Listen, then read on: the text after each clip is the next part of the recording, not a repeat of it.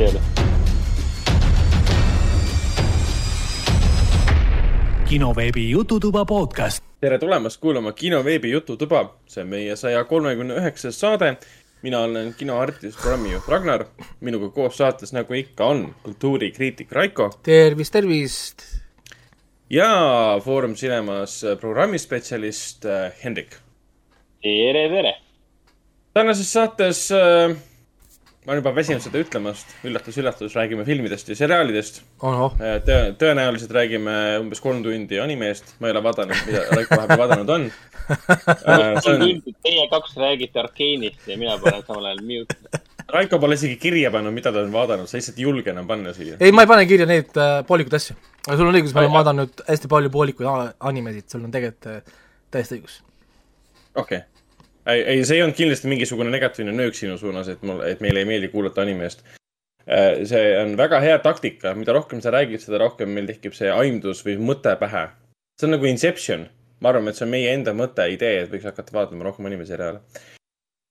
jah, aga tänases saates saab veel mida näha ja kuulda, on, on seitsmenda, tähendab teise kuulajate mängu siis teise hooaja seitsmes episood. anname siis vastused teada ja võitjad teada tuleb ka kaheksas, kaheksas episood ja tuleb ka siis kuulajate mäng, saatejuhtide kuulajate mäng siis, mis järgmises, järgmisel korral on natuke teistmoodi. et mõtleme, kas siis mina või Hendrik viib läbi saatejuhtide kuulajamängu, mida siis teeb, saab vahelduseks Raiko ka osaleda ja, ja flex ida natuke oma teadmistega. ma saan kogu aeg Ja-, ma saan, ma saan iga saate null, see on nagu see klassikaline, vaata, et kui Kingsepp käib ilma äh, noh, käib Jaa. ise katkiste ja- jalanõudega, siis ise teed mänge ja siis kui hak- hakkad ise mängima, siis on Raiko, saab tunda seda tunnet, et, et, et Midagi- võtad mingit tuntud teemalugu mingist sarjast või filmist mingi nii tuttav ja siis tuleb välja, et aa, ma just eile õhtul vaatasin, mulle väga meeldib., küll küll. no nii, aga Ja- liigume aga tegelikult äh, ongi niimoodi, et, et kinoveebi Jututuba on leitav Delfi taskus, SoundCloudis, Apple podcastis, Spotify's, Google podcastis ja enamustes teistes podcasti rakendustes. saated on leitavad ka kinoveeb.ee lehel ja muidugi kõige parem ülevaade on kinosaade.ee lehel, kus on ka siis kuulajamängu vastused, on äh, meie tutvustused, meie tagasiside, meie senine tagasiside ja kommentaaride osas meile midagi ei jäetud, ei jäetud SoundCloudi, ei jäetud meili, ei jäetud äh, kuulajamängu vastustega, ei jäetud äh, kinoveeb.ee lehele ka.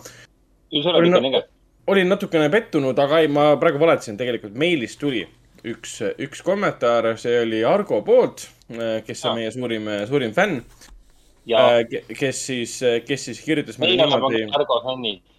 ja me oleme ka Argo fännid ja. Argo Kets tegelikult kutsus oma, oma bändi äh, esinemisele Tartus, aga ma ei saanud minna, sest sõbral oli sünnipäev samal ajal mina saan um,. minna sellepärast, et mul on, mul on, mul on, mul on beebi ja Tartu tundus liiga kauge koht. ise on praegu Võrus. aga ma olen, aga ma olen siin Võru kodus koos beebi ja beebi emmega, nii et kõik on hästi. varsti kasvab laps suureks, siis sa ei saa enam öelda, et mul on beebi.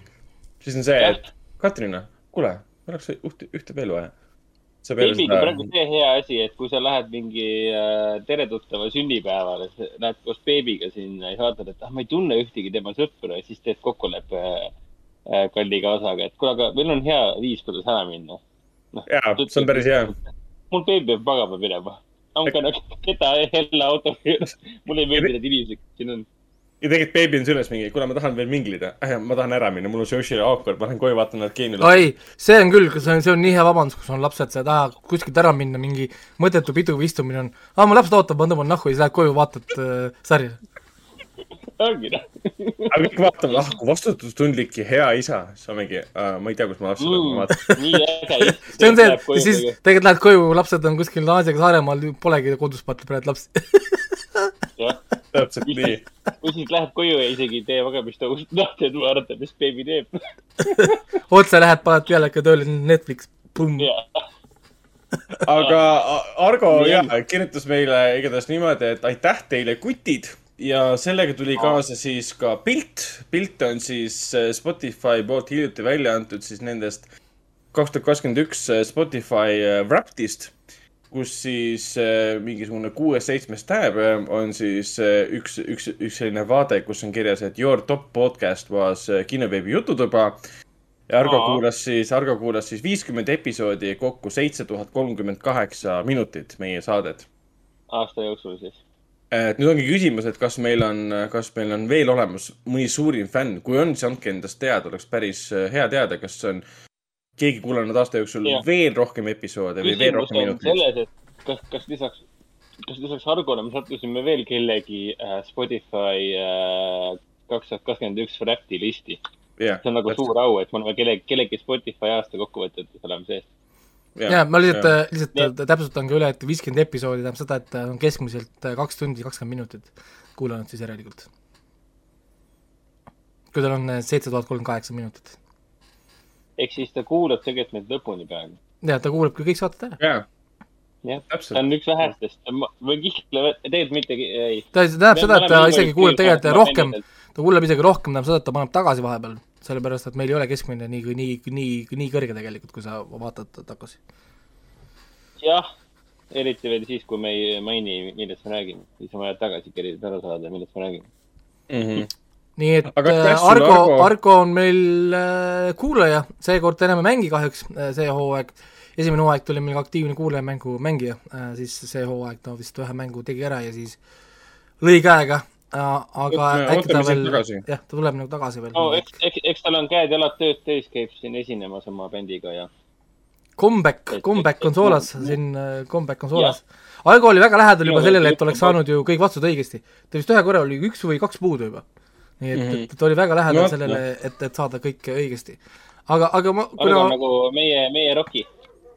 kuna, kuna Argo, meie Rocki. Argo Argo siin midagi, midagi head ikkagist tegi, siis siis peaks midagi talle saatma ka selle eest äkki või, ma ei tea. Vii-, Viaplay kuradi koodi või ma ei kujuta ette, eks ma mõtlen välja midagi. kallid, kallid ja palju armastust. ma ei tea, kas ta muidugi vaatab Vi-, Viaplay'd, see on nüüd teine asi. Aga olgu, Mm, vaatame, liigume siis äh, seitsmenda kuulajate mängu juurde, mis meil nüüd toimus. ja meil oli õigesti vastajaid seekord siis kaks tükki, meil oli Elizabeth vastas õigesti ja Villu vastas õigesti. Villu oli meil siis esim-, eelmisel hooajal kolme mängu võitja. Mhm. nii et ta on võitmisega päris tuttav, Elizabeth võitis eelmine kord kaks, kaks korda. ja räägime nüüd kõrge õiged vastused siis üle, enne kui me ütleme, kes siis ka võitjaks osutus. Eelmine kord oli vist kuus tunnusmuusikat, lugu äh, või nagu niimoodi äh,. ja õiged vastused siis olid, esimene oli Dirty Rock, kus mängib ka Alec Baldwin, millest ma täna räägin ka natukene aa, aa, õigus, ja, ja. jaa, oota, tegelikult ma panengi selle kohe kirja, muidu ma unustan selle ära, et ma vaatasin ära ka selle ühe spetsial, mis oli Alec äh, Baldwin uh, Unscripted. Mhm, muidu ma unustan, unustan selle, selle ära. mina vaatasin sellest ära mingi viisteist minutit ainult vist. nii, siis teine oli Cowboy Bebop. Ja kui ma ütlesin, et see on kaks asja korraga, siis ta on täpselt sama, niisugune, niisugune trikikas, ta on sama intro, Cowboy Bebopil on sama intro. Cowboy Bebopi anime intro on täpselt sama, mis on äh, ka live action intro. ja ma täna natuke räägin ka Cow- Cowboy Bebopist ka, ma olen vaadanud paar episoodi edasi ja ma pean natukene oma tähelepanekuid muutma selle sarja suhtes. Saved by the Bell moodne intro oli number kolm, number neli Daredevil on äh, tõesti väga hea intro, jälle oli, oli, oli hea sari, mis sai cancel äh,. viies Mob Psycho sada, üks siis äh, suuranimetest ja kuues on siis Shadow and Bone, mis on siis nii-öelda see Krisha tiim või siis noh, nagu see sarjast seest muusika, mitte intromuusika. Ja see on ka see koht, kus siin osad läksid siis alt, nagu näiteks Master Lex meil siin äh, liider ja, ja igavene võitja Mardo või mõlemad siis läksid sellega ka alt ma kiiresti flexin oma teadmistega, et, et selle muusika tegi siis Joseph äh, Trapanese, kes oli või on M83 bändi liige ja Joseph Trapanese või Trapanese, igatahes, on siis ka Witcher teise hooaja uus äh, komposer. kahjuks varasemad inimesed läksid minema, minu arust Jaa. oli hea samm. Nii et ja, ja varem see Grisha tiim on käinud läbi saatejuhtide kuulajate mängust, nii et kui on tähelepanelik kuulajad olnud, siis tegelikult nad oleks saanud aru, et see tegelikult oli juba seal korra varem käinud läbi. ja, ja kõik mäletavad, et mina sain kohe aru, et see oli, see oli Sharon Bone, vend ei saanud. jah, Jah, ja, ja siis nii- võit on., võitjaks seekord osutus Elizabeth. see hooaeg, see hooaeg esimene ja auhind on siis Cinnamoni kinopiletid. Ma saadan äh, need siis äh, emaili peale talle, ise siis teab, millisesse Cinnamoni kinno ja millal. on pool aastat on vist aega, et neid kasutada ka, nii et omajagu pikk äh, niisugune periood, kus, kus siis jõuab neid kasutada rahulikult äh,. ja nii äh, ongi, jah, meil sellega pärast vist on ka nagu kõik, liigume äkki järgmise mängu juurde, milleks on meil siis number kaheksa. kaheksa ja seekord on ju Artise piletid. jah, Ma mäletan. see, selle, sellepärast, et kuna Foorumi silmad läksid piletid. kinni, ma nüüd ei teagi, mis nüüd äh, ka saab, kas Foorum annab piletid, sest need kestavad tegelikult ju kauem. tegelikult ta ju kestaks ka siis, kui on äh, Foorum lahti. sest äh, no, Foorum on, praegu on see loll, loll olukord on see, et me ei tea hetkeseisuga, millal täpselt lahti läheb, kas läheb jõuludeks või läheb aasta lõpuks või uue aasta alguseks. aga no ma mõtlen, et kas see on nagu vahet, kui sa, kui me piletid tagame, mis kestab tegelikult ju kauem no aega tegelikult ei kui.... ole. Tegelikult ei ole, ega need halvaks ei lähe. no selge, siis äh, jä- järgmine kord on Foorumi piletid, siis listi saaks ikka panna Jah. ja lihtsalt kasutada. kui see lihtsalt- Viljandist ei lähe, siis Viljandi on lahti. jah, on täpselt, et äh, siis, siis pooled on, pooled meie, pooled meie kuulajad tulevad venna kino sinna ukse taha ja teevad seda, teevad seda meemi, let me in, let me in. kinod lahti, kinod lahti. jah, jah, nii ähm,. aga selge, kaheksas saade, ma vaatan igaks juhuks üle, kaheksas tähendab, kaheksas kuuetamäng tähendab. ja need ju peaks, vastused peaks meieni jõudma kümnendaks detsembriks, circa jälle kuue kandis, tegelikult noh, see on niisugune show is show, aga umbes sealkandis, kui äh, sinnakanti jõuab, siis ta jõuab ka saatesse sisse. nii äh,, hakkame siis pihta, ma võtan ilusti lahti, number kaheksas äh, saade on siin ja mul on siis siin natukene miksi ka, ma siis juba ütlen ette, et siin on omajagu stuff'i segamini ja, ja ma proovin natuke ka aidata, et te jääksite hätta. esimene on film, ärge siis hakake sarja otsima.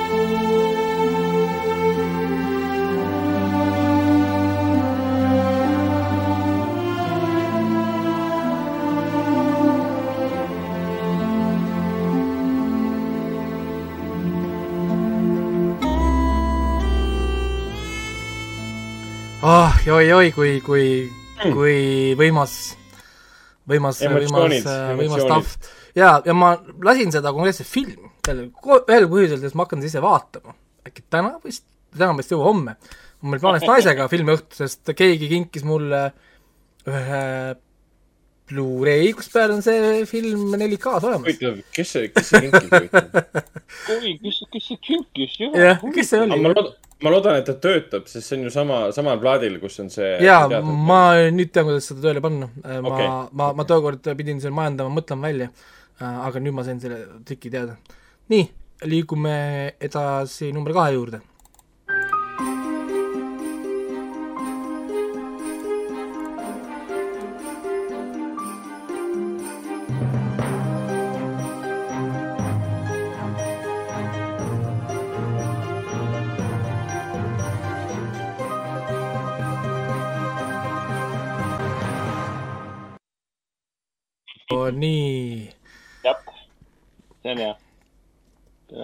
Jaa äh,, sellest me oleme paar korda rääkinud ja kiitnud seda küll. nüüd huvitav, järgmine on selles mõttes huvitav, see ei ole ei filmist ega seriaalist, aga see on seotud ühe konkreetse filmiga. Nonii.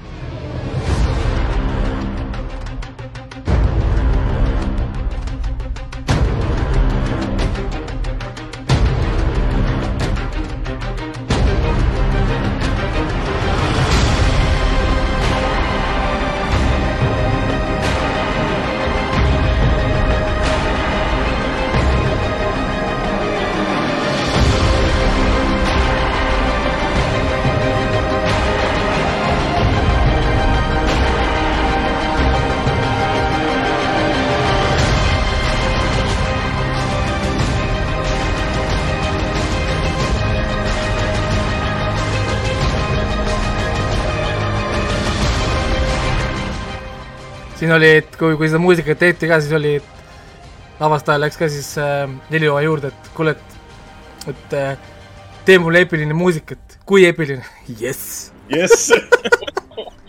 just nii eepiline.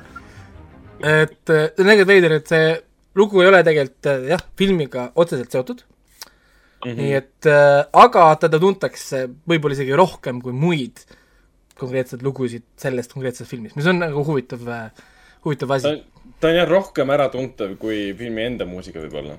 jah, nii et äh, jah, siin on nüüd konkreetne vastus ka muidugi, hea oleks ka öelda, kust ta siis pärit on ja kuidas ta siis selle filmiga seotud on äh,. proovime siis seda varianti ka vahepeal, sest see on ka tegelikult täitsa huvitav asi. on üks teine muusika, mis ma olen varem mõelnud panna, on ühe anime äh, seotud üks animega, mis on tuntud rohkem anime, selle anime muusikana, kuigi ta pole mitte üheski viisil tegelikult selles animes sees. nii äh,, järgmine, number neli. huvitav, mis, mis, milliseid kvaliteet, kvaliteeti teile?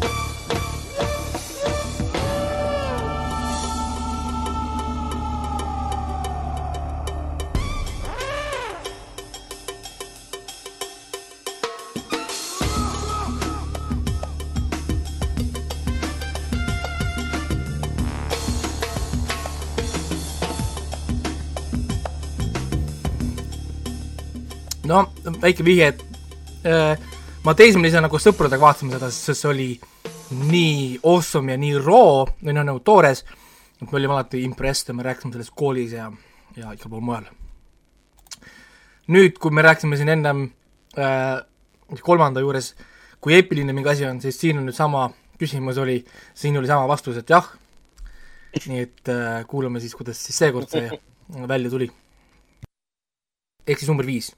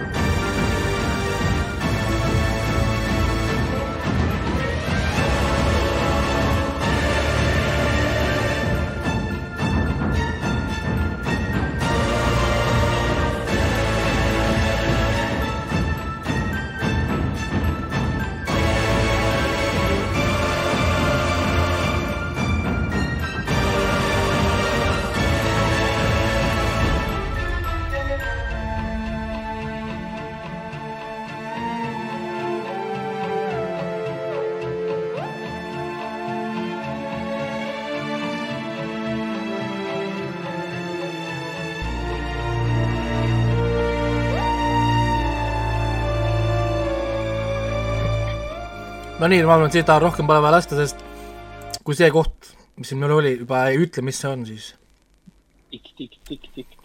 kuule, mis, mis, mis, mis, mis, mis tikk-tikk, millest sa räägid siin, lõpetame, lõpetame no jutule. ei, ma ei tea midagi. nii, ja number viis, number kuus äh,, number viis oli ära, number kuus tuleb, on, on viimane täna. kuulame No ja mõtleme, kust ta pärit on.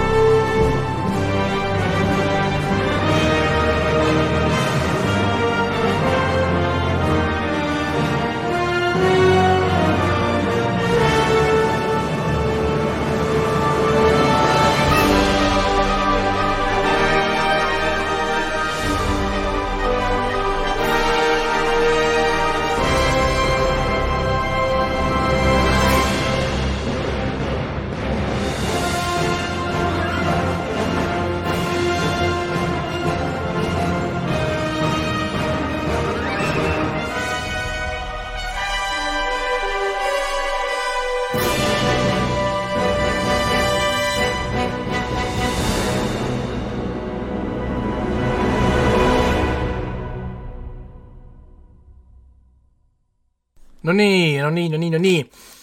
Need olid meie siis kuus tükki, pildid leiate ka äh, kinosaade.ee lehelt kuulaja mängu tääbi alt. ja siis äh, ennem seda siis veenduge, et see on tõesti õige kuupäevaga, ehk siis kuupäevaga kümnes detsember. no nagu mm -hmm. tähtaja mõttes. ja, ja muud ei olegi, info et kinosaade.ee aadressi peale äh, vastuseid siis saata ja Foorum Cinemase piletid ootavad siis järgmine kord õigesti vastanute vahel äh, nii-öelda siis äh, tähendab, õiget vastanute vahel läheb jagamisele siis tähendab äh, kino Jah., kinopiletid siis ja sinna saate minna siis, kui äh, kino on, kino on lahti. kino on varsti, varsti, varsti juba, juba lahti, nii et kaua ei pea ootama, jõulud tulevad kiiresti, lähevad kiiresti ja, ja, ja tuleb see järgmine Covid'i variant meil mu- kolmas-neljas variant siia juurde, nii et pole hullu. Saame veel no kuu, kuu lõpus tuleb nii palju kulda, et noh, siin no nii, Matrixist pea- ei pea rääkimagi, et Aga- uued filmid ja uus Covid. ja meil tuleb siin Spider-man ka, mida mina ootan juba jõhkralt ammu. nii, liigume edasi ja, eh, saatejuhtide kuulaja mängu juurde, mis täna on siis viimane kord, kui me oleme tavaformaadis, nii-öelda sellisel kujul, tõmbame siis sellega kriipsuga all, ma arvan, sellele formaadile liigume uue formaadi juurde siis järgmisest korrast, ai, ai. kus, kus saab mind ka siis pe-, peedistada siis natukene, mis, mis kindlasti pakub paljudele rõõmu ja, ja teeb eriti mulle, kes seda saadet teeb. ma me-, meelega valin mingi siukse, siuksed äh, tundmatud seriaalid, mida teab jaa, ega, ega mina valingi meelega, ma tean tihtipeale, et ei saanud õigesti või te ma tean, et te saate need kõik õigesti, siis ma võtan ka selle põhjusega, et mul on vaja rääkida nendest või tähelepanu juhtida nendele või Mm. ma saan lihtsalt kuulata head muusikat. jaa, see on tegelikult hea point, ma panen meelega kindlasti ühe laulu sisse, mis on umbes nii eepiline, et kuule mu lõpuni. ei no lihtsalt, et äh, juhtida tähelepanu või, või sellepärast ma tihtipeale valin ka neid, mis on sarjas, saates sees, et kui te, no niikuinii me räägime nendest, siis ma juba ka juhin mingil, mingil muul viisil tähelepanu selle peale. nii.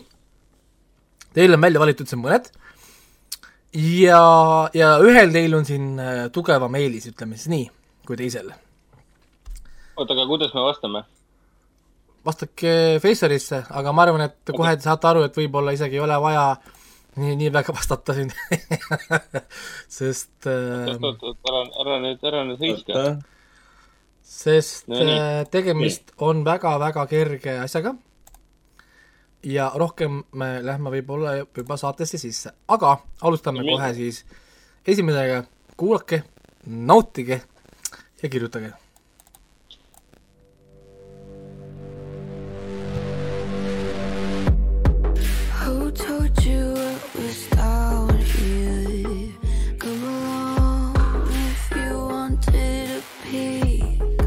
Jaa hmm.. väga raske. Face around here. isegi mina olen seda osa näinud. Jaa, ma lihtsalt äh, võib-olla pole midagi öelnud, aga nad vastasid mõlemad kohe õigesti. Welcome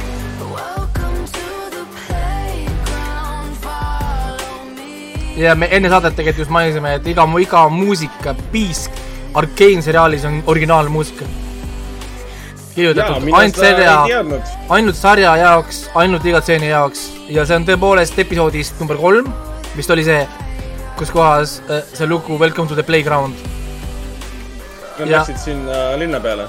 ja kui kellelgi pakub huvi, siis on Pea Milleri poolt lauldud äh,, siis nii-öelda Riot Games Production, Riot Music Productionsi poolt siis äh, tellitud ja, ja kasutatud.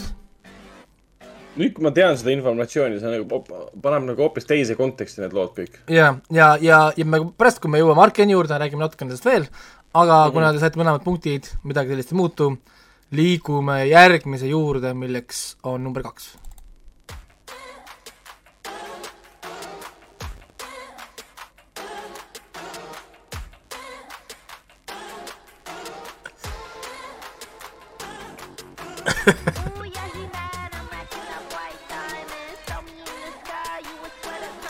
Radar on, on Netflix. kes siis? ma korraks hakkasin kahtlema juba.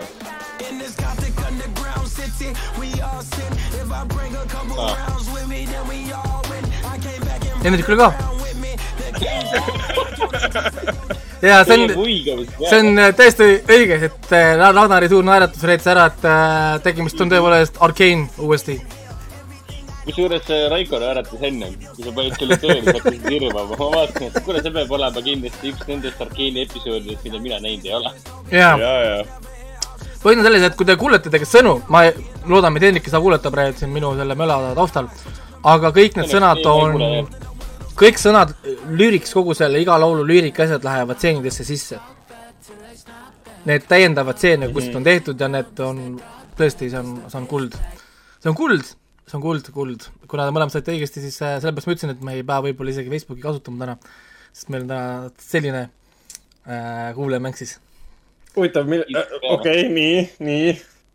järgmine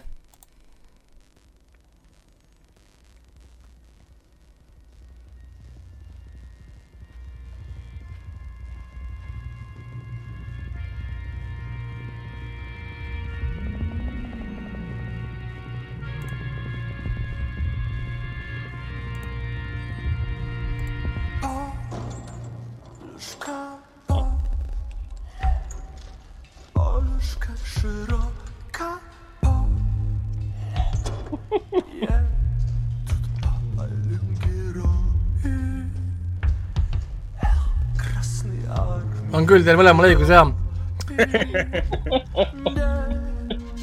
noh, ütle välja, mis see on. kuulake korra, nautige nautige üks kolmkümmend sekundit, siis ma räägin.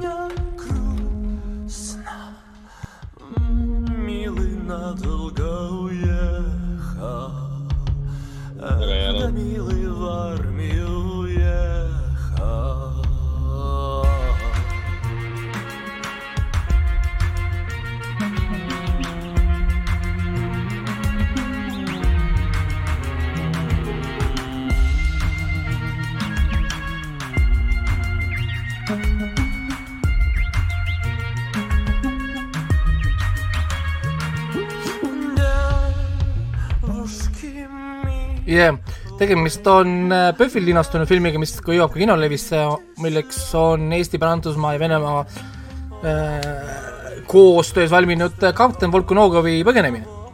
me oleme sellest PÖFFi, PÖFFi erisaates rääkinud ja tõenäoliselt räägime ka võib-olla hiljem, kui see kinolevis uuesti on. ja, ja miks see muidugi oluline, oluline on see, et see film tut- tutvustas mulle vene bändi Short Paris mulle ka. ja, ja, ja pärast kuigi ma olin ma muusikavideot olin varem näinud. ma teadsin seda õnneks juba varem, aga no ma teadsin ainult ühte laulu enne ainult. no ja, ja siis no see Strašna vist või mis tal on see kuulus jah, äh, täpselt seda ma ainult teadsin. ja, ja, ja pärast seda ma olen nüüd päris palju kuulanud Short Paris'ti ja, ja ta on Eestis käinud ka mitu korda, ma olen, ilma et ma oleks teadnud sellest midagi.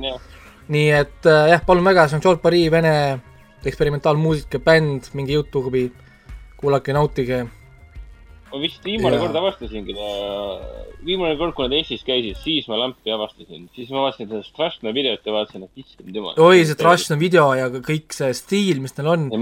ja huvitav jah, nagu isegi nende lyrics ja värgid, et ta Venemaal nagu kritiseerib ka muidugi nii julgelt Venemaad, on muidugi ka huvitav. ja, need muusikavideod on kõik niimoodi, et vau, kuidas see läbi läks. jah, väga väga tõsine, väga tõsine stuff.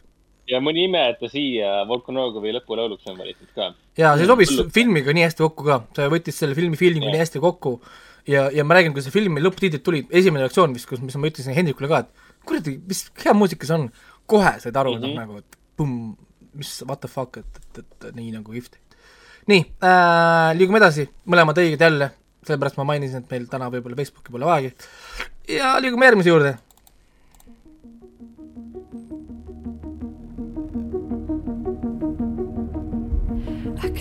Sound of a heartbeat before it goes out.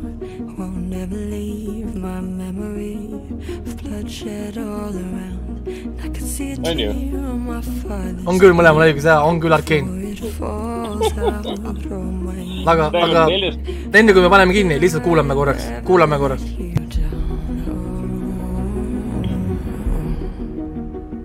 When all these trees eyes grow, cut our teeth and make our bones right here. see on see kolmandas lõpulaul. Shields Yeah. made of stone, share our dreams and sit our thrones. Be still. Cause I see smoke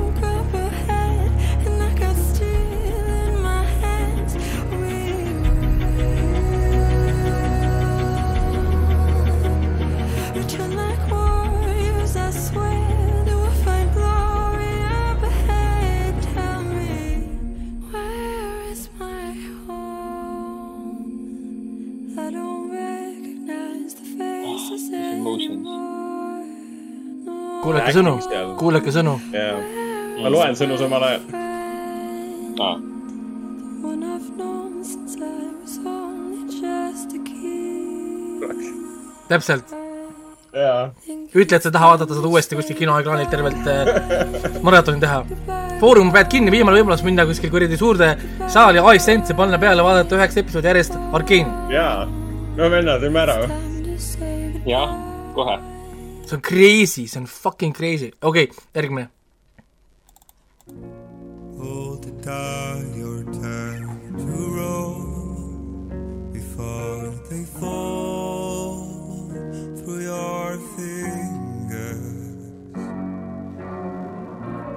Not a good night to lose control. Right as the earth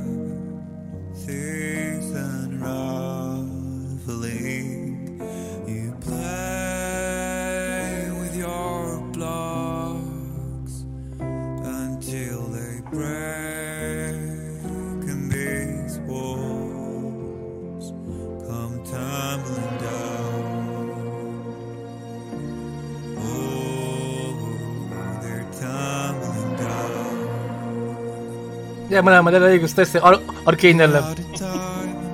See lugu nüüd on venelane spoiler tegelikult ju. peaaegu, ta ei saa kontekstist aru ma ei kuule, ma ei kuule sõnu ka eriti hästi. ja ta ei saa praegu kontekstist aru. aga kuulake ise korraks, kuulake korraks.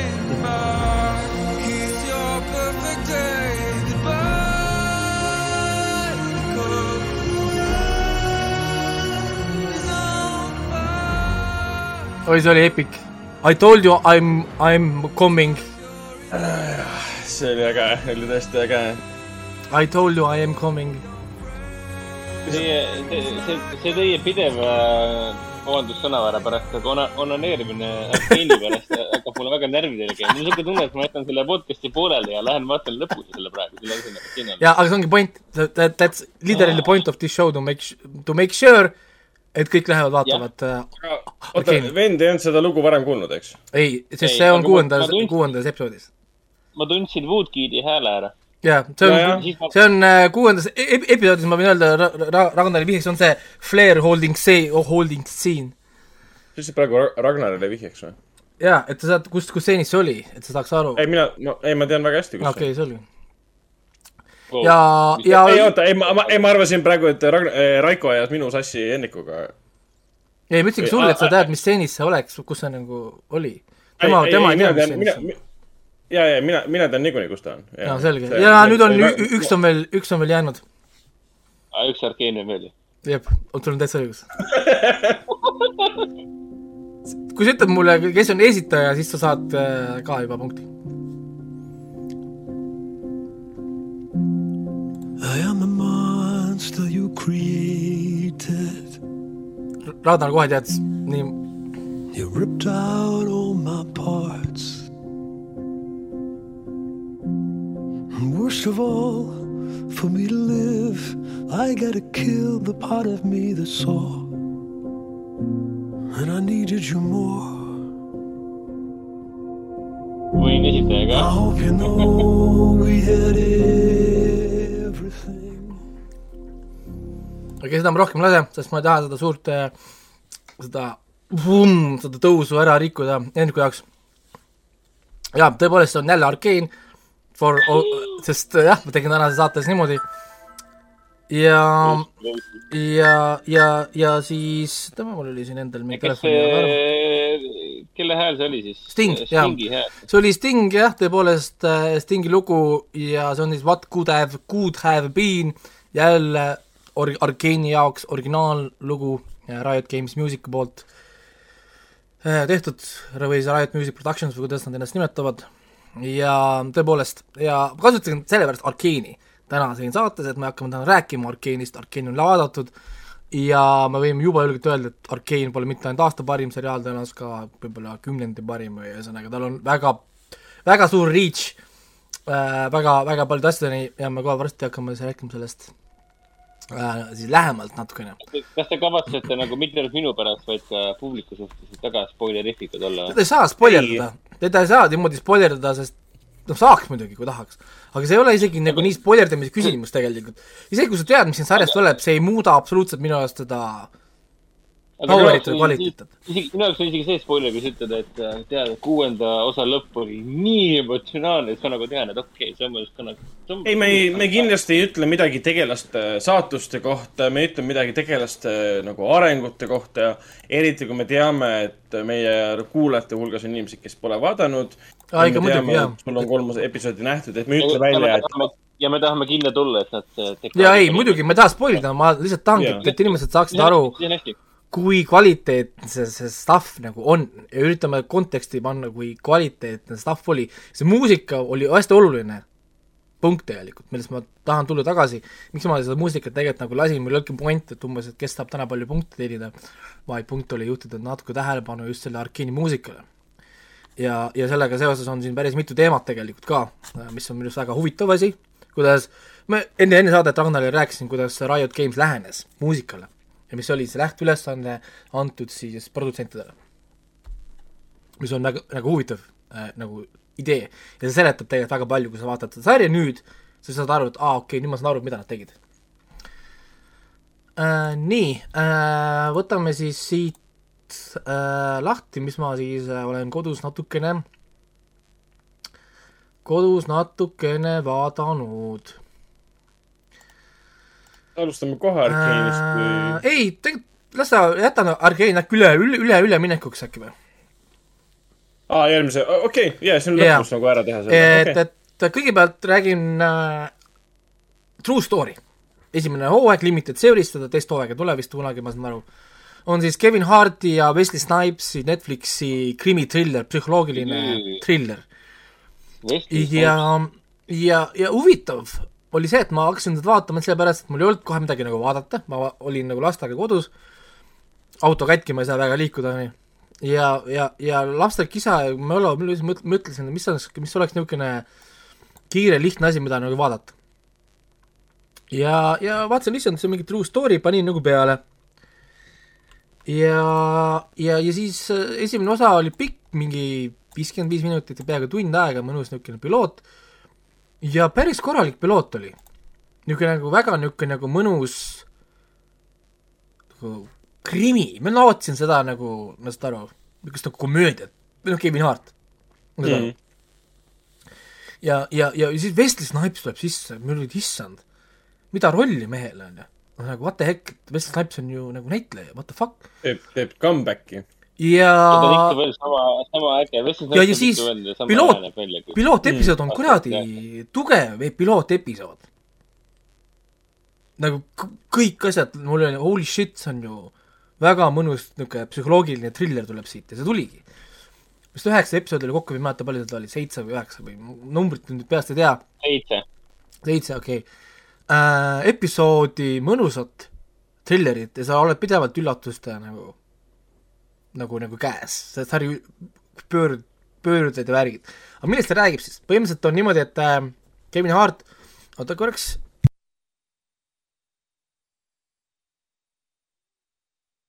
Uh, jaa, Kevin Hart uh, teeb vahelduseks väga tõsist rolli uh,, mis on minu jaoks isegi üsna üllatav, sest ma isegi ei tea, et Kevin Hart oleks varem tõsiseid rolle teinud, tal on kõik olnud alati kõik draama, komöödia segud. aeg-ajalt ikka on. Aga samas selle True Story sisu on kohati umbes selline, et mis Kevin Hartiga on tänu sotsiaalmeediale vahepeal toimunud. niisugune tunne nagu nad võtsid inspiratsiooni sellest, et missugused rünnakud on siin Kevin Harti kui, kui professionaalse koomiku äh, tema isiksuse vastu on toimunud. niisugune tunne, et True Story justkui on nagu inspireeritud justkui sellest, et noh. Võib küll olla, võib küll olla. ja, ja, ja story on selline, et on kuulus koomik, kes on tõesti täp-, täpselt nagu Kevin Hart tegelikult. Ongi nii-öelda nagu tema nagu see mingil määral life story, et on kuulus stand-up koomik, kes liikus edasi filmide, seriaalide juurde ja iga asi, mida ta teeb, teda saadab niisugune finantsiline ja muu nagu edu. samal ajal ta eraelus tegelikult lahutab naisest, tal on pojast eemal, ta on kogu aeg tuurides, ta on väsinud, tal on tegelikult nagu noh, öelda nagu kopp on ees ta tegelikult naerab väga vähe väljaspool oma neid show sid ja ta ise on, elab niisugust nagu öelda nagu mundane elu. Mm -hmm. Aga tal on uhkus ka, me saame ka aru, et tegelikult on uhke oma karjääri üle, saavutuste üle ja ta võtab siis kõik oma lähedased kaasa kogu aeg endaga, kui ta on edukas, on tema sõbrad edukad ja värgid. siis Wesley Snipes on- tema vanem vend, kes on nii-öelda nagu see trouble maker. satub kogu aeg pahandustesse, on, on, on seadusega pahuks, siis võtab vanadelt inimeselt laene, mingi shady business käib kogu aeg. Kui kõik ütlevad selle siis Kevin Harti karakterile, kes on siin see kid, umbes, et sa peaks selle vanema venna minema viskama põhimõtteliselt või noh, nagu seda pole sul hea, ta tõmbab sind nagu alla, tema ikka too ikka family ja noh, ühesõnaga hoiame siis nagu kokku ja ühesõnaga nii edasi. ja, ja siis esimeses osas juhtub äh, selline asi, et on niisugune nagu pidu ja täpselt sama ongi, et, et see vend põhimõtteliselt nii-öelda nagu survestab teda jooma, kuigi ta ütleb, et ta tegelikult oli joomisega probleemid, ta on olnud pool aastat nagu kaine, et ta nüüd hoiab ennast nii-öelda nagu noh, nagu kainena. noh, et noh, et ta nagu, et ta, noh, et ei taha nagu juua, vend ikka, võtame ikka, tähistame ja värki. ja ajab teda jooma ja tulemuseks ongi see, et ta läheb, lõpetab mingisuguse tüdrukuga oma hotellitoas, tüdruk teeb overdose Mm -hmm. ja, ja ärkab siis surnud tüdrukuga koos voodis, voodis üles. Ja ja, ja tema muidugi esimene plaan ja reaktsioon on kutsuda siis politsei ja kiirabi, mis tegelikult on ju hea mõte, on ju, sest kuidas see sinu süü on, et ta tegi overdose, on ju, noh, või noh, nagu okei okay., whatever, aga vend on muidugi, hei, et see rikub karjääri ära, sa oled must mees Ameerikas ja politsei sind ei usu ja teeme ikka midagi, et äh, saame la- laibast ise lahti. Mis, mis muidugi on nagu jah, ühesõnaga loll idee, aga no ühesõnaga see vanem vend äh, veenab siis äh, ära, et laps sellest laibast saada lahti ja laibast lahti saamiseks ta kutsub ühe oma tuttava gängsteri. ja muidugi noh, kui see gängster viib selle laiba siis ära, siis gängster leiab, et ta tahab nüüd palju raha saada. väga palju raha tahab saada ja ta tahab kohe igasuguseid muid asju saada ja sealt ühesõnaga asjad hakkavad minema järjest nihu ja mida rohkem ta proovib lahendada sündmuseid, seda rohkem asjad valesti lähevad. Kuni lõpuks seal on politseid, seal on hullud fännid, seal on videod, keegi kuskil nägi, keegi kuskil kuulis, ühesõnaga kõik stuff on kaasas. ja, ja lõpuks sa tead, et keegi peab kuskil surema hakkama ja keegi peab kuskil hakkama lõpuks vangi minema, nii et sellest see sari ka nagu räägib, ma rohkem ei spoil'i, see on nagu see main premise. ja väga hea asi, ei päriselt, mingi kaheksa pool sujuvalt. Ja- ja- ja Wesley Snipes teeb- Wesley Snipes teeb nii hea rolli, Kevin Hart teeb ka hea rolli, nagu, nagu päriselt. Kevin Harti stand-up sucks ass. ma olin vaadanud tema kõiki stand-up'e, viis punkti maks, pooled, mis pooled, üheksakümmend protsenti naljad on sama naljakad kui terve Amy Schumeri karjäär. sa lihtsalt vaatad kuiva, kuiva naljaga, mõtled, what the fuck, kuidas sa said sinna lava peale. Siis äh, filmid ta on niisugune so-so, oleneb filmidest, on ju, mõned filmid on päris head, mõned nagu niisugune noh, nagu not, not so much, komöödiad on siuksed, need eriti labased komöödiad mulle ei ole meeldinud, aga see, mitte Night School, aga see, mis tal Netflixi vahepeal tuli, see oli päris okei okay.. üks, üks komöödia, ma ei mäleta, mis see, Üksikisast oli. aa, ja, ja, ja see tuli küll vahepeal jah. ta oli täitsa okei okay isegi, täitsa vaadatav. Aga ta pole mul kunagi lemmiknäitleja selles mõttes olnud, ega, ega isegi. jaa, jaa, ei selles mõttes küll, jah, et stand-up'ina ta ei ole suur, ta ei ole olnud midagi erilist, aga ta on teinud huvitavaid asju, näiteks mulle meeldis tema see Saturday Night Live, kui ta tegi seda host'is, minu arust ma pole ammu nii palju näinud, kui ta seal, kui oli see Saturday Night Live tema nagu see, no nagu see segment.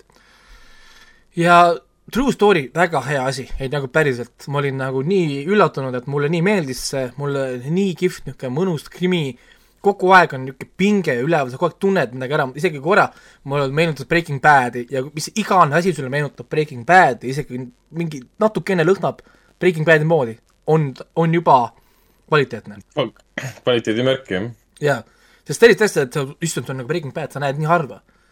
ja Wesley Snipes on hea näitleja, lihtsalt nagu päriselt, see roll tundub nii nagu basic, aga kui sa hakkad natukene mõtlema või keskenduma, siis Wesley Snipes tegelikult on võib-olla isegi selle sarja võib-olla nagu nagu niisugune edu võti veel. ja tõesti, nagu üllatus, ütleme nii, ma rohkem ei pea sellest rääkima, ma arvan, et see inimesed said, said pointist aru. jah, ta on Netflixis olemas, ta on limited series on pandud, ehk siis äh, ma saan aru, et neil ei ole plaanis edasi minna, kuigi ma võin öelda, et saaks tegelikult edasi minna. Ma loodan, see ei ole, ei ole spoiler nüüd sarja siis äh, sündmuste kohta. nii, järgmine asi, mis ma vaatasin lõpuni, on siis Tiger Kingi teine hooaeg okay.. noh, jah, nüüd, kuidas nüüd võtta, Tiger King äh,, esimene hooaeg Tiger Kingil oli väga kihvt.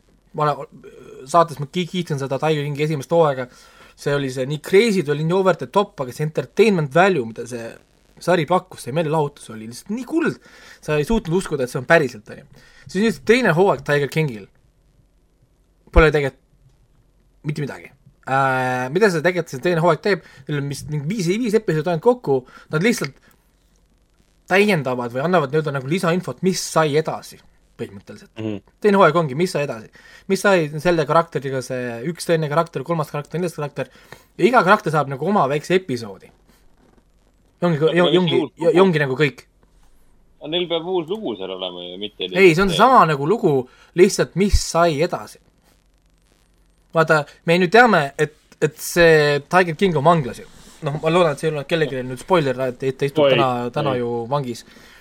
et mis sai edasi, on ju, ja erinevad karakterid, kes siis seal kõrval olid, kõik see protsess, mis sai Carol Baskinist edasi, mis nendest inimestest ja karakteritest on saanud. ainukene huvitav episood oli see, kus see võttegrupp proovis üles leida siis seda abikaasat, sest Carol Baskin väidab, et äh, abikaasa ju läks ju sinna Costa Ricale vist või kus ta läks, ta, ta elab kuskil seal. ja võttemeeskond proovis siis seda üles leida, nad said päris palju uut informatsiooni ja nad, ja võttemeeskond siis koos teiste uurijatega tegelikult on väga huvitava timeline'i pannud paika, mis kõik viitab tegelikult Caron Baskinile, et Caron Baskin on oma mehe ära kaotanud. No samuti said päris kindlad tõendid, et mehe pärandused on võltsitud Caron Baskini poolt. ehk siis see, et, et tema sai kõik mehe varandused, asjad endale. ja, ja politsei keeldus, keeldus komme-, kommenteerimast äh, hetkel käimasolevat uurimist ja aga millal see Costa Rica jutt tuli, kas see oli juba esimeses hooajas ka või? jaa, see oligi nagu see, et tema mehe auto leiti lennujaamast ja mees käis Costa Rical kogu, kogu, aeg. ta käis Costa, Costa Rical mingisuguseid ala, ala, alaealisi tüdrukuid panemas seal ja, ja elas seal milli-, miljonäri elu, ostis seal hot- hotelle ja asju kokku. nojah, tegelikult esimese, esimeses hooajas oli see, et nad nägid, et auto leiti kuskilt kõrval teelt, seal olid nagu jäljed.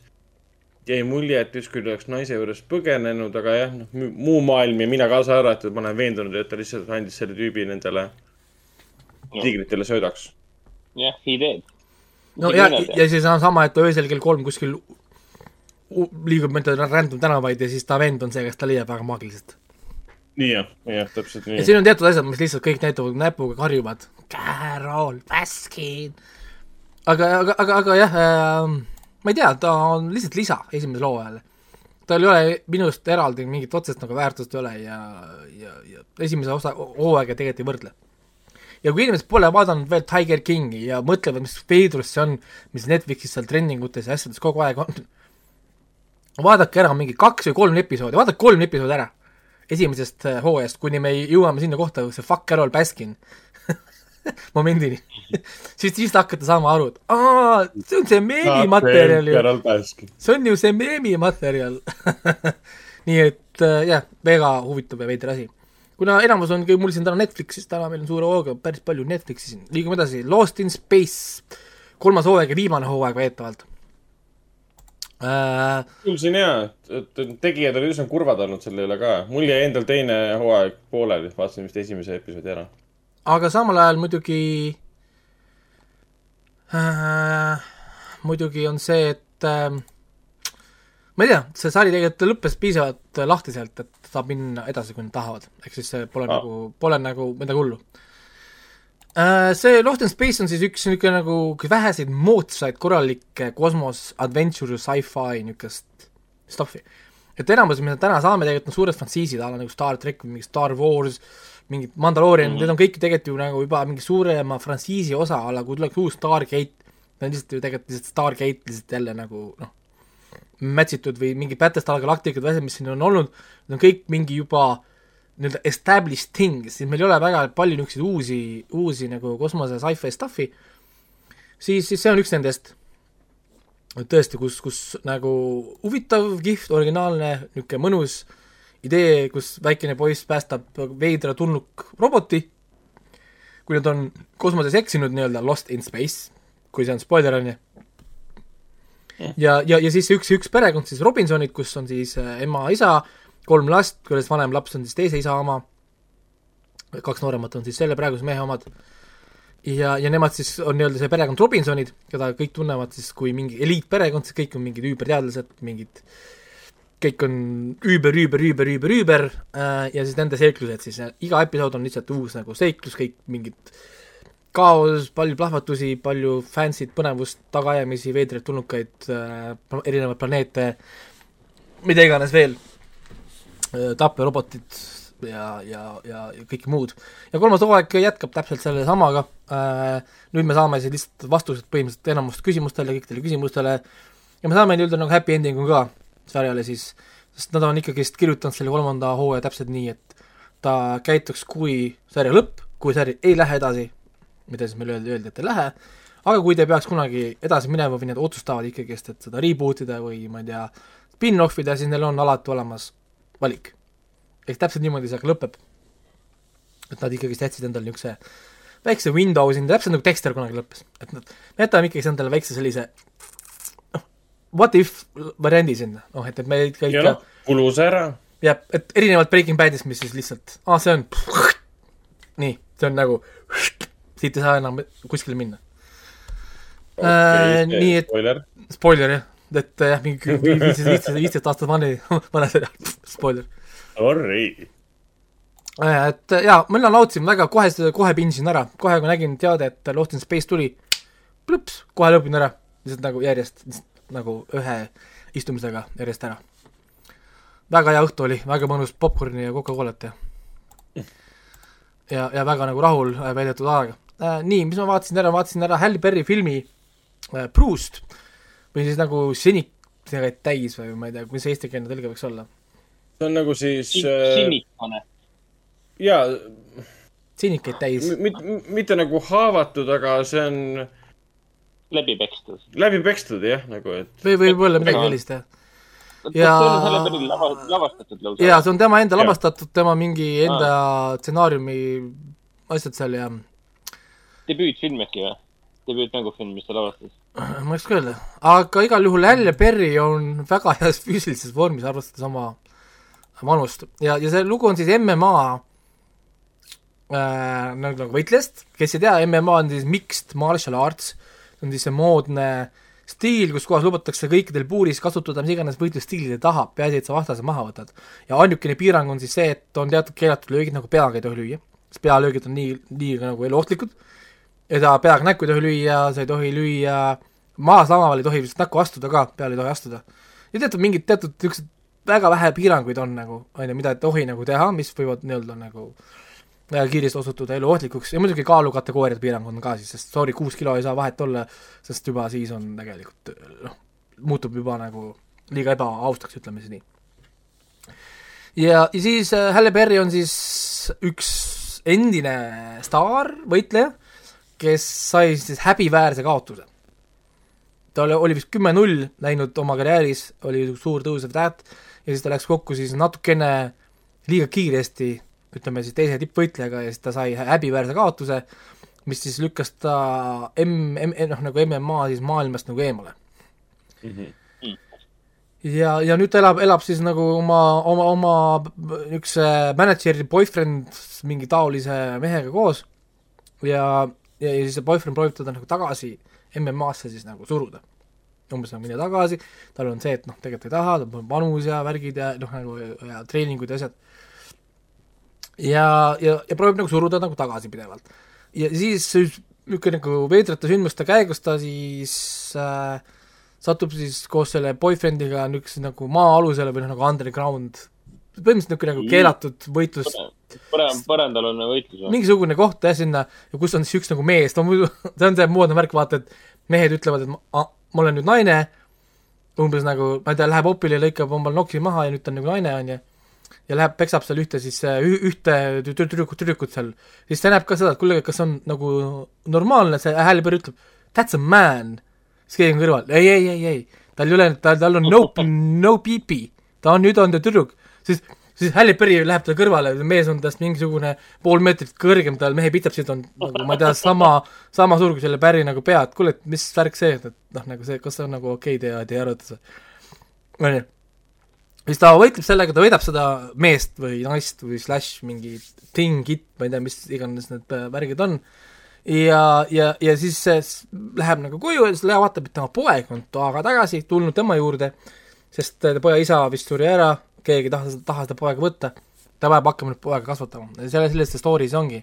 et see poeg mingil määral motiveerib teda siis uuesti ringi minema, palju treeningmontaaže, palju-palju treeningmontaaže, treeningut Halle Berry füüsilist vormi ja siis suur grande finale fight scene, mis on hästi ilus ja kihvt fight scene. et äh, siin, siin, siin peab Aga- kiitma kiitma Halle, Halle Berry, ütleme seda julgust, esiteks ta fight scene'id on vähe, väga, väga väheste kattidega. ma nii kartsin seda, ühe kaadri võte. ma ka tahtsingi küsida, et kas see on nagu mänguvõitlus või on see nagu lihtsalt nagu läbimõeldud ja läbi ja ei, ma, ma nii kartsin, et nad äh, no, teevad seda Hollywoodi me teeme filmi sellest nii-öelda. jah, et nad teevad seda Hollywood, Hollywoodi, kus nelja sekundiga on kahe, kaheksakümmend kaheksa katte, mul on silme eest mingi mm.. mm. -hmm. mis pidi Ma- keegi, kus on? ei, siin on ilusti, nad löövad pihta ka üksteisele, sa näed seda, et nad löövad nagu pihta, nad ei löö mööda. selles mõttes, nad päriselt löövad nagu üh-, üksteisele pihta, kuigi siin on ja selge see, et nagu üks see jalaga löök, ta lööb nagu mööda või nii, aga tavalised käelöögid ja need on ikkagi pihta. mis on nagu see Aasia võitluskunstifilmide nagu stiil, et ma lööngi sulle pihta, ma lihtsalt ei löö sind kõvasti, aga ma löön sulle pihta, sa lihtsalt nagu saadki haiget, aga sa ei saa nagu jah, niimoodi haiget, et me peame sind mingi ma ei tea, ravile viima, on ju. ja, ja see on nagu jah, niisugune noh, tahan nagu kiita, selles mõttes, et peab, peab, peab kiitma, et fight scene'id on väga kihvtid tehtud. Äh,. kõik see täp-, noh, kõik on nagu õige fight scene ja selles mõttes ma ma ei vaadanud, kes siin koreograafiat tegi või või ma ei uurinud, kas siin olid mingid MMA inimesed, tõenäoliselt peavad olema, sest kõik on tehniliselt nagu õige, vaatad need, kõik need löögid, need tõsted, see ground battle, see, see maast, see jujitsud ja kõik asjad on nagu väga nagu paigas ja, ja mulle tundub, et tema vastane on ka üks äh, mingi vist tõenäoliselt elukutseline võitleja, kuigi ma ei vaata naiste MM-ad, keegi ei vaata, siis äh, siis noh, ma ei oska nagu noh, nagu selle koha pealt nagu kommenteerida seda, et kas on päris võitleja või ei ole.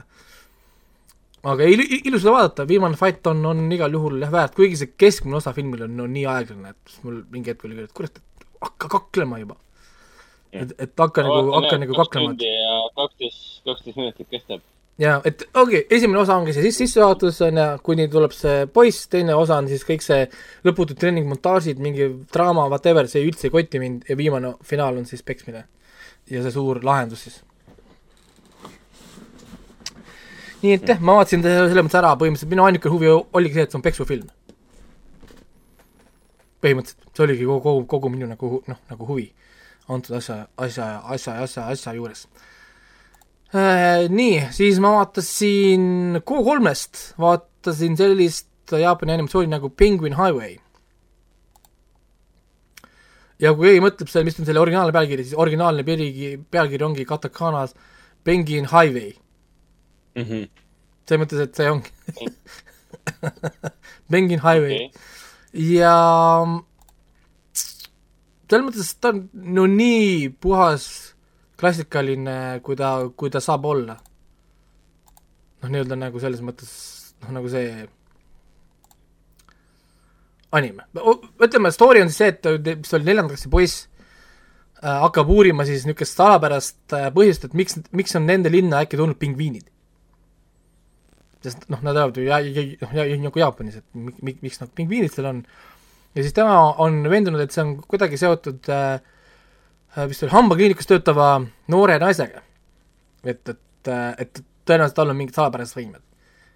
ja, ja siis hakkabki selline niisugune mõnus klassikaline Jaapani animatsioon, mis järjest ja järjest keerab seda fantaasiat juurde ja juurde, kuni lõpuks meil on seal mingi asfaldidelfiinid ja lihtsalt palju-palju nagu fantaasiat ja muidugi hästi mõnus õpetlik lõpp-point filmil siis. me vaatasime seda eesti keeles koos lastega, sest äh, kohe kolmes on see ilusti eesti keelde dubleeritud nii-öelda. see, see, see äh, terve siis animatsioon ja see on muidugi pikk, kaks tundi vist oli või tund viiskümmend viis, et tal oli mingi moment, moment, kus lapsed hakkasid natukene väsima, peale teises kolmandikus, kus nad äh, päris palju teemaarendust veel, ma pidin seletama neile väga palju keerulisi sõnu ja teatud nagu asju. ta võib-olla ei ole või noh, nagu nii lastekas, kui, kui ta nagu võiks nagu olla. Aga ei, nad enamasti said nagu aru ja, ja neile muidugi noh, meeldisid see suur finaal, kõik see üüber, üüberfantaasia ja see oli kihvt, kihvt nagu. ja jah, siin pole midagi, jah, see oli K3-st leiab, saab seda vaadata kaks tuhat kaheksateist aasta oma ja Ishida, Ishi, Ishida siis tehtud, kui, kui, kui keegi mõtleb, mida nagu veel vaadata, et ta on, ta on tegelikult tegi selle näiteks Drifting Home, mis nüüd tuleb, Netflixi vist pidi tulema, mingi hetk nüüd see uus, mis oli seal Comic Soon, ja seda tegi selle kunagi äh, väga heal ajal vist oli see, issand, kurat, mis ühesõnaga, ma ei tea, ma ei mäleta juba äh,, ühesõnaga võtke IMDB lahti, vaadake äh,. aga nii äh,, aa, Alec Baldwin on scripted. oi, oi, oi, oi, oi. jaa, see on nüüd äh, ABC oma äh, nii-öelda see intervjuu siis Alec Baldwiniga. ja, ja see ongi siis, kuna ABC kuulub ka Disneyle, nii nagu Hulu ja kõik see muu tavaarene, siis see on ka Hulus vaadatav. ja nelikümmend viis minutit circa on niisugune üks, ühe episoodi jagu pikk intervjuu Alec Baldwiniga, siis ühe teada-tuntud äh, meediast läbi käinud äh, sündmus oktoobris oli, kus tema indie-filmi võtetel Rust äh, Alec Baldwin siis tulistas propprelvast äh, operaatorit ja kui sealt siis lendas nagu nii-öelda nagu rikošetiga lendas ka siis äh, lavastajale kätte vist oli või? oli vist see õlga või midagi. õl-, õlga või kätte kuskil, jah. ja ja, ja niimoodi noh, mina nagu ootasin siit võib-olla natukene nagu rohkem, aga samal ajal ma pean nagu saama aru ka, et noh, enamus vastused ta annab nagu advokaadi poolt juhendatult. ta sõnastab väga täpselt, sa näed, kuidas ta meenutab, pea, silmad käivad umbes, ta meenutab täpselt, kuidas teda on nagu juhendatud vastama teatud küsimustele. et ta on nii-öelda see oli nii ilmselge. nojah, et ta ei annaks nii-öelda nagu valet infot, et ta ei ütleks valet sõna, siis uh, in my knowledge at that exact mm -hmm. time nagu okay., nagu või siis, et in my opinion ja siis ta, ja siis ta ütleb, et uh, I do not have any certain facts about this, this is my own opinion. Noh, nagu ta rõhutab teatud asju nagu üle, ütleb mitu korda, vaata, teatud noh, nagu küsimustele vastuseid, sest, sest tõenäoliselt siin on mitu kohtu case'i ja asju tulemas, vaata. Aga mida me saime teada siin, olulised asjad? Äh,, oli näiteks see, et Alec Baldwin ei vajutanud päästikule. see on väga oluline nagu info, info tegelikult. Ja kui siin varem liikusid mingid valed infod, et umbes, et noh, need stseenis ei pidanud päästikule vajutama. ta ei vajutanudki päästikule. ta ei vajutanudki päästikule ja ta selgitab täpselt ära, kuidas juhtus, talle anti relv ja, ja see, kes talle rel- relva andis, ütles, et see on cold. Weapon is cold. mis, tähendab seda, et seda võib kasutada, sest ta ei ole nii-öelda nagu laetud äh, noh, seal ei ole seda live Äh, uh,, ohtu. live ammut, jah. nii. ja siis küsiti, umbes, aga miks sa sihtisid siis operaatori poole, ütles, et ei, et ta ei sihi kunagi inimese poole, aga sa teed filmi kogu aeg, kus te seisate relvadega üksteise vastu või näitlejate vastu. Ja, ja see on nüüd kõik selle nagu siis op-, operaatori käsklused peal. Ja tema ütles, et tema näitlejana tegi täpselt seda, mida seesama operaator käskis tal teha. keera siiapoole, et, et teema keera siiapoole, pane relv siiapoole ja kaamera poolt oli, see oli nii-öelda see kaamera test, tähendab, noh nagu, et vaadata, et, et, et Aa, ähm, okei. mis nurga alt jäävad nagu näha, kui ta võtab relva välja, et see oli, et ta siis näitab relva ja tõmbab siis selle kuke tagasi. noh, relvakuke mm -hmm. nagu tagasi ja siis oli nagu kaamera test, aga, ja siis oligi ja kui kaamera oli nagu paigas, siis operaator juhendas seda kõrvalt otse relva eest. et äh, kuidas nagu panna ja hoida ja kui nüüd, kui see oli nagu läbi, siis Baldwin lasi kuke lahti lihtsalt. Aga kuke ei jäänud tagasi, nagu ta peaks jääma tagasi relvale, et vajutab pärast päästikut, vaata. et käiks mm. -hmm. natakas, vaid kukk lendas ise, ise, ise, ise, ise, ise tagasi ja kohe käis siis see lask. aga see, et ta ise tagasi lendab, kas see vihjab sellele, et see relv oli vigane siis ei? no see on prop gun, ma saan aru, ehk siis ta Aa, vist ei, ta vist ei peagi vist jääma sinna taha või, või, või ta, ma ta ei ei tea. funktsioneeri Ta ei ole nagu relv. nagu päris relvana, aga seal oli päris kuul sees. jah, jah. Sest see on nüüd fakt, see on nüüd, politsei on selle kinnitanud, et seal oli reaalne, mis iganes kaliiber, see on neljakümne viiene oli seal. jah, et see, see päris kuul, mis oli Ja see tuli sealt seest. kohast ostetud Jah. ka, oli seal olemas. ja, ja siis, mis nagu veel siis oli, sa, noh, saime siis nagu teada, et, et keegi oli selle kuuli pannud äh, nii-öelda siis, et mingil põhjusel osa, osad kuulid, seal leiti veel, olid siis selles paukpatronite karbis olid päris segamini. jaa, mõned üksikud ja küsimus on, no mida siis politsei praegu uurib, kes ja mis põhjusel need kuulid sinna niimoodi on pannud. kogemata, teadmatusest, või meelega. meelega. jaa, ei seda ta ei kom- seda ta ei, ei seda ta ei kommenteerinud, kui see küsiski see intervjueerija küsiski ta käest, et umbes, et kas sa tead, kes sa võid seda meelega tuua, siis ta ütles, et I have some ideas but I cannot say anything blablabla, bla, umbes active investigation, whatever, whatever, whatever, on ju.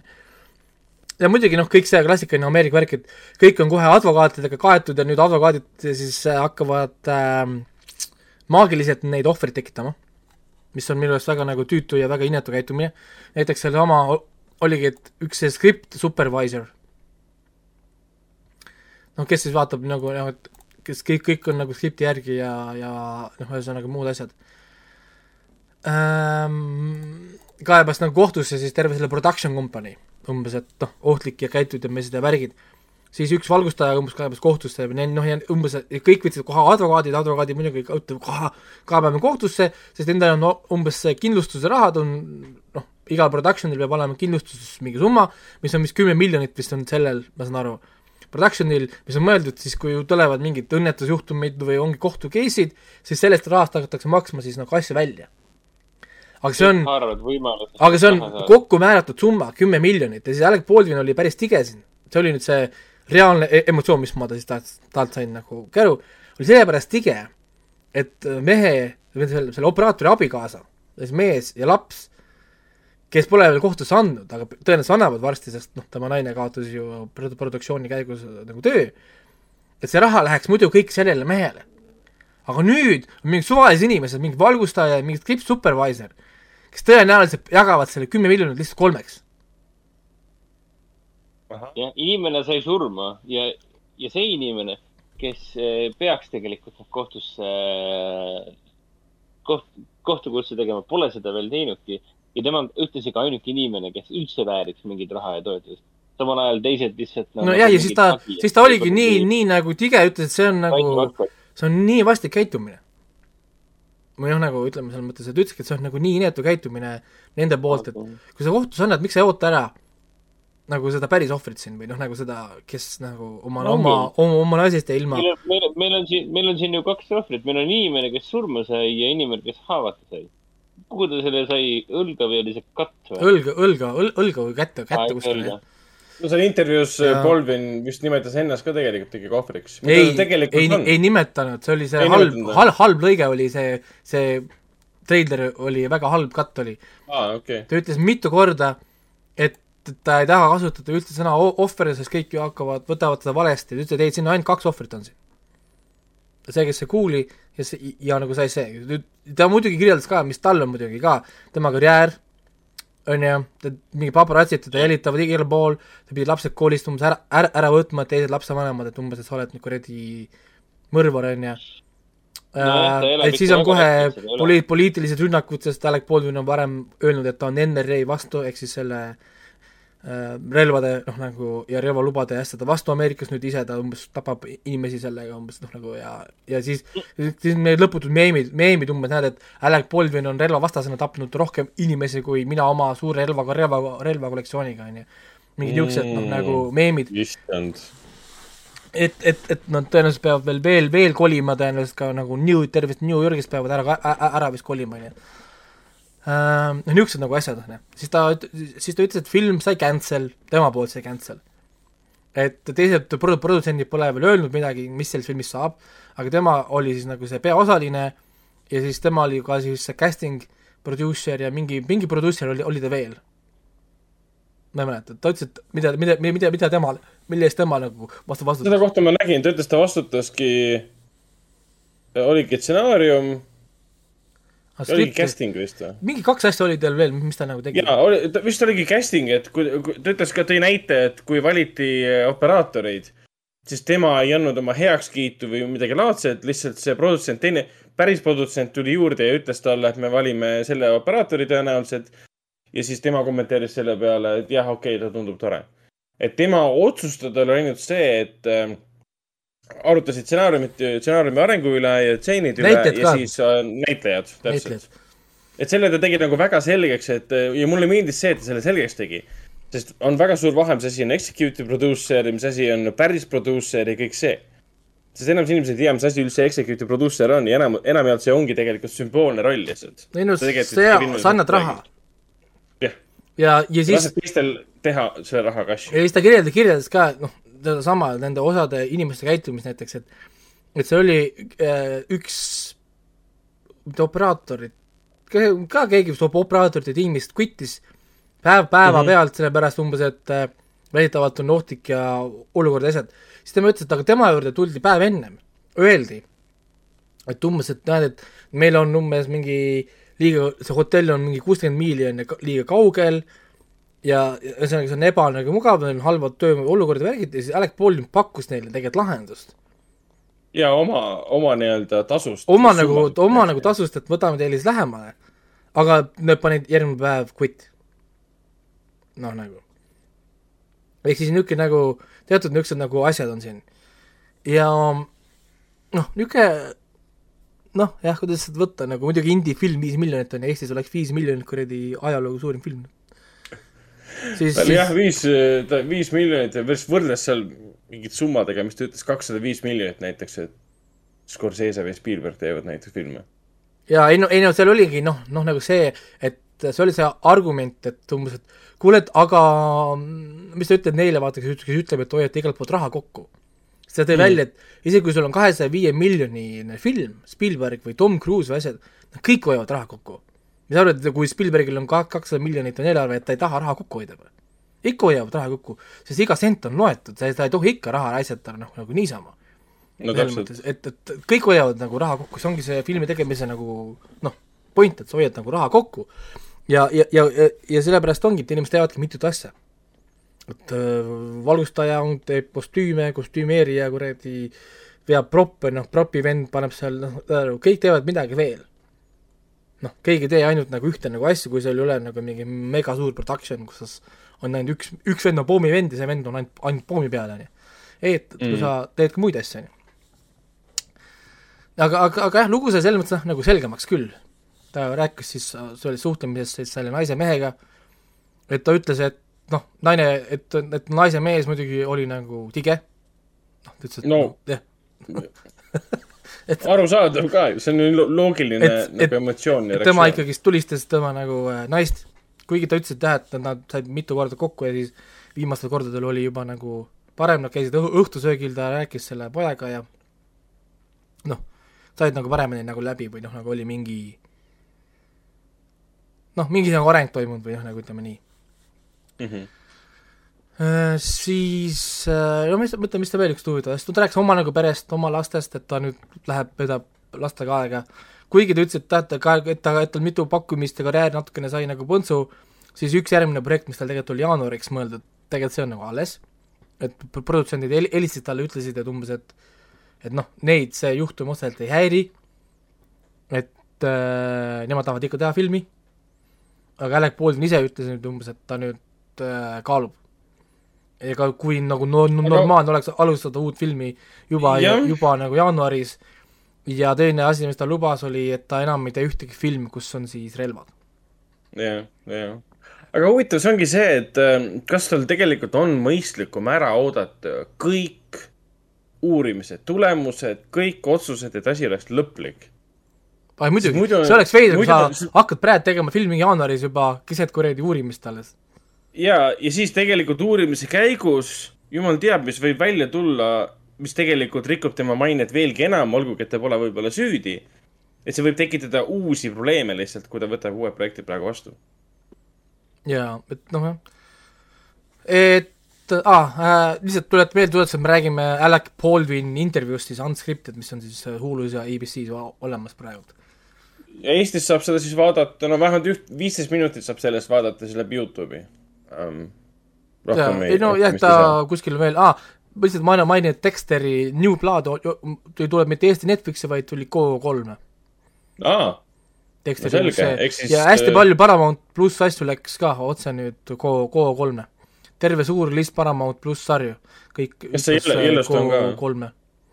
ei, Yellowstone'i ei olnud ja Yellow Jacketit ka ei olnud, ma mõtlesin, et see Yellow Jacket äkki, äkki nagu tuleb. mis asi see üldse on, seda kõik räägivad sellest. See on mingi uus triller pidi olema, mingi õhkõrjad triller pidi olema, ma, ma ei ole vaadanud seda veel. ma ei ole ka, aga ma kuidagi. et äh, mingisugune story, mingid naised, naised, naised olid kuskil saare peal, midagi toimus ja nüüd me oleme nagu tulevikus, kui nad on saarelt saanud koju ja nüüd hakkab mingid asjad hakkavad tulema, hakkavad saare sündmuseid meelde tuletama, mingi, mingine värk. lugesin jah sünopsist, tundus, tundus põnev. jah, nii, ja siis mis seal veel, mõtle, mis seal intervjuus veel oli, paar huvitavat asja, noh, ta rääkis rahast ka. Ta ütles, et see projekt ei olnudki raha teenimise projekt, oli miinustes niikuinii, niikuinii, sest ta andis selle filmile rohkem raha, kui ta sealt kunagi tagasi saaks.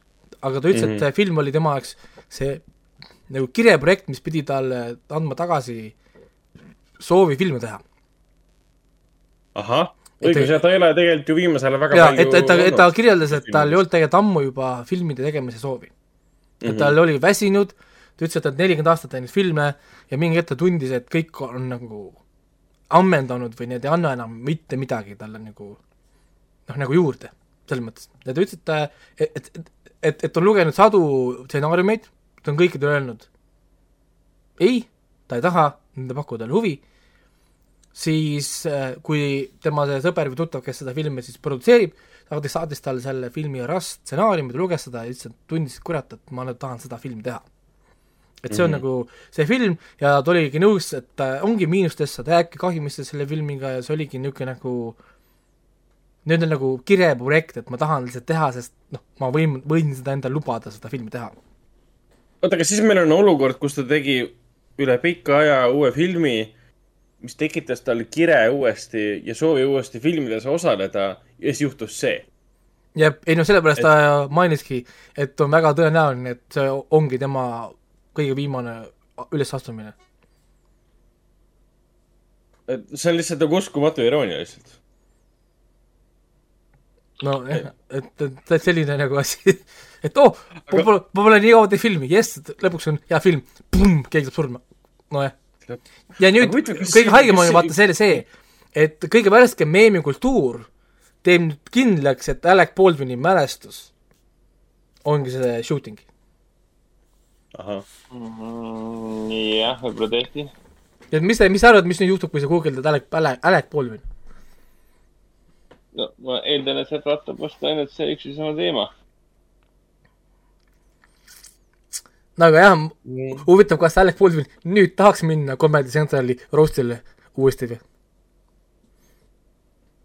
et oi, oi palju sealt oleks mm -hmm. neid, neid äh, nalju seal.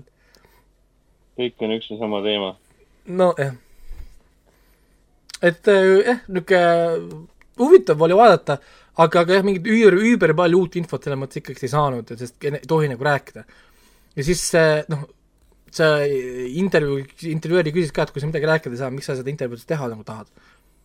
ta ütles, et noh, ta tahab lihtsalt nagu rääkida midagi nagu välja, et anda mingidki vastused kuskil mingisugusele pub-, noh nagu siis avalikkusele ja ta ütles ka, et, kuna politsei ütles, et nende uurimine kestab seal järgmise aasta kevadeni, võib-olla veel kauem, et, et, et noh, selge see, et Okei. keegi ei hakka ju kirjeldama ühtegi uurimist tema pärast ja, ja, ja ühtegi noh, nagu otsustega keegi kuskilt vastu nagu võta, on ju.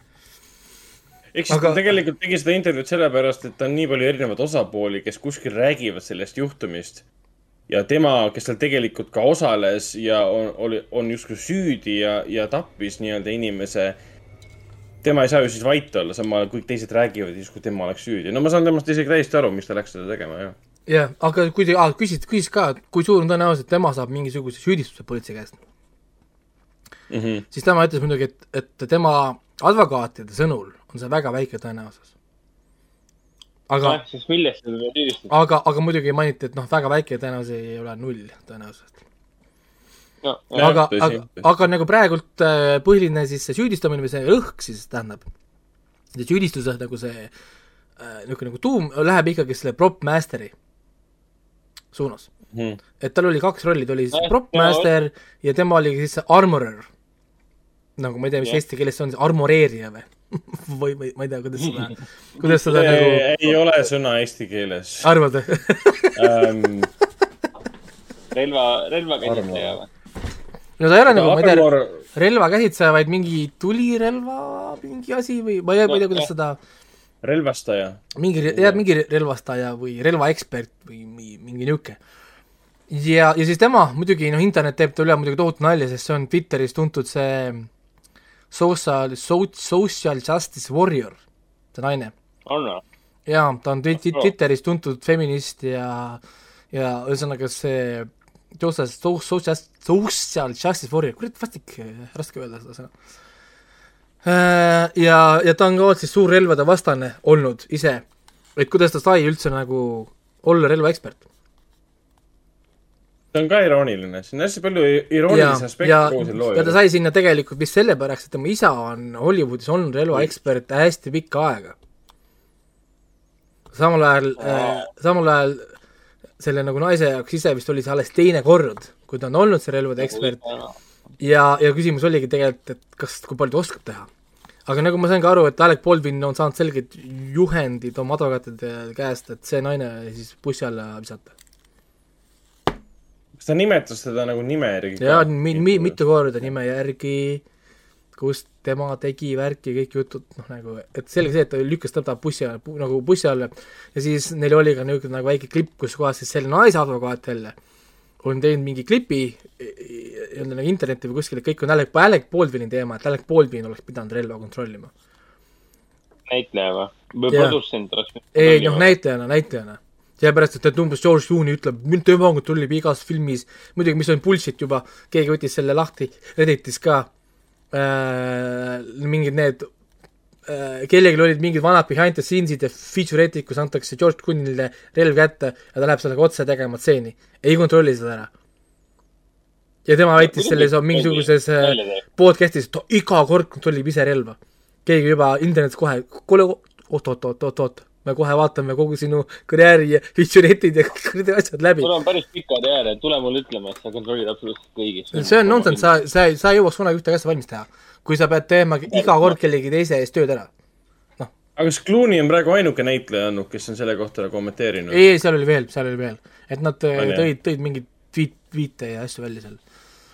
ja siis äh, Pale, Pale Baldwin kommenteeris seda ainult nii, et aga kui tema nii teeb, siis temal on suurepärane, ta on nelikümmend, et Baldwin on äh, teinud ise nelikümmend aastat filmi, ta ütles, et tema on kogu aeg käinud nii, et talle antakse relv, öeldakse, kas on hot või cold.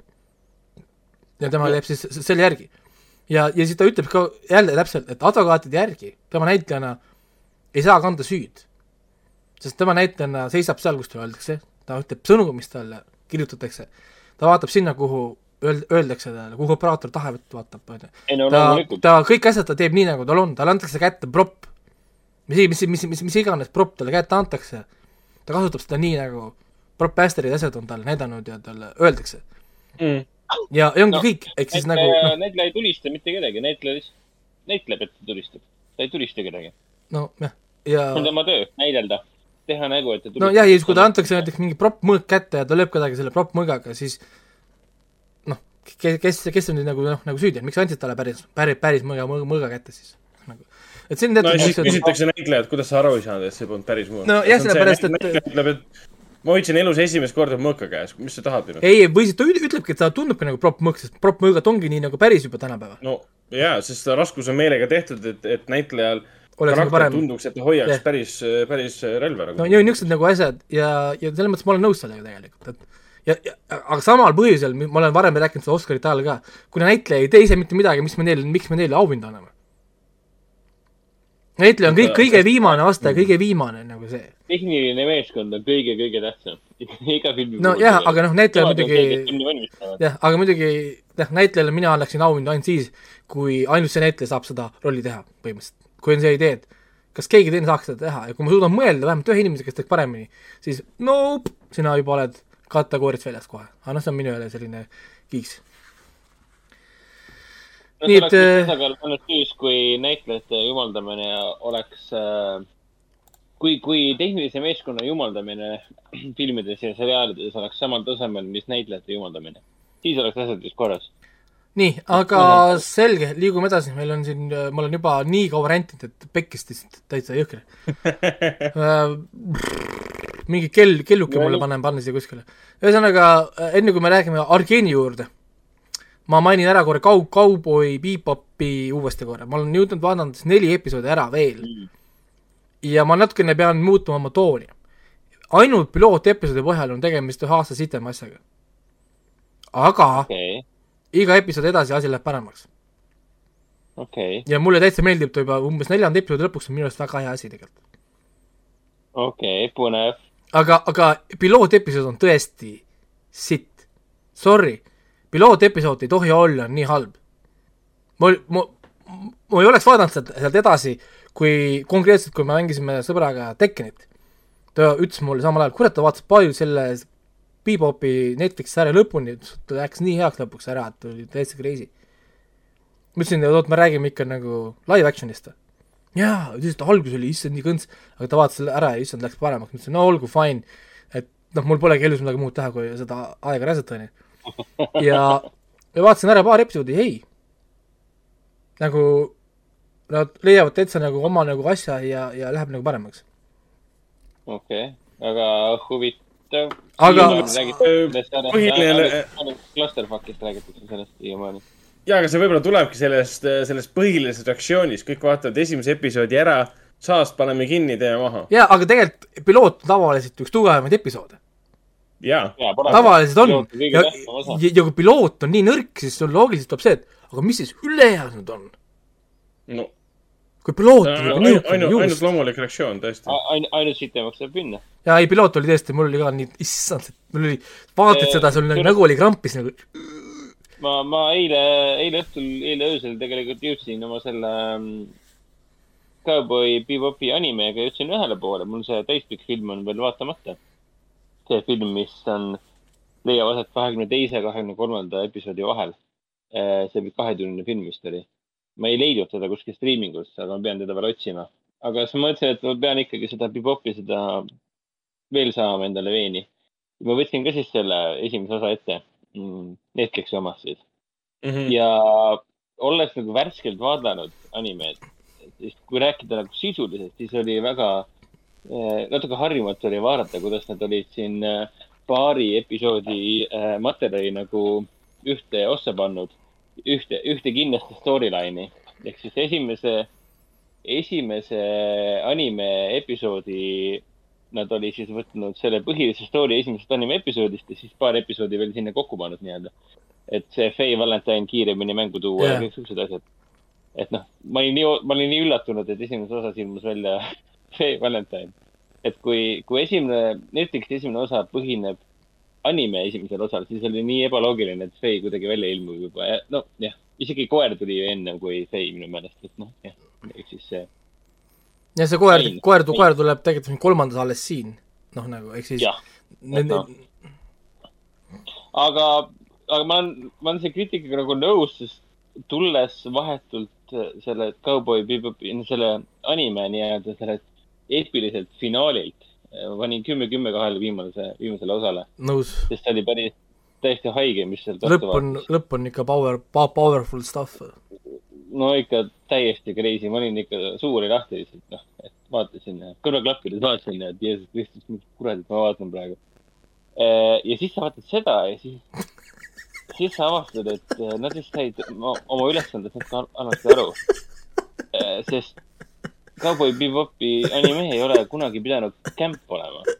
see, see ei ole see stiil, mida nad äh, animeeloojad tegid, ei ole camp stiil, aga ma sain aru, et Netflixi tegijad said aru, et see on just nimelt camp ja me peame seda võimalikult camp'likuks tegema. okei, et, et, et ta näeb visuaalselt väga hea välja. On küll, jah. tegelased ja No., ja, ja sisu ja need, ja need vestlused ja need. Dialoog. dialoog on umbes selline, nagu sa mäletad, et sajandi, sajandi alguses tulid välja igasugused Sam Raimi toodetud äh, ulmeseriaalid ja siin üks oli mingi Cleopatra kaks tuhat kakskümmend viis või mis iganes see, kaks tuhat ükssada kakskümmend viis ja siuksed eriti camp mingisugused Star tracki ähm,, Star Warsi äh,, Stargate'i mingid jäljendus, mingid madaleelarvelised jursud eh,, mis olid üks kämpa eest teist taga ja hästi piinlik oli vaadata. ja see Netflixi Cowboy Bebop nagu meenutas seda stiili mulle, et kui tegelased üksteisele otsa vaatasid ja tekste omavahel vahetasid, siis see mõjus umbes sellisena, et kas keegi sundis teid seda tegema ja kas ta nagu hoidis relva siis kaadi taga või? kas, kas kuskil oli Alec Baldwin? ok, oh my god, ma tegin ära selle praegu. jah, siuke tunne oli. okei. okei, too soon. see oli isegi päris hea nali. kus kuskil, kas kuskil mõtteplassil oli Alec Baldwin ja ta harjutas stseenik. aga, aga jah, et üsna raske oli seda esimest osa nautida mm,. kuigi näitlejad näevad head välja, näitlejad on hästi valitud. kõik see Faye Valentine'i, Jeti, Jet Blacki näitleja äh,, John Joe'st rääkimata, visuaalselt näeb äge välja, võitlusstseenid nägid, on kihvtid, aga minu meelest nad olid kui anime võitlusstseenid on äh, siuksed rough and tough'id nii-öelda ja animeelikud kratsilised, siis siin püüdi teha mingisugust äh,. vaata, kes see, kes, mis see multikas oli, millest Robin Williamsiga tehti film ka sellest madrusest, kes äh, kätega nii teeb. Popeye või? Popeye. Popeye, jah, täpselt. siin kohati meenutas mulle seda mingi Popeye efekti, kus äh, John Shaw Aa. lööb, kätega, John Shaw lööb kätega hästi kõvasti vas- in- vastu vastase rinde ja siis vastane len- lendab ja vastane lendab eest ära ja siis tulevad linnukesed tulnud ümber pea. siuke multi, mul-, mitte, mitte, mitte anime, vaid ta nägi nagu. Multifilm, jah. Tom and Jerry välja, jah, multi, multifilm põhimõtteliselt, kuidagi imelik. aga ma panin talle IMDB-st, panin talle esimese osa, osale piloodile kuuskümnest. puhtalt sellepärast, et äh, ta ei olnud nii Ilus. hull, kui ma arvasin. ja ta oli ilus vaadata. on küll, ilus on küll ja selle koha pealt ei saa midagi öelda, et see nagu see production või noh, nagu see power, mis nad visuaalselt on teinud, on, on, on paigas. nagu hullult palju raha ja nagu manti siia alla pandud, et see asi nagu tööle hakkaks. aga ei, ma, ma olen ka jah, ma olen, ma olen nõus, ma olen nõus, et äh, ma vaatasin edasi tõesti, ta on läinud paremaks, nii et nüüd ma ei tunne üldse enam, et ma raiskan aega. kui, kui esimene episood oli lihtsalt nagu tõesti, nägu oli pärast valus, pidid kuradi kulmusid masseerima, sest oli nii valus, siis, siis üks asi, mis mind, mis puudutas seda äh, Spike'i taustalugu, noh, vend ei tea muidugi, et seda me ei spoilerda, aga mis puudutas Spike Spike'i nagu sealt Buffist, jah? okei okay.. mida? Spike nagu Buffy, Buffy seriaalist, jah. issand, kus mul on see kuradi, okei okay,, vabandust, et ma rääkisin natukene. kohe tulevad kriketid. ei no Buffy, vampiiritõppi Buffy's oli ma Spike'i saan. aru jah, seal on Spike'i nimeline tegelane, issand jumal küll. igatahes äh,, igatahes Raiko, seal oli see mm, Spike'i taustalugu, seal on mingi nel-, viiekümne minutiline episood või mis ta oli. ja sul on Spike'i taustalugu pandud sinna sisse. see tuleb alles nüüd teisest või kolmandast, hakkabki tulema see- Fear, Fearless saaga nii-öelda. ja, ja seda on nii palju siin surutud sisse siia esimesse ossa. Minu meelest muutus see jõle piinlikuks, kui ta kohtus selle, noh, raseda naisega. ja siis samal ajal katiti sisse see tema taustalugu omaenda naiste, naisega, siis mul tekkis mingi käegrefleks selle peale, et eh, nagu lõpetage ära, see ei ole hea viis, kuidas stsenaariumit kirjutada. kas te ei ole kunagi varem ühtegi filmi ega seriaali näinud, et kuidas tegelase taustalugu natukenegi lahti arutada, pluss teil on üheksa episoodi veel, milles probleem on? et kuidagi hästi kiirustatud tunne et meil on vaja, ma ei tea, sada protsenti kätte saada see iga Viimsingi publiku närakas, et kes vähegi võiks seda esimest episoodi vaadata. see on, see oli küll piinlik minu meelest. kuigi see raseda naise, see esimene lugu on ju väga kihvt tegelikult, kõik, mis puudutab seda rasedat naist ja siis seda mm, Desperado tegelast. ja, ja selle lihtsalt nad toppisid selle kõik vist esimesse episoodi sisse ju, see oli ju kõik ju seal sees ju. Terve see terve see Red Eye stuff oli vist ju esimeses episoodis kõik. jah, oligi, kogu, kogu esimene Netflixi episood põhineb esimesel osal. lihtsalt tegelased tuuakse varem sisse ja koera ikka pole, Aini ikka pole. Rein nad toovad sisse, aga Aini ei too. Ain on nii kihvt. Ain on nii äge.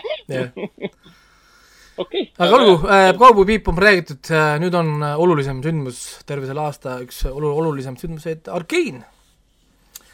Mina siis hakkasin äh, hiljem vaatama, ma ootasin siis selle lõpuni ära, kui kõik episoodid korraga olemas ja ma hea meel, et ma sain seda binge ida järjest, sest ma ei kujuta ette, et ma pidanud ootama mingit nädalat või midagi, et mina vaadata ikka, episoodi mina. ikka suutsin oodata, ma olin ikka, olin ikka Ja- tubli ja ja, ja alguses siis, kui Hendrik ja Rannar mulle seda siis maha müüsid, ma olin skeptiline, et noh, kas see saab kurat olla nagu nii, nii hea ja hakkasin ja- päris kõvasti hoiama, hoiama Raikole, et kuule, see on vist aasta parim. ja, ja siis, ja siis, kolmas ja osa vaadata mingit, kuule, see on väga hea.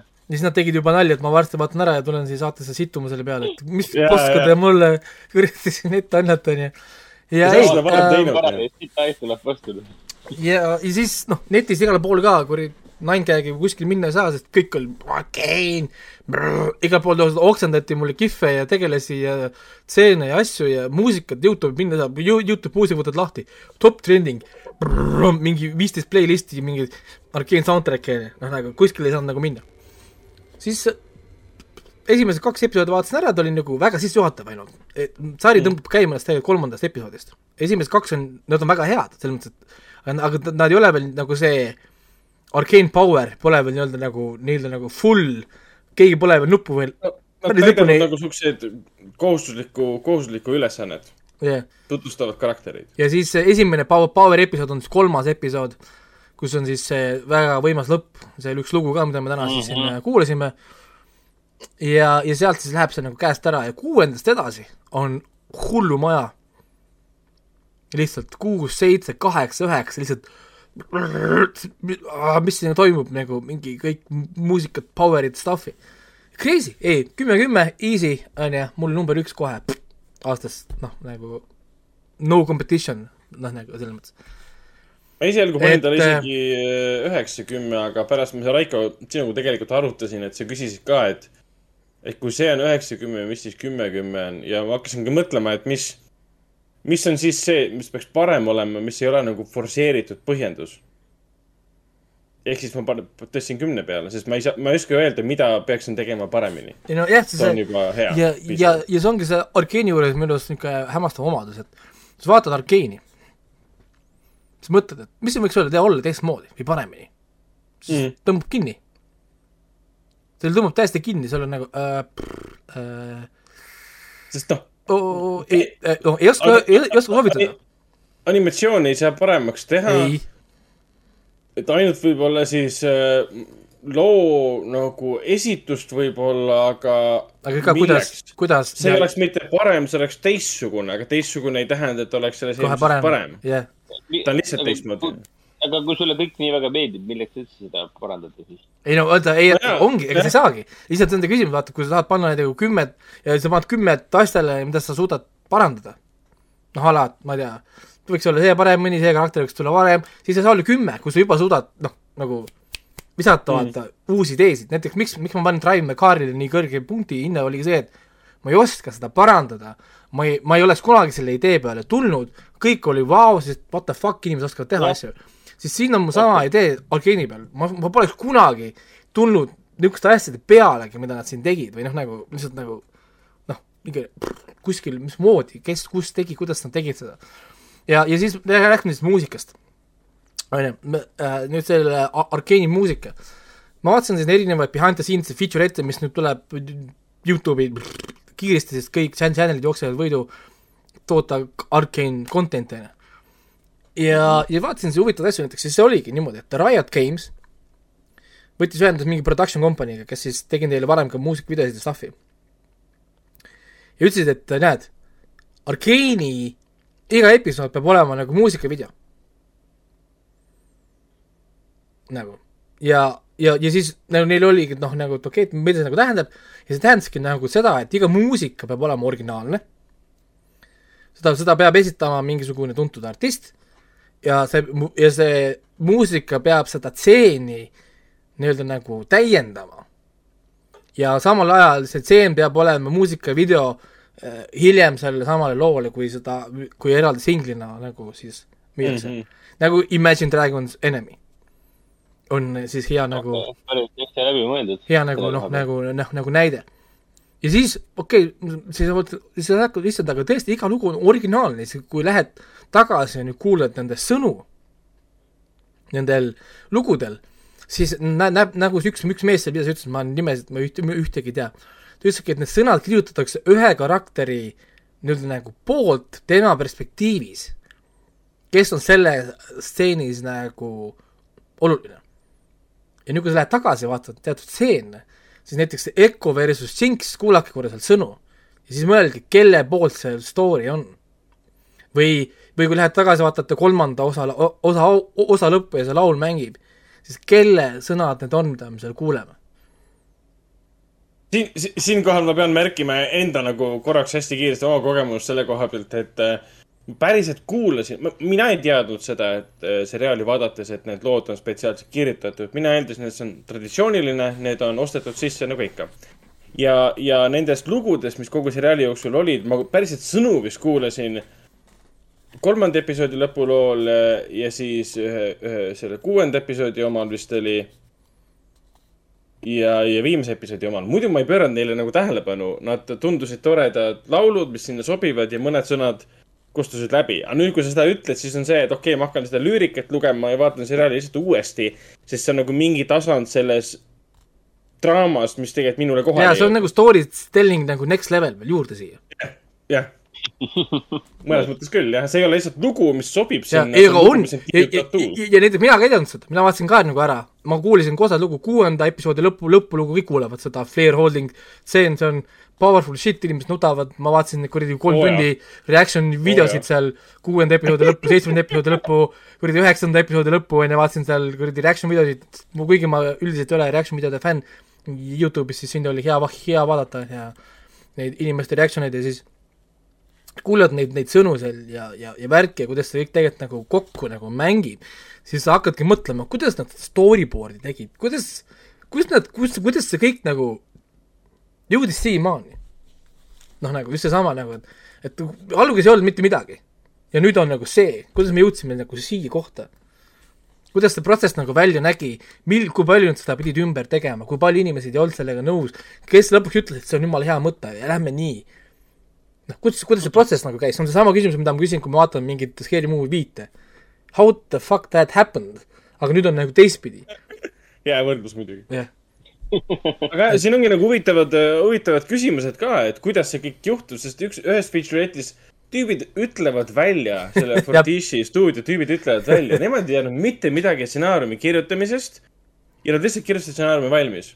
ja pärast andsid vist lugeda inimestele või kus paarile professionaalile üle vaadata. ja, ja lihtsalt nemad teadsid, mida, muusikavideode tegemist, animatsiooni tegemist, kunagi nad tegid Jinxile ühe muusikavideo juba, ma vaatasin seda tagantjärgi ka. oota, oota, oota, oota, päris, päriselt see stuudio, oota, stuudio ise kirjutas stsenaariumi või? ja nende enda inimesed kirjutasid stsenaariumi. ja neil polnud ena- varasemat kogemust. ei, neil polnud, puudus, neil puudus varasem kogemus dialoogidega. sellepärast, et nende enamus videotes on muusikavideod või siis need Rioti videod, kus tegelikult jooksevad ringi ja tapavad üksteist, aga nad ei räägi. Ehk siis neil oligi uus ülesanne ka, nad pidid äh, dialoogid muutma emotsionaalseks, sest esimest korda nende tegelased räägivad. Nad pidid leidma õiged näitlejad ja kõik siuksed asjad. muidugi raha neil on ilmselgelt palju, sest nad leidsid väga tuntud No, no, näitlejad ja väga sobivad. arvestades, et nad tellivad lugusid mingit Stingidelt ja, ja Woodkididelt ja Imagine Dragonitelt ja nii edasi, siis ma arvan, et see, et see checkbook Ah, ei ole, probleem. checkbook ei olnud neil siin mure. äh, loll, loll, lolli raha. küsid, tõenäoliselt need Fortis küsis, et kuule, et äh, kui, kui tuntud muusikuid me siia võime kutsuda sealt soundtrack'i tegema ja siis see, kes see loll on, Riot Games või? Riot Games. Riot Games mingi, jah Jah.. What do you mean by yes mingi? Yes. ukse kinni. Go do your job. et, et, et, et ja ja eks siin võib muidugi sentima-, sentimentaalselt läheneda ka, sest noh, kohati seda seriaali vaadates jäi mulle tunne, et, et see ongi nagu sihuke labor of love, igast nagu detailist, animatsiooni nagu nurgast kuskilt sa näed seda ülimalt väljapeetust või sellist, sellist armastust iga detaili vastu, et see ei tundunud nagu, ta on, ta on toode selles mõttes, olgem ausad, see on toode lolli müümiseks ja nii edasi. mina lolli kunagi mängima ei hakka. Ja ei ole ka mõtet ka. aga, aga sul on õigus, aga sul on õigus, see stuudio on näha, et need animaatorid ise, nad on nii pikki aastaid tegelenud sellise Jah. stiili arendamisega täpselt. ühest ja teisest küljest ja lõpuks neile anti nagu väljund. aga lihtsalt Meil on uskum- vaja seriaali. uskumatu see stiil ja kui voolavus on ja see, sorry, need action stseenid ka, see pole üldse niisama. see ei ole umbes, et oh, teeme action stseenid. keegi peab koreograafima need action stseenid. Need Mm. kaklusstseenid, need rusikatega peksmised, need võitlusstantsid. see peab olema mingi motion capture neil. Motion capture läbi harjutamine, koreograafia ja kõik see, mis selle siis, issand, siis see suu, hästi kihvt muusikaga tseen, see parkuuri tseen, kus ta Jah, saab jah. välja ja siis hüppab sealt alla ja kõik, kõik, ühesõnaga see, ühesõnaga siis see, see suur parku-, parkuuri tseen, lihtsalt nagu see slow-mo, slow-mo, muusikad, värgid, mul olid nagu toas mingi niimoodi, mingi plaksutad siin nagu, nagu noh, ja lihtsalt mingi nii suvaline asi, see, see mitte mi-, mingi mõttetu stseen tegelikult. oh, ma lähen ees, mingi parkuur, mingi, mingi nelikümmend sekundit parkuuri, mingi muusika, mingi, mingi ani- animation ja värgid, siis nagu tegelikult see ei te- toimu mitte midagi, vaata noh, nagu otseselt, sul on, sul on mingi, oodake korraks, ma lihtsalt mainin korraks, et me räägime Netflixi seriaalist nimega Arcane ja. me räägime, me, me jaa. mainime ka seda Arkeeni tegelikult päris tihti siin praegu. nojah, just. ja see päris nimi on Arcane The League of Legends, see põhineb siis Riot Games videomängul, mis on siis MOBA või siis MMO MOBA ehk siis mult- äh,, multiplayer äh,, ei, massively multiplayer online battle arena. mida mängima ei pea ja isegi ei pea. ei, ärge isegi ei mängige, sellepärast et siin on need meemid, kus kohas isa, isa, isa, isa tuleb töölt koju küsib, et kuule, kus mu poeg on. oo, ta vaatas seda Netflixi seriaali li- äh, Arcane ja, ja, ja ta mõtles, et ta läheb arvutis mängima seda äh, mängu, kus ta on, jookseb sinna, poiss on põrandal, nu-, kera sõnu, nutab seda, mõtles, et ta läheb proovib mängida League of Legendsit. ma, ma lähen ja lõbustan veidi. siis, siis, siis, siis tal oligi siis isa kallitab poega. ma mõtlesin, et see on nagu see, nagu see seriaal. oota, aga äkki me peaksime mõnele kuulajale siis selgitama ka, et, et miks see nii on. Ja see on lo-, Need on väga erinevad asjad, sest äh, League of Legendsi mängul ei ole story't. ehk siis Jah. äh, mõtleme seda siis nagu ma ei tea, Mortal Combatiga või, või, või Tekkeniga või Street Fighteriga, kui sa mängid Street Fighterit, mida me kõik tegelikult teame, Street Fighter kaks kõik teavad, siis Ryu ja Ken ja Blankad ja whatever, nende karakteritel tegelikult ei ole story't. Need story'd mõeldi hiljem juurde või sa said mingi väikse tekstijupi nii-öelda nagu kuskil mingi ekraani peal yeah. umbes, et oh, et ta oli mingi dojo mingi parim fighter, onju. siis tegelikult nendel mängudel story't ei eksisteeri. kui nüüd need populaarsus kasvab, siis tekivad veebisaidid umbes, kus sa lähed, ma ei tea, Street Fighteri veebisaidile või sa ostad mingi artbook'i või mingisuguse lisa fännitoote, kus sa saad nagu seda story't. See League of Legends on täpselt sama nagu protsess käis läbi. League of Legends on lihtsalt üks žanrimäng, kus kõik on ühe, ühe kaardi peal koos, kõik klõbistavad oma hiirt niimoodi, mingi hiire, või tähendab seda hiire, hiire klõbinsi. et siis ma olen praegu nagu see lolli äh, mängija, onju, ja kõik lihtsalt viskavad stuff'i nagu välja ja ongi nagu kõik, sul on erinevad karakterid, seal see Jinx on seal näiteks karakterid ja, ja whatever. karakterite nimed ja välimused ju Jah, korduvad. välimused ja, ja, ja, ja asjad ja siis, siis hiljem, kui see mäng oli ultrapopulaarne, siis äh, Riot Games ja teised hakkasid lihtsalt müüma fännitooteid, koomiksid oli vist e- esimene, mis nad hakkasid tegema mm. -hmm. koomiksid ja nad hakkasid siis, siis nad hakkasid seda maailma nagu looma. ehk siis nad kõigepealt oli neil mäng, meil olid karakterid ja siis mingi hetk vaatasid, okei okay,, et mäng on nagu populaarne, selge, et me nüüd äh, anname mingi story või me loome mingisuguse ühendava asja, vaata. siis tulid koomiksid, erinevad asjad ja niimoodi hakkas, hakkas nagu edasi arenema ja nüüd täna äh, Riot on kuulutanud muidugi välja mitu lolli toodet veel, Arcane teine hooaeg tuleb ka kaks tuhat kakskümmend kolm jaanuarist või mis ta siin pidi ilmuma, tuleb ju teine hooaeg ja need, need kakskümmend no novembril nad alustasid teise hooaja production'it. ehk siis umbes kaks nädalat tagasi nad hakkasid tootma, tootma teist hooaega. Arkane'il ja, ja siis neil tuleb äh, teised žanrimängud tulevad välja, tuleb välja League of Legendsi open world game tuleb välja, päris nagu tavaline story game, narratiivipõhiline, neil tuleb kaklusmäng välja, puhas kaklusmäng siis üks versus üks kak- kaklusmäng tuleb välja. Ka jälle nagu see, ehk siis ja ja kõik hakkas toimuma siis, kui Riot Games ostis ära Tencent. kui inimesed ei tea, siis Tencent on üks maailma suurimaid kompaniisid, suurem kui Microsoft, aga nad on natuke väiksem kui Apple, on äh, siis Hiina suur nii-öelda nagu investeerimisfirma, kes ostab teisi firmasid kokku. näiteks Tencent omab sellised firmad nagu Rovio Entertainment, keda me peaksime teadma kui Angry Birds, nad omavad mm -hmm. Supercelli, kes on soomlaste see Clash of, Clash of Clans, Clans tegija, nad, nad omavad aktsiaid, ma ei tea, Square Enixites, isegi Disney's on mingid suured aktsiad nendel noh, nagu sees ja nemad omavad sada protsenti, sada protsenti Riot Games'i. Ja Hollywoodi filme ka toodavad. jaa, ei, Tencent mm -hmm. on igal pool. kui te hakkate näpuga jälge ajama, täpselt nii nagu Disney on igal pool, nii nagu kuradi Apple on kuskil, küljed on, on taga, Tencent on ka, eks sest ta ei saa olla mingi triljon, triljon äh, whatever company, kui ta ei ole igal pool, noh nagu küüned taga. ja, ja siis peale seda, kui nüüd äh, Tencent ostis selle Riot Games'i ära, nad ostsid hästi palju lääne erinevaid ettevõtteid ära, siis äh, see on sellepärast, et nad tahavad nüüd äh, teha, kuidas nad seda, selle kohta oli mingi väljend, aga nad tahavad nii-öelda seda Hiina mobiiliturgu, mobiilimängude turgu laiendada mujal maailma ka. kui, kui, kui inimesed ei tea seda, siis Hi- Hiina mobiilimängude turg on naeruväärselt suur. seal on miljardid teenivad mängud, mida me pole kuulnudki. Nad lihtsalt on aastaid seal olnud, Hiinas on mängijate baas on mingi miljard mängijat sul seal, ainult kuradi Hiinas on ju, kes lihtsalt mängivad mingit mängu, mida me pole kunagi kuulnud, nad teenivad mingeid üübersummasid, on üks suurimaid frantsiise maailmas. Me pole kuulnudki. siis nüüd nad kasutavad oma siis neid firmasid, mis nad siis on üm- ümber maailma kokku ostnud, hakkavad neid promoma ja üks osa promomise kampaaniast ongi igasse meediumisse toota tooteid. seriaalid, filmid, koomiksid, kujukesed, figur-, no kõik, kõik figuriinid, videomängud, konsoolimängud ja kõik selle jaoks, et müüa mobiilimängu. tundub nii veider, aga, aga mobiilimäng on kõige teenivam asi, mis on üldse tehtud maailmas. Kõigid asjad, mis kõige rohkem, mis on, teenivad mo-, mo-, mobiilimängud. näiteks siin äh, lihtsalt puhtalt statistikalt on mobiilimänge, mis teenivad üksinda rohkem kui Netflixid ja Hollywoodid kokku. mõelge, mõelge, mõelge korra selle peale.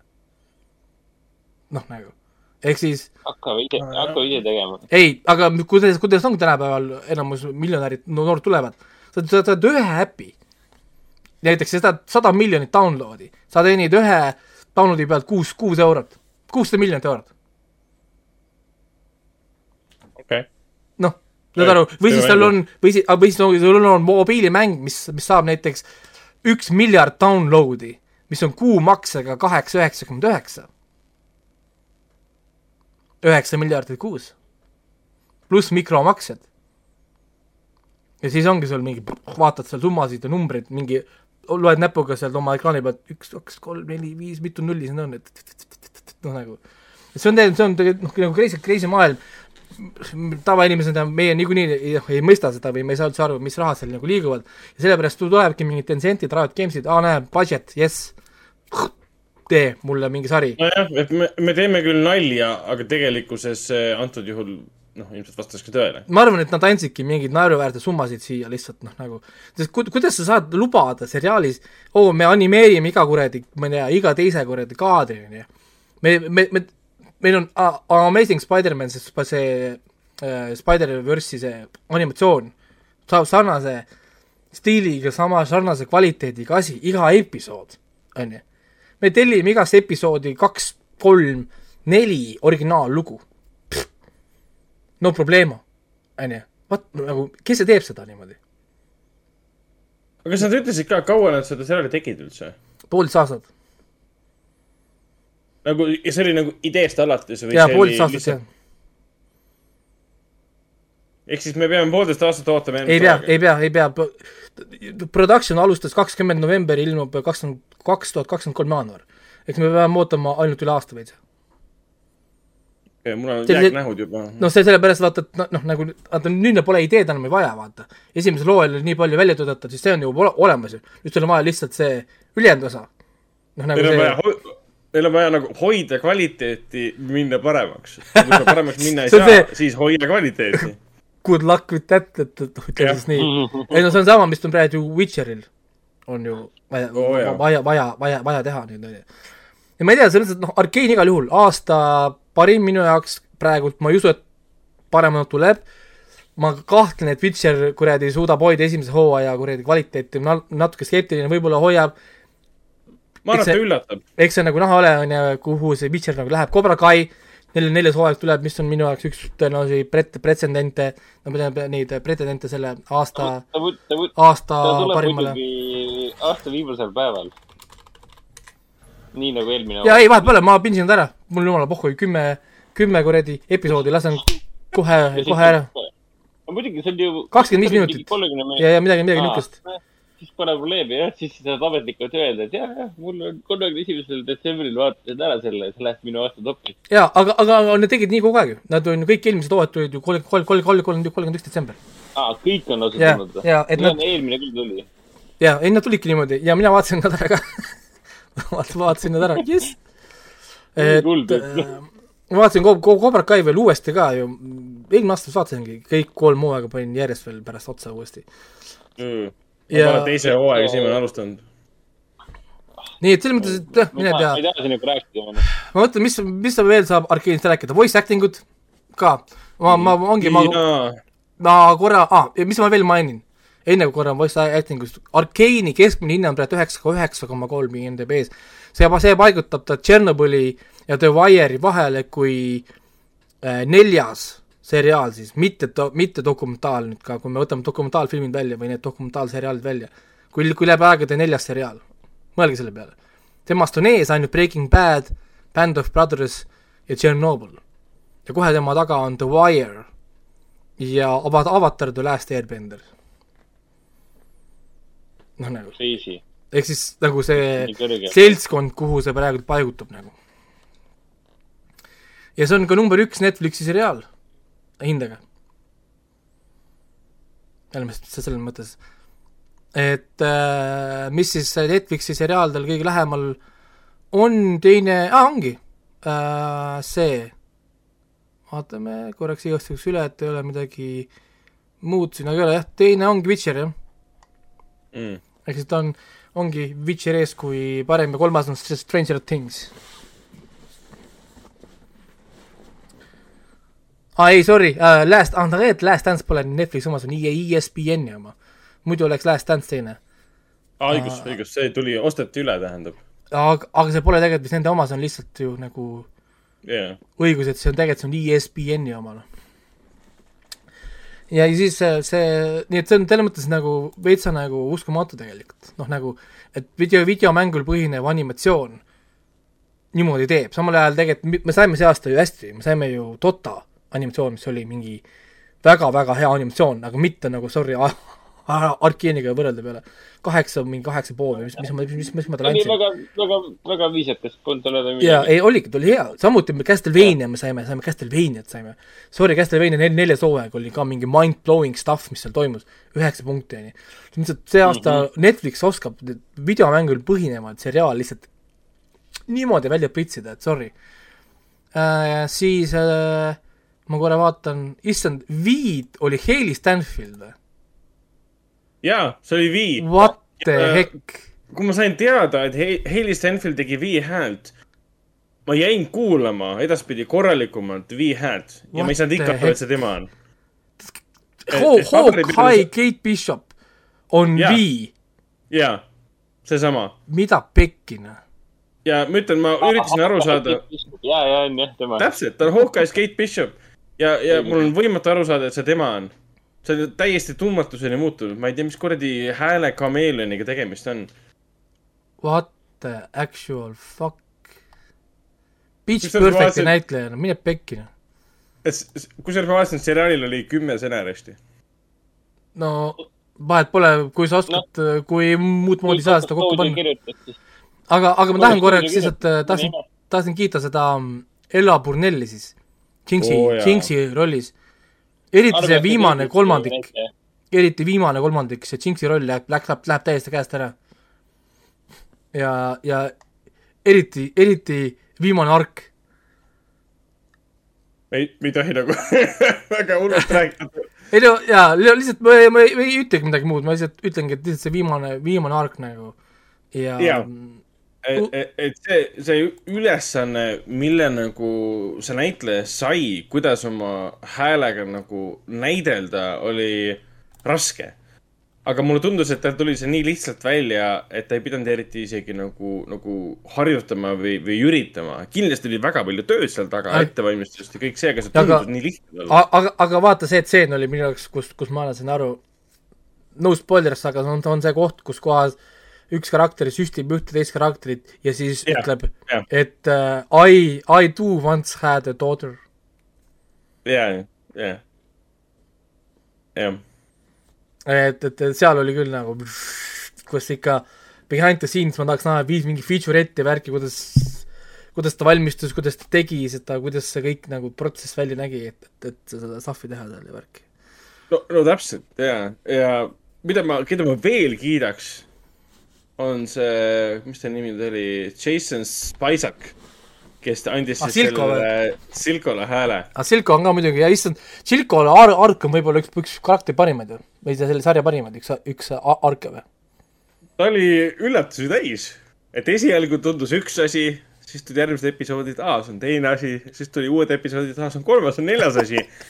ja ta on nagu ehe näide nendest karakteritest üldse, mitte keegi pole läbinisti hea, mitte keegi pole läbinisti halb aga no siin pole jah sellist jah on- asja nagu jah, nagu hea, hea, halb jah, selles mõttes. täpselt, et, et siin võib-olla mõni üksik tegelane on veits parem kõikidest.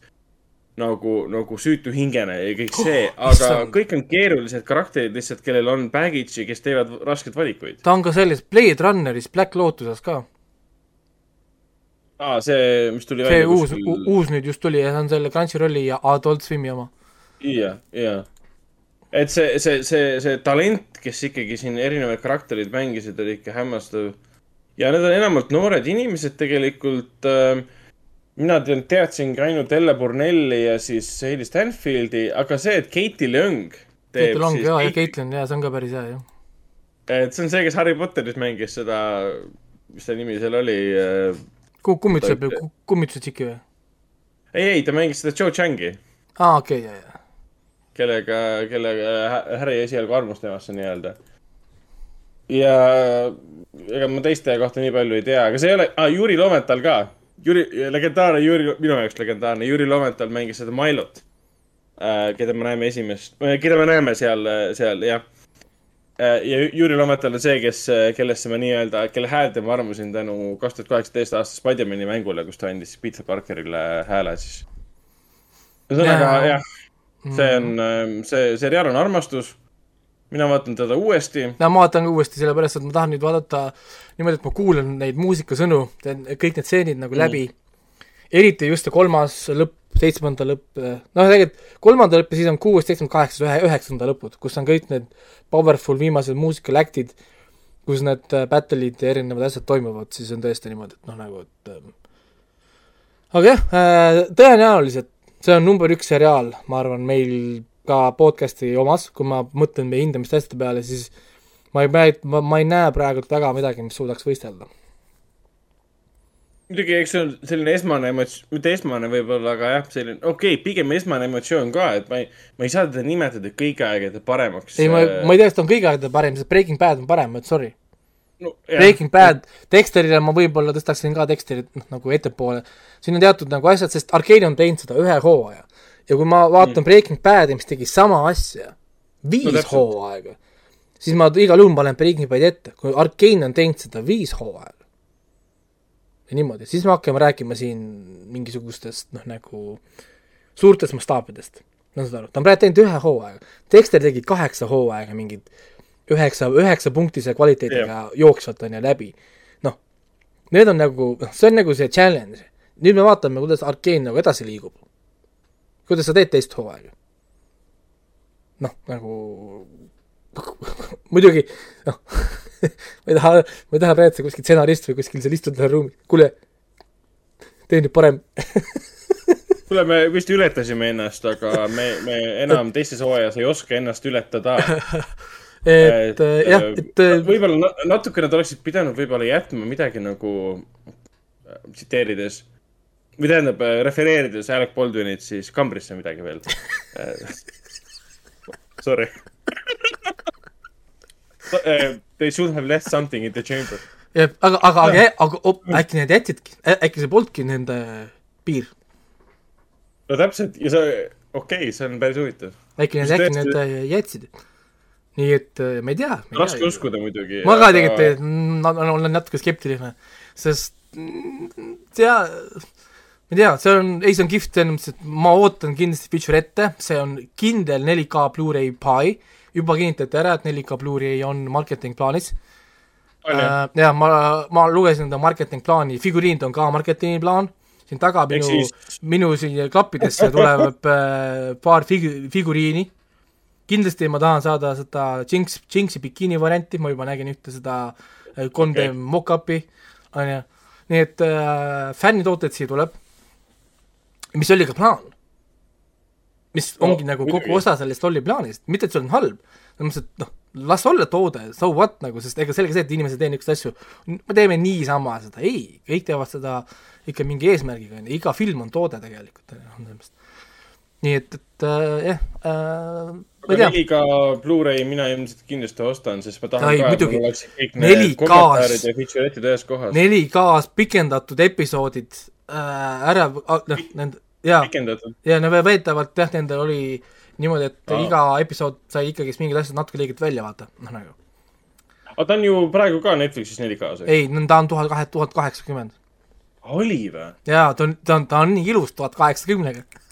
kuradi, uskumatu, ma ei saanud arugi. Jaa, see on 1080. ma vaatasin diivani pealt, ma olin veendunud, et kuna see oli nii terav on ja küll, ilus pilt, et see on 4K.. jaa, ei ole, see on tuhat kaheksakümmend. oh sa kurat oh,, seda 4K-s vaadata, oi jumal. see on tuhat kaheksakümmend, mul oli samamoodi, nii ilus ja värk ja siis mingi hetk ma panin selle info peale, vaatan, mis see stream näitab. oot-oot, viis, viis koma neli megabitt bitrate, tuhat kaheksakümmend. no What the fuck, see oli tuhat kaheksakümmend jah. Ja see on jälle see, kuidas sa animatsiooni teed, kui teravaks animatsiooni, ega 4K otseselt ei muuda ju midagi ilusaks, see algmaterjal peab ka olema ilus ja terav selles mõttes. jah, mina kusjuures arvan, et nad tegid seda kohe 4K-s, nad panid ta meelega tuhat kaheksakümmend, vaat see on see, mida nad tänapäeval tegelikult tihti, teevad. et nad juba nagu aa, marketingi mõttes juba teevad kohe niimoodi, et nad, nad tahavad 4K, osta 4K Blu-ray. okei. Ehk see on See mida tegi Ste-, aa see tegi niimoodi, Stranger Things tegi ka nii, Stranger Things äh, läks 4K peale hiljem. alguses mm -hmm. nad tulid, olid kõik e- hooajad olid tuhat äh, kaheksa, kaheksakümmend, mis oli ka nagu niisugune nagu, nagu douchebag. kolmas siis hooaeg vist tuli juba, juba nagu nii nagu noh, nagu 4K-s. Nad väitsid umbes, oo, me ei teinud, me ei teadnud seda, on ju. samal ajal nad ise müüsid sulle 4K kuradi Blu-ray'sid. noh yeah., ja siis ja siis mingi hetk ma saan aru, oli see update või see, et sa said nüüd valida siis selle 4K varianti, mis oli nagu noh, douchebag, mina ostsin ka vaata selle VHS-i selle jaa äh,, selle äh, Blu-ray, mis on ka tegelikult 4K oma. nii et äh, okei, no eks see on turundus, marketing, midagi teha ei ole, ega meie ei saa siin öelda, kuidas ja ei no nad teevad niimoodi ka, samuti oli seesama see, see HBO Maxis oli tuhat kaheksakümmend, noh, nagu see äh, see Weathering, mis, mis, mis, mis oli see Wuthering with you või? jah, Weathering with you, jah. jah, siis eh, kui ma panin selle Plexi, nagu sealt kandsin ta üle siis HBO Maxi selle watchlist'is selle Plexi watchlist'i, Plex näitas seda 4K-s. tähendab seda, et neil on 4K olemas, aga lihtsalt nad ise hoiavad seda kinni, näitavad sulle kuni tuhat kaheksakümmend, et siis mis iganes muul põhjusel või kuskil mujal näidata seda nagu hiljem 4K-s. Aga Plex saab aru sellest siis ju? no Plex saab aru jah, sest Plex võtab nagu otseselt selle faili nagu selle aadressi koha pealt või noh, kus see nagu fail, fail asub. okei okay.. mis on nagu, nagu noh, nagu trik, aga kui ma proovisin seda Arcane'iga teha, tuhat kaheksakümmend, ehk siis neil ei ole 4K varianti või siis noh, nagu kuskil peidus. jah, nii et äh, Ar-, Ar-, ma rääkisin sujuvalt mingi nelikümmend minutit Arcane'i, nii et äh, palju õnne. Ja kui keegi vaatab nüüd tänu meile Arcane'i, siis palun saatke meile kiri, et me, et me üsime selle Arcane'i teada, maha. ja kas te olete rahul ka ja kui te pole rahul Arcane'iga, siis ma tahaksin teada, miks te pole Arcane'iga rahul.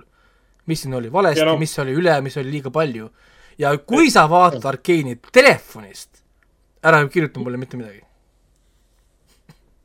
jah, kirjutab, et äh, ma vaatasin, vaatasin öösel äh, õhtul magama minnes telefonist ära, ei meeldinud, siis on see, sinu argument ei ole nagu arvestatav antud juhul lihtsalt. järgmiseks saateks tuleb meil siin hulga kirju, küll screenshot'id on kaasas, kuidas nad vaatavad. inimesed istuvad mobiili ei ole, isegi mitte mobiilis, vaid keegi vaatab oma smartwatch'ist seda Arcane'i. Või siis ena, enamus saadavad pildid, kus on, nad vaatavad mobiilist, aga mitte full screen'is. Ja, ja, ja. pisikeses vaates, mis mobiilis omakorda keskel on, vaata. keskel seal jäi. aa, see pop, pop-out või? ja, ja see oleks päris hea tegelikult. ja siis vaatavad Oo. ilma kõrva, kõrvaklappideta selle telefoni sellega, kõlariga. aga ei, ma loodan, et inimestele ikkagi äh, meeldib pärast meie suurt haipi, sest alati on ju olemas äh, variant, et inimene ütleb, et no muidugi, jaa, ei, jaa, ei vaata alati. animatsioone, ta ei oska hinnata animatsiooni. et äh, aga lihtsalt oleks huvitav kuulata teie reaktsioone, see ei pea olema positiivne, te võite ka negatiivselt kirjutada, oleks huvitav näha, kas me, kas see suudab meie seda mulli lõhkuda või mitte. ikka, ega mulle on ka olnud näiteks Band of Brothers, mis on ma tea, teise, teine kuradi maailmas sari, on üle kiidetud mm. mingi üheksa koma viis punkti keskmiselt, inimesed väidavad, et on parem kui Breaking Bad, siis mina vaatasin ta nagu ära, ma, ma näen seda kvaliteeti, ma andsin talle üheksa punkti, aga ma ei olnud nii sillas. ja just sellepärast, et ma ei ole tegelikult suur sõja niisugune nagu teema austaja. ja, ja see määrab tegelikult ka nagu lõpuks nagu seda päris palju. noh, ei on antud, aga ju siis, ju siis me vennaga vist kastasime liiga palju nende USA sõjafilmide peale ülesse, et noh. Band of Brothers oli küll vahepeal mingi asi, mida me vist vaatasime uuesti lausa või? ma vaatasin ka hiljuti uuesti ja ma olen ka nii sillas. ja ikkagi, teda, teda on lihtne vaadata, teda on esiteks vähe, on ju. Mm. ja, ja, ja, ja siis teiseks noh, nagu noh, teema on nagu kõik me oleme nagu, me saame aru ka või noh, ta on nagu nii universaalne. lihtsalt ma ei ole ise nagu sõjafilmide fänn või no üldse nagu see ei no täpselt jah, noh see on, ja, argument ja, ja, ja, ja, ja siis ma nagu näen Muidugi. seda, kui ma hindasin, ma andsin talle üheksa punkti, sest ma tõesti vaatasin noh, et nagu kus ma nagu võtsin ära ja ma võtsingi ära, noh, muidugi inimesed ei tea minu hindamistabelit, aga mul on hindamistabelis kõik lõpus. mul on, ongi see nagu see emotsionaalne nagu see pool, mis on väljaspool seda tehnilist stuff'i, seal on nagu kaks rida, mis ongi nagu see, et nagu see miski element, mis on nagu noh, mida ei oska raske seletada, see mingi powerful stuff ja siis see element nii-öelda sinu enda jaoks, see väärtuslik element, siis sealt kohast punktid tal kadusid veitsa. eks tal on ka see, et tal on teatavad episoodid, mis on täiesti mind-blowing meistriteosed ja mingid teatavad episoodid, mis on siuksed borderline filler episoodid, aga nad viivad asju edasi siiski. jaa, et selles mõttes küll, noh, nagu siin võib ka olla, mitte võib, kindlasti tähendab ongi, kui sa oled Dota fänn ja sa vaatad seda Arkeeni, siis sa võid või oksendada, oksendada ja see oksendus tuleb sellepärast, et su keha reageerib selle peale, et sa pead leppima faktiga, et ah, LOL tegi parema seriaali kui Dota, on ju. aga, keha peab reeglima. aga, aga, aga nagu väljaspool seda niisugust LOL versus Dota on ja niisugust äh, igavest äh, rivaalitsemist, siis tõesti ma tegelikult pakuks huvi näiteks kui mu ema vaataks näiteks või mu õde vaataks, mu õde ei vaata ani-, animet, ta ei vaata niisugust ani-, animatsiooni videomängu stuff'i üldse. vot, panekski tema vaatama, istud ja vaatad vaata no ära see oleks huvitav, huvitav reaktsioon, et, et Ja- kas on midagi, mis nagu ei tööta tema jaoks või, või jah Jah. et, et, et, et see oleks kihvt. aga selge, mina, mina, mina praegu lõpetan, ma lähen panen kiiresti lapsed voodisse, te saate rääkida edasi. jah, ja meie räägime, räägime edasi, sest ma vaatan räägi, räägi, Ragnar, räägi sellest sarjast. mina rääkisin oma Cowboy'st juba ära. mulle see esialgne, esialgne anime kohutavalt meeldib. lõpp, mida lähemale lõpupoole asi läks, seda paremaks asi muutus. jah, aga ja Arkeenist me rääkisime ka. ma luban ka, et ma hakkan vaatama ühel hetkel ikkagi um,. Bebopi. Cowboy'd, no ja, et ma, ütleme niimoodi, et nüüd, kui ma olen selle esimese osa ära vaadanud Netflixi Cowboy Bebopist, Mhm. siis noh, fakt on see, et, et, et kui sina ei ole näinud originaalset algupärast animeid, siis ma kindlasti selle piloodi põhjal ütlen sulle, et kindlasti püüa ikka enne, ennem anime ära vaadata. ma jään ikka endale truuks ja vaatan kõigepealt ikkagi esimesena ära uue. see on, see on, tead, miks see on halb mõte sellepärast, et ähm, noh, ütleme niimoodi, et üks on nagu lai, suur, võimas, võimsa narratiiviga romaan ja teine on sihuke ma saan aru, mis sa mõtled. piloodi põhjal on ta sihuke väike novellikogumik, mis püüab miskipärast pressida kõiki ühte, ühte episoodi. mm.. ei, ma saan aru, mis sa mõtled ja, aga äh, tahaks nagu proovida vähemalt. aga, aga niikaua, kui ma selleni jõuan, siis mina otsustasin kõikide oma pooleliolevate seriaalide juures, et ma hakkan nüüd uut seriaali hoopis vaatama, selle asemel, et vaadata lõpuni Sea, mis on mul pooleli. mul on Äh, ka kaks viimast episoodi vaatamata. selle asemel, et vaadata lõpuni äh, The Boys'i teine hooaeg näiteks äh,. selle asemel, et vaadata lõpuni mitmed, Castlevania lõpuni vaadata ka, jah, täpselt äh,. hakkasin lõpuks vaatama siis Peaky Blindersit kas see, kus kohas sa vaatad? Netflixis. Netflixis on kõik äh, viis äh, hooaega olemas, Netflix äh, suhteliselt ammu juba ostis selle kõik endale sisse. ja neil on siis kuues hooaeg tulemas ja kui ma ei eksi, siis jah, kuues hooaeg on nüüd viimane. ja tuleb ka täispikk film, oli vist nii mõeldud. et kuus, Six Seasons on see movie, sõna otseses mõttes community reference. Community ei saanud kuut hooaega ja filmi, aga Peaky Blinders saab. Mis aastal see alustas? kaks tuhat kolmteist, kaks tuhat kolmteist äh, hakkas seriaal ise pihta. ja tal on tulnud nüüd iga siin paari aasta tagant on uued hooajad tulnud. ja ei ole midagi öelda, see on äh, väga hea seriaal. et äh, see on üks millest, nendest, millest, millest see ikkagi räägib siis? ma saan aru, et see on mingid Iiri gängsterid kuskil. mitte päris, mitte päris, ta on, ta on. aa, ma vaatan, et kaks tuhat kolmteist on algusaeg pandud, aga kaks tuhat neliteist, kolmkümmend september tuli esimene episood. huvitav, millest see tuleneb? vähemalt IMDB vä- väidab niimoodi. vaata, vaatame. aa, esi, esilinastus oli kaks tuhat kolmteist. kolmteist september. et äh, Peaky Blinders äh, on äh, ajastudraama äh,. Leiab aset siis äh, pärast esimest äh, maailmasõda Inglismaal äh,, Londonis äh, ja selle ümber.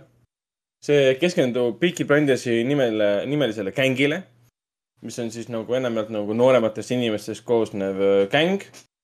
ja aastatel siis tuhat kaheksasada üheksakümmend äh, kuni ähm, kahekümnenda sajani, sajandi esimesele, esimese pooleni välja um,. Enamus nendest gängi liikmetest on kõik tulnud esimesest maailmasõjast ja siiamaani kogevad shell shock'i, PTSD-d, üritavad ühiskonnas hakkama saada, üritavad ühiskonnas eksisteerida ja tööd saada, mis neile tegelikult tööd ei anna ja, ja kohtlevad neid kui kõntsa, kuigi nad kuninga Briti kuninga nimel siis tegelikult võitlesid. ja meie peategelane Thomas Shelby, kes on üks nendest Shelbydest, nemad ongi siis Peaky Blindersid, kes on, mitte kõik Peaky, Peaky Blindersid pole Shelbyd, aga, aga juhtkond on Shelbyd siis. seal on, seal on ka tädi Polly näiteks ja seal on äh, Artur Shelby ja seal on üks noor Shelby ja siis on seal see Thomas Shelby muidugi kas selle gängi nimi on siis Peaky Blinders või? jah, gängi nimi Peaky Blinders ja ajalooliselt oli ta olemas ka ja ajalooliselt vist oli sama teema, et neil, nad kandsid neid äh, baretilaadseid käppe, kuhu nad siis, kuhu nad Baretid. siis, baretid jah, jah, kuhu nad oli- olid siis noka sisse pannud žiletiterad. et kui Aa. neil äh, nu- nuge ja asju polnud, nad said kiiresti ootamatult vastaseid rünnata. et siin, mul on endiselt vaadatud äh, esimese hooaja kaks episoodi ainult, et ma pärast saadet vaatan edasi um,. aga juba praegu oled täiesti blown away või? ja, ja enamjaolt ma olen nagu blown away sellest, sellest lavastusest, sellest lähenemisest ja muidugi Cillian või noh, Killian Murphy'st, kes siis mängib äh, Thomas Shelby't. ja ta on, ta on teistsugune, et need, sul on, selles mõttes on sul õigus, et need Shelby'd on äh, iirlased nagu, aga nad on nagu Iiri ja siis äh, äh, romaani, see on siis nagu Gypsy või mustlaste nagu järeltulijad, Iiri mustlased, et seal üks tegelane ka ähm, nimetab neid seal mingi, kuidas ta nimetas neid? mingi Pikes või umbes niimoodi, Gypsy Scummiks umbes niimoodi. aga miks ta on ta huvitav, et, et, Killian Murphy on niivõrd karismaatiline. ja kogu asi nagu, millega alguse saabki, ongi see, et ta on lihtsalt üks nendest liikmetest. Tegelikult me saame teada, Artur Shelby, kes on kõige vanem, ei olegi tegelikult nagu boss, vaid hoopis Thomas Shelby, kes on see kõige kalkuleerivam, kõige suuremate ajudega, rahulikum, asja loogiliselt võttev inimene.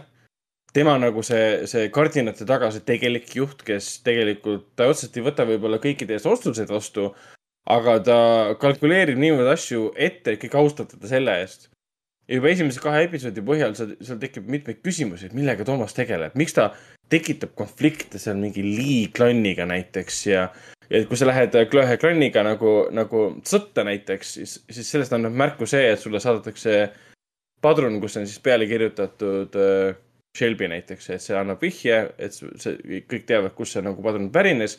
järelikult me oleme sõjas nendega. ja, ja siin jah, tulevad väga palju tuntud näitajad sisse, et kohe alguses tulevad siis Sam Neill sisse, kes mängib inspektorit. siis tuleb hiljem siin, ma olen näinud juba ja ma tean seda kõike, et tuleb Tom Hardy, Paddy Considine, Aiden Brody, Aiden Gillen, Annabel Wallis on kohe, kohe alguses ka tegelikult. Sam Claflin ja muidugi Anja, Anja Taylor-Joy äh, tuleb ka Ai. sisse. ja muidugi, muidugi ka vara lahkunud Helen McCrory või mis ta nimi oli? McCoy. äh, Helen, see, kes mängib seda Teddy Pollit või mis ta nimi on? õigus, Ellen McRae, tema lahkus. ja, ta suri ja, ja õigus, õigus. Tal on ka väga põnev, põnev roll. aga muidugi see seriaal ise, ta näeb välja nagu kõrge produktsiooniga, suure eelarvega tehtud äh, ajastufilm. see, kuidas kaamera liigub, see, kuidas, mul on väga raske aru saada, palju seal, või noh, seal on green screen'i efekte kasutatud. Aga need sulandumispinnad päriselu Londoni praegu näiteks ja kõige selle vahel on niivõrd hästi tehtud, et mul on raske aru saada, et kui palju on filmitud päriselt nagu on location koha peal ja siis lisatud digitaalselt midagi versus äh, nendes lugematutes Londoni ja UK-s asuvates suurtes stuudiotes, kus reaalselt ongi tänavad üles ehitatud ja see üks põhitänav, mul on tunne, ma ei ole uurinud, ma pean uurima ja siis ma saan teada, aga ma ei ole seda teinud. Mul on tunne, et nad on suurte tohutusse stuudiosse tegelikult ehitanud selle põhitänava üles ja seal seda kõike filminud. sest see tundub lihtsalt liiga perfektne, kuigi ta on niisugune nitty-gritty, tume ja must ja inimesed on vaesed ja käivad ainult joomas, suitsetamas, hooramas, gamblemas. et millega need Peaky Blinderid tegelikult tegelevad, ongi nagu siuksed, nad on röövlid ja, ja, ja maksavad kõiki pubisid ja kohti kinni nende piirkonnas, annavad neile nagu siis äh, kaitset kõikide teiste eest. Nad äh, neid äh, hobuste võiduajamisi siis nagu fix ivad. Money laundering, kõik siuksed asjad käivad sealt läbi nii-öelda. aga mida nagu siis, seal mingi alkoholi ajamisega ka või? ei, seda veel teemaks ei ole. su- Sest- U- U- UK-s kunagi tuli see, kas seal oli ka see keelu, keeluaeg? ma ei tea, ma olen selle koha pealt väga ignorantne. ignorantne tõesti. aga, aga ta on kvaliteetseriaal kohe algusest, esimesest minutist alates. ja Thomas Shelby ja siis, siis muidugi siis Killian Murphy, kes teda mängib. ta on nagu rahu ise aga see on klassikaline karakteri arendus selle koha pealt, et meil näidatakse teda kui nagu tõeliselt kuuli mehena, kes on hästi rahulik ja, aga siis me saame aru, et ta on tegelikult väga vägivaldne, aga tal on väga suured ajud, ta mõtleb asju ette mitu sammu. Siis me näeme, mis temaga tegelikult juhtus eh, Sommis eh,, esimeses maailmasõja lahingutest, et ta siiamaani elab seda üle, ta ei räägi sellest, ta peab äh, suitsetama mingit narkootikumi enne magamaminekut, sest ta ei saa lihtsalt magada, ta näeb kogu aeg ühte sama õudukat tal kogu aeg käiks, käib see teema läbi ka, et, et seal tädi Polly ütlebki ühel hetkel siis Toomasele ka, et ma lood-, mul on nii kahju, et sa käisid sõjas, sest ma vihkan, vihkan äh, neid selle eest, mida nad sulle tegid, sest minu Toomas ei tulnud enam sõjast tagasi. ja, ja, ja enamus karakteritega on seal, et seal esimeses episoodis juba väga konkreetselt üks, üks karakter lihtsalt läheb äh, tihtipeale keset tänavat lolliks ja arvab, et ta on endiselt kaevikutes ja ründab inimesi näiteks ja ja see sõda on seal kõva teema ja sõda ja see tänamatus, et me käisime sõjas, võitlesime kuningast, tuleme tagasi ja meile midagi ei anta. Et see on see kommunismi teema sees, kuidas, et for the people võitlevad seal äh, tehase töötajad. ja Sam Neill on jah, selline kuri, oma arust hästi kuri äh, inspektor, kes hakkab siis seal relvi nii-öelda taga ajama, mis on röövitud ja arvab, et Peaky Blinders on sellega seotud ja, ja tundub küll hästi kuri ja karm ja siis me näeme, mis tegelikult juhtub, kui sa Shelby'de kohta midagi halvasti ütled või halvasti teed või, või neile viga teed. et mida Thomas Shelby on tegelikult võimeline tegema. Aga jaa, lihtsalt väga ilus, hästi näideldud, hea muusika, nagu põhilugu on siis Red Right Hand alguslugu, mis on siis Nick Cave and the Bad Seeds ehk siis iga Aha. jumala, jaa, iga jumala episoodi alguses sa kuuled äh, põhimõtteliselt, kuidas sa nimetad, ka väga cool'i inimese ja, ja The Man in Black äh, Nick Cave'i häält ja tema bändi muusikat, mis on Nice. täiesti uskumatu. Ja üldse nagu ei üllata ka, sest Steven Knight on tegelikult äh, kogu aeg tõestanud, et ta on äh, fantastiline reisjöör, eriti just stsenarist. sest noh, reisjöör või noh, pigem nagu reisjöörina ta on tuntud filmide poolest nagu Hummingbird, mis oli noh, Jason Stathami selline action draama.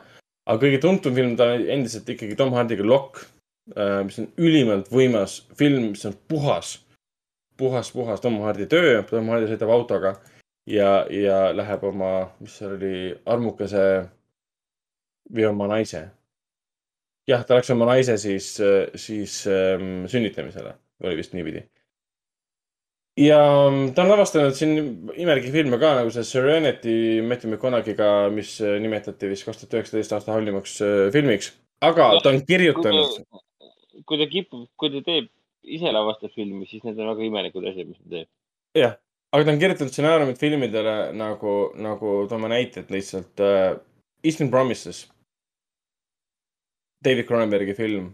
okei okay,, ta isegi Seven Sonile kirjutas stsenaariumi, mis oli üsna halb film aga Born Sacrifice, mis oli siis Toby Maguire'iga sellest ähm,. valegeeniusest. Bobby, Bobby Fischerist, ta kirjutas Allied Robert Zemeckise draama Brad Pitti, Marianne Cotillardiga. Ta kirjutas The Girl in the Spider's Web äh,, Spenceri stsenaariumi, mis tuleb veebruaris, kahekümne viiendal veebruaril, kui ma ei eksi, kinno, mis on siis Spencerist Dianast. ta on kirjutanud Peaky Blindersi, Taboo Sea, seesama Sea, mida me naudime, on tema enda loodud, tema enda ja. kirjutatud ja, ja loodud. Peaky Blindersi üks loojatest on siis see ja. looja. Ja seesama Christmas Carol, mis mul siiamaani vaatamata, mis on dark fantasy draama, mis põhineb sellel samal Christmas Carolil Guy Pearce'iga, on ka tema tehtud. et igatipidi. jõulude ajal selle ära vaatama. no tegelikult jah, et see oleks täiesti ideaalne, aa, see on hea mõte. kus seda vaadata saab? Eh, Hulus oli ta minu meelest. igatahes eh, ma arvan, et me peamegi varsti edasi liikuma. Aga Peaky on väga tore esimese kahe episoodi põhjal, et, et mina olen sillas. vot, aga liigume edasi kinofilmide juurde, mis siis uuel nädalal kinodes alustas. kolmandal detsembril alustas, mis filmid Foorum Cinemas kinodes? noh, Coca-Cola Plaza on küll kinni kolmandast, ehk siis eilsest detsembrist on kinni mm. -hmm. millal me lahti teeme, seda me hetkeseisuga ei, ei saa välja öelda, sest ei tea hetkeseisuga, aga noh, loodetavasti ikkagi äh, jõuludeks äh, aasta lõpuks vähemalt. aga muidu Centrum on ikka lahti, ehk siis Viljandi kinosentrum ja sealt äh, kõikidest uutest filmidest näeb praegu siis äh, nii uut Eesti komöödiat Jahihooaega kui ka Eesti stsenaristide, mis ta oli, Liiv ja Ullmann ja Andris Feldmanni, Mannis või? Oli vist sellised nimed? Andres Feldmanis ja Liiv ja Ullmann, jah. jah, täpselt, et need kaks Eesti stsenaristi mm, kirjutasid stsenaariumi siis filmile nimega Kupee number kuus, mis võitis möödunud Cannes'i filmifestivali Grand Prix. nägin ka filmi ära, tõesti, tõesti väga, väga vinge film, aga eks ta tekitas, tekitas tei- teistsuguseid tundeid kui, kui ülejäänud maailmale nii-öelda. aga, aga jah, mõlemat filmi saab ka siis äh, Foorum Cinemas äh, kinosentrumis näha. jahihooaeg ja Kupee number kuus. ja Artises tegelikult äh, sama, samamoodi. et meil saab kupee number kuute näha, mis meil jooksis juba kahekümne üheksandast novembrist. stsenarist, stsenaristid Andres Filmanis ja, ja Liiv ja Ullmann ja produtsent äh, Ri- Riina Sildas käisid meil äh, külas ka ähm,. oli meeleolukas, meeleolukas õhtu, inimesed küsisid küsimusi äh,. meile linastus ka siis Hirmutis Jakuuti õudusfilm, mida me nägime tegelikult juba HÖFFil, Haapsalu õudus- ja fantaasiafilmide festivalil. tegemist ei ole õudusfilmiga, ta küll linastus õudusfilmide festivalil. ta on äh, müstilise, müstiline draama pigem, pigem jah, pigem müstiline draama on vist hea kirjeldus. ta on äh, kultuurilooliselt väga huvitav film, ta leiab aset ikka täiesti teises kohas Jakuutia filmikunst on ikka täielikult äh, tõusmas, võttes arvesse, et meil on siin vahepeal olnud ähm, talvised rahvusvähemuse, rahvusvähemuste filmifestivali päevad, kus on Jakuutia filmid olnud, vahepeal tuli Vaalapüüdja kinno äh,, mis oli Artises ja see jooksis ka PÖFFil. siis äh, lähiajal kindlasti, lähiaastatel hakkame kindlasti rohkem nägema siis Jakuutia filme ja siis äh, meil linastus, linastus ka jahihooaeg, tuli ka siis Woody Allen uus film Rifkini festival, mis on tegelikult siis pärit aastast kaks tuhat kakskümmend ja jõuab siis äh, kaks tuhat kakskümmend üks lõpus äh, alles kinno. põhjuseks on muidugi siis pandeemia. ootamatult jõudis kinno ka The Best of Salieri ehk mina, Eesti režissöör äh,. tegemist on siis Manfred äh, Eesti dokumentalisti või nagu Postil on kirjutatud siis äh, vähetuntud Eesti dokumentalisti Marsad Vainokivi äh, dokumentaalfilmiga, mis on tema siis manifestfilm pigem, sest ta ise lavastas, ise mängib. ja lisaks äh, üllatusena alustas meil ka Prantsuse lähetus. Wes Andersoni uusim film The French äh, Dispatch, mis oli paari sensiga ka PÖFFil välja müüdud. ja meie saime filmiga alustada juba siis kolmandast detsembrist esimeste seansside põhjal viis seanssi ma panin talle, sest meil on uued filmid ka peal, et ma ei saa nii palju ette seansse talle panna, sellepärast et äh, Prantsuse lähetus ametlikult alustab siis jõulude ajal, kahekümne neljandal ähm, detsembril, aga nii kaua saab siis Artises näha iganädalaselt äh, headel aegadel ka Prantsuse, Prantsuse lähetust. mis ta muidu pidi, kakskümmend kakskümmend neli oligi, et see ongi, ongi jõulu nagu, jõuludel, otse jõuludel pidi alustama tegelikult. täpselt, täpselt otse, otse jõulude ajal, aga on tore, on tore näha, et äh, saab natukene varem inimestele üllatusi teha. ja Prantsuse lähetus on kindlasti korralik, korralik üllatus. nii ähm,, räägime siis kinofilmidest. eelmisel korral te rääkisite siin Kutsi tragöödiast, mina vaatasin äh, siis ka va vahepeal Ridley Scotti filmi Kutsi tragöödia ära. ja jah, ühesõnaga ütleme nii, et ähm, ta ei ole halb film, mis kohe annab muidugi, annab kohe tooni äh, minu suhtumisest, ta ei ole halb film. ta kindlasti ei ole Ridley Scotti parim film, ta kindlasti ei kuulu ka Ridley Scotti parimate filmide hulka ähm,. Ridley Scotti selle aasta eelmine film, viimane duell on minu jaoks oluliselt parem kui see film. aga kui me võtame nagu Ridley Scotti valemist välja, siis ta ei ole absoluutselt halb film selle koha pealt, et ta on, ta on kvaliteetselt lavastatud, ta näeb väga hea välja, muusikakasutus suurepärane. kuigi, kuigi, kuigi Ridley Scott ei saa olemist välja võtta, sest äh, minu No. silmis ainult, ainult Ridley Scott on suuteline lavastama kaks ja pool tundi sellist äh, glamuurset äh, camp meelelahutust. tõsi, see on ähm,, jah, see on mõnes mõttes väga, väga tõene asi, mis sa praegu ütlesid, jah. see, see, see film on ikka tõsine vaatamisväärsus ja nagu ta on naljakas, ta on tobe, ta on hästi tõsine, ta on ikka, it, it takes you places nii-öelda. nojah, sest ta, ta ei ole nagu tavaline biopic ka, ta põhineb nagu kaudselt tegelikult, okei okay,, mitte kaudselt, ta põhineb tõesti sündinud sündmustel, aga samas ta ei ole nagu ega ürita olla päriselu kajastus viimse detailini. ta on seda üle võimendanud, ta on seda muutnud selliseks äh, sensatsiooniliseks mõnes mõttes ka, nii nagu kutside elu võib-olla oligi ja kogu see mõrva juurdlus oligi ja nüüd kutside perekond, kes Aldo, Aldo Kutsi siis äh, pärijad, on väga vihased olnud, et neile üldse ei meeldi see, mida on siis tehtud äh, nende siis äh, selle isa ja vanaisaga, Aldo Kutsiga, keda mängis siis filmis äh, Al Pacino. suurepäraselt mängis, Al Pacino oli väga aktiivne ähm,. kuigi ta näeb, miks ma mainin, et ta on aktiivne, kui ta näeb väga vana, vanem ikkagi välja. ja mm, Lady Gaga ja Jared Leto on kaks põhjust, miks on see film minu jaoks vähemalt, eriti just Lady Gaga äh,, väga meelelahutuslik. et kõik muu võib isegi kõrvale jätta, et see nagu kõik muu ei ole nii oluline kui see, et iga kord ja mida on õnneks väga-väga palju, sest ta on tegelikult äh, peategelane ähm,. kuigi film algab Adam Driveriga ja lõpeb Adam Driveriga mõnes mõttes, siis äh,, siis, tegelikult ta lõpeb naisega ikkagi, jah.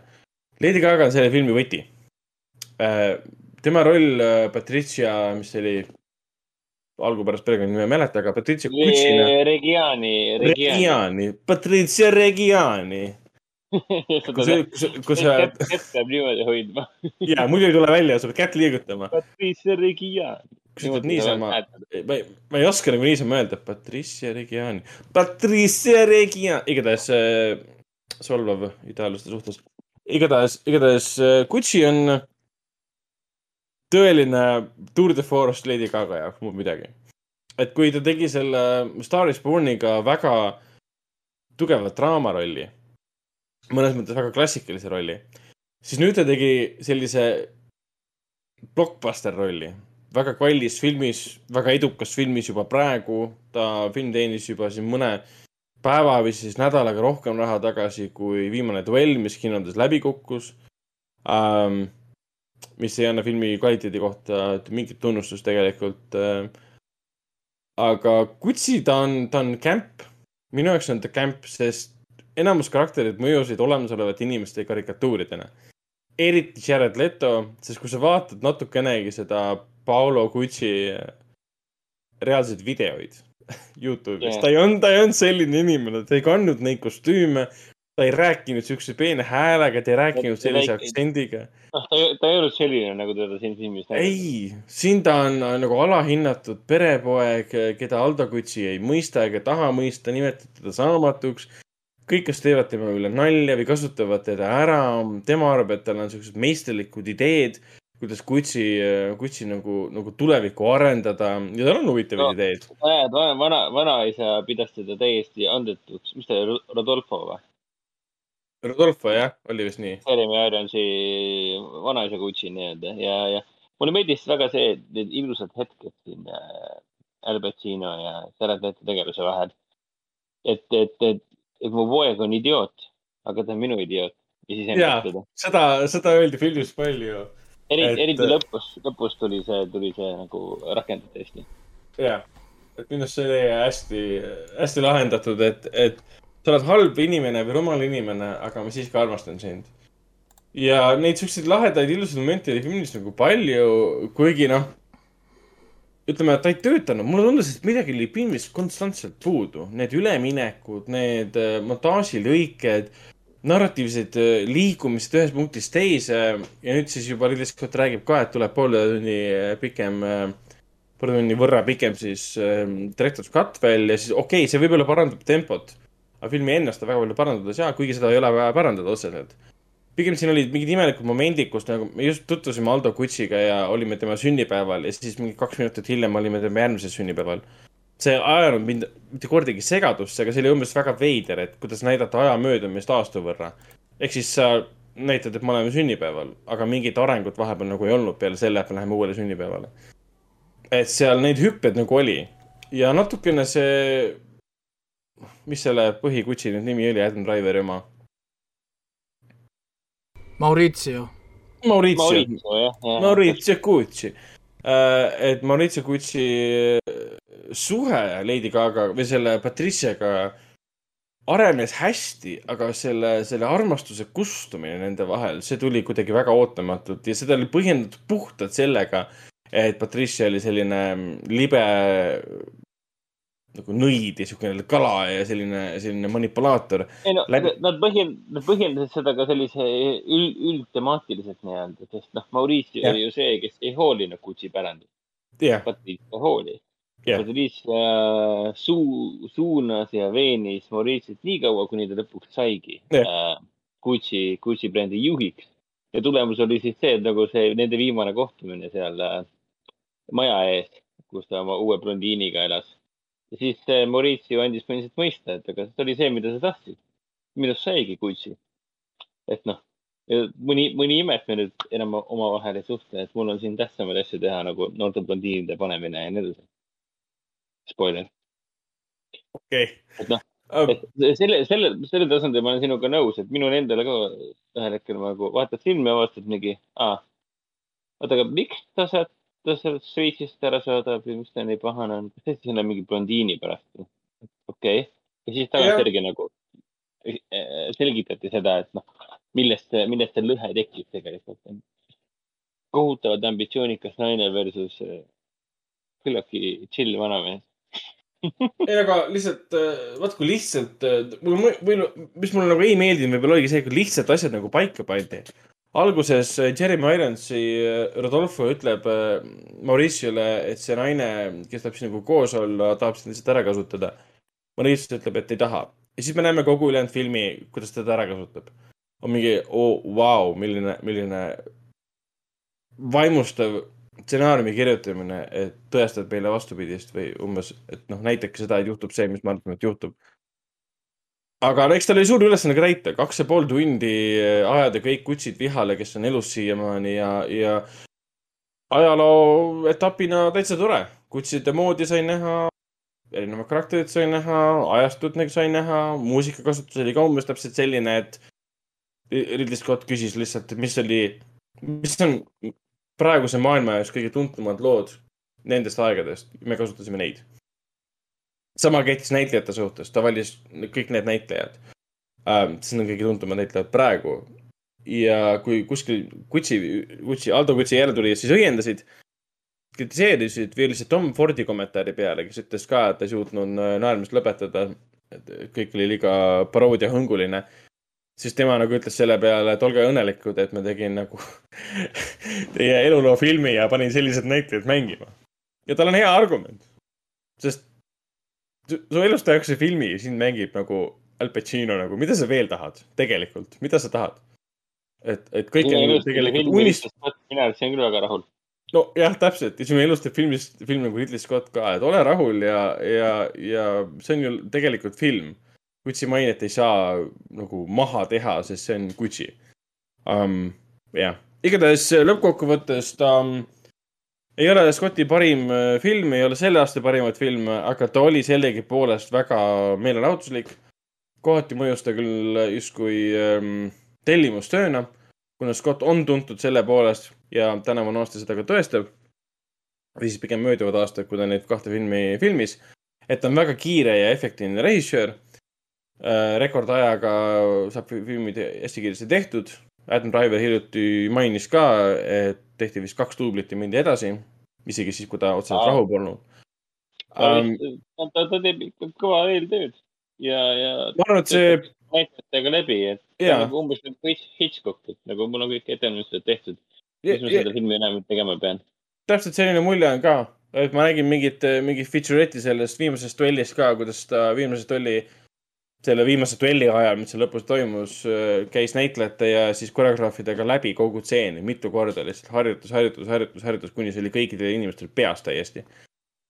et, et tal ei olegi vaja, ta on rahul siis, kui tema on rahul ja teda ei huvita, kas näitleja on rahul. aga Lady Gaga nautis seda ja vaadates hiljutisi neid auhindu, mida siin kriitikute circle'id on nüüd välja andnud, siis tundub, et äh, Lady Gaga saab oma Oscari nominatsiooni või siis võidu kätte. Aga eks see selgub nüüd kahekümne esimesel detsembril, Jah. sest siis tulevad välja Adam- esimesed shortlist'id. Adam Driver saab vist tõenäoliselt Aneti eest rohkem nominatsioone kui selle. mina arvan küll, et need kolm filmi, mis tal see aasta olid, roll kõige parem, Anett. Mhm. ma ei tea, kas te, kas te vaatasite ära Anetti või ei ole vaadanud veel Anetti ära või? mina ei ole veel näinud. okei okay,, sest tal on Ei, ju ma- kolm rolli see aasta. Last Duel Gucci ja Anett. duell ka muidugi. juba läks meelest. jah. aga jaa, ei, enne aasta lõppu vaatan niikuinii ära selle. äkki siis sama, äkki võrdleme. nii et äh, selles mõttes, et Nii. äh, jaa, Lady Gaga rolliga ma olen nõus, ta tegi hea rolli ta kandis ka filmi selles mõttes. jah, ta, tema oligi Lady Gaga the movie nii-öelda. nii, kuule, aga lähme edasi või? Ja lähme edasi, kas me räägime kähku kupee number kuuest sinuga? Raik on ka näinud. ja ma Ja rääkisin, ma rääkis- rääkisin ka juba, ma rääkisin kui keskmine see film on, kui basic see film Aa, on selles mõttes, aga inimesed alati, kusjuures ma sain ka mingi kommentaari umbes, et miks ma seda filmi heidin. siis ma küsisin, et Sa aga kus ma ju. seda heidin. kus see heit? seitse ja kümme ei ole heitimine, millest sa nagu aru ei saa, kõik on nagu alati nagu, kas ta on nagu äärmusest äärmusest nagu, kui ma hullult ei kiida, ma nagu heidin, ei, ma ei heidi. viis, kuus, seitse ja kaheksa punktid eksisteerivad. et, et kui sa ikkagi neli koma viis viiest eh, või siis üheksa koma viis viiest ei anna, siis on heit. kaheksa punkti annad, on ju suurepärane fucking skoor, seitse on väga hea skoor. mida sa tahad saada? lihtsalt, et nagu ma ei näe siin seda Grand Prix filmi. Nii nagu see Titani väärinud seda parimat kuradi filmi, nii nagu see maailma halvim inimene ei ole mingi parim stsenaariumid ja ma ei tea, mis iganes, mis kuradi auhindu või asju neile siin pakutakse. Teil ei ole seda materjali. kui ma suudan vaadata seda filmi teiega, issand, ma suudaks seda filmi teha siis see, see mitte ei näita, et ma olen suurepärane filmitegija, ma pole ühtegi filmi teinud, vaid lihtsalt näitab, kui basic ja tavaline see film on, see, et muidugi basic tavaline on, ei tähenda, et see võiks olla suurepärane, sest enamus ideed, suured ideed on ju basic tegelikult nagu Arkeeni story on basic, on ju, siis noh, kui ma vaatan igat stseeni, igat momenti, see on nii tavaline, ma suudaks seda teha, see näeb välja, see on telefoniga filmitud, kupee number kuus, need kuradi mustad pimedad stseenid olid kõik nagu mingi telefoniga filmitud õhtul, on ju siis, siis, siis, siis see ei ole nagu see moment, kus oh, ma tahan sellele filmile auhinda anda. ei. või siis, kas tõesti neil polnud siis seal konkurentsis muid filme, samal ajal ma loen, et konkurentsis oli Drive My Car, siis sorry, Drive My Car jookseb ringe nii Titani ümber, maailma halvim inimene ümber, kupee number kuus ümber ja igas kategoorias. mul, mul oli sama kupe number kuute vaadata, siis mul tahes-tahtmata tuli meelde äh, Drive My Car.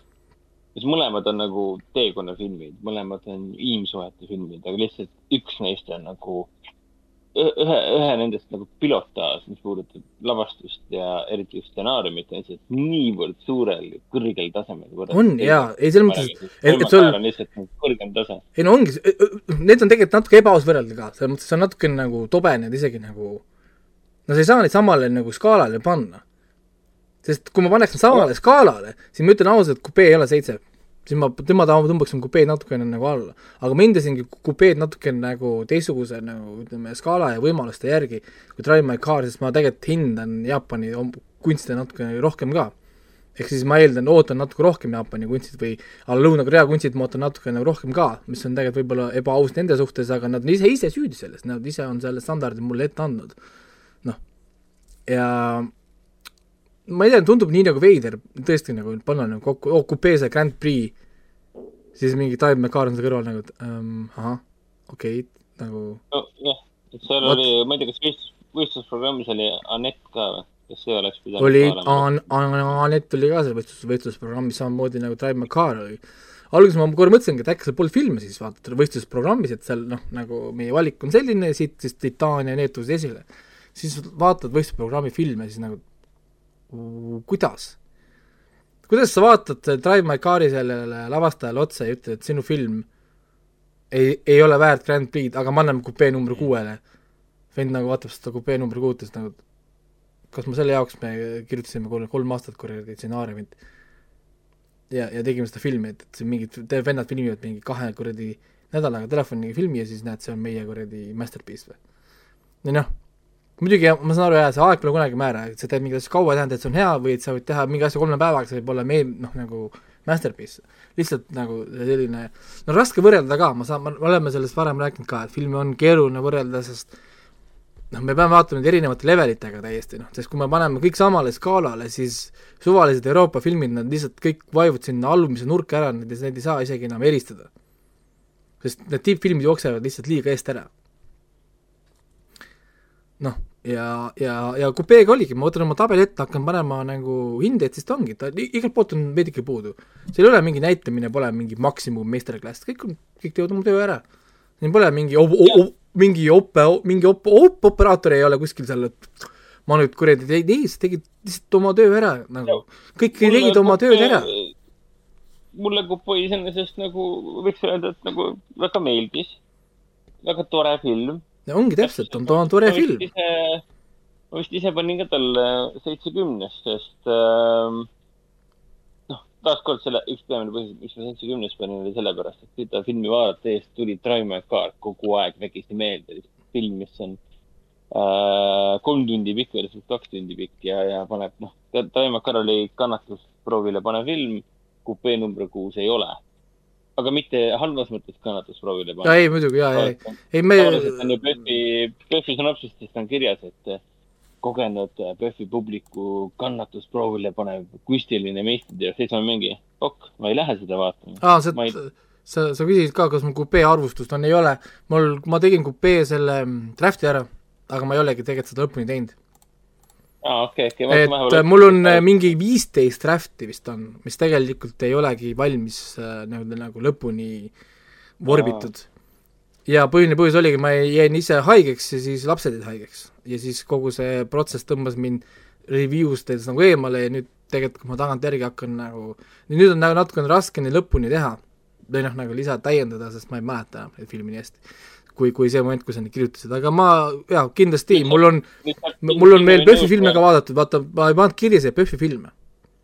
ma tegelikult vaatasin vahepeal veel PÖFFi filme, sest vee, veebikinod, asjad tegelikult nagu käivad.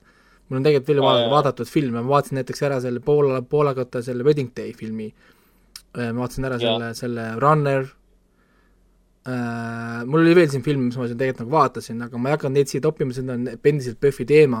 Ja me arvatavasti teeme ühe PÖFFi saate veel räägime korra natuke PÖFFi filmidest veel, ma need võtsin lihtsalt listist välja, sest täna noh, need on tõesti nagu veel PÖFFi veebikinos ja mujal ja siis ma ei toppinud neid siia seda üheksateist detsembri veel kestab, ma ei ole isegi jõudnud jaa, ei no jah, mul, mul oli ka korraks, mul oli üldse see nädal oli veider nädal, mul oli üldse tujust ära, mis ei ole tegelikult üldse minu nagu moodi, kusjuures.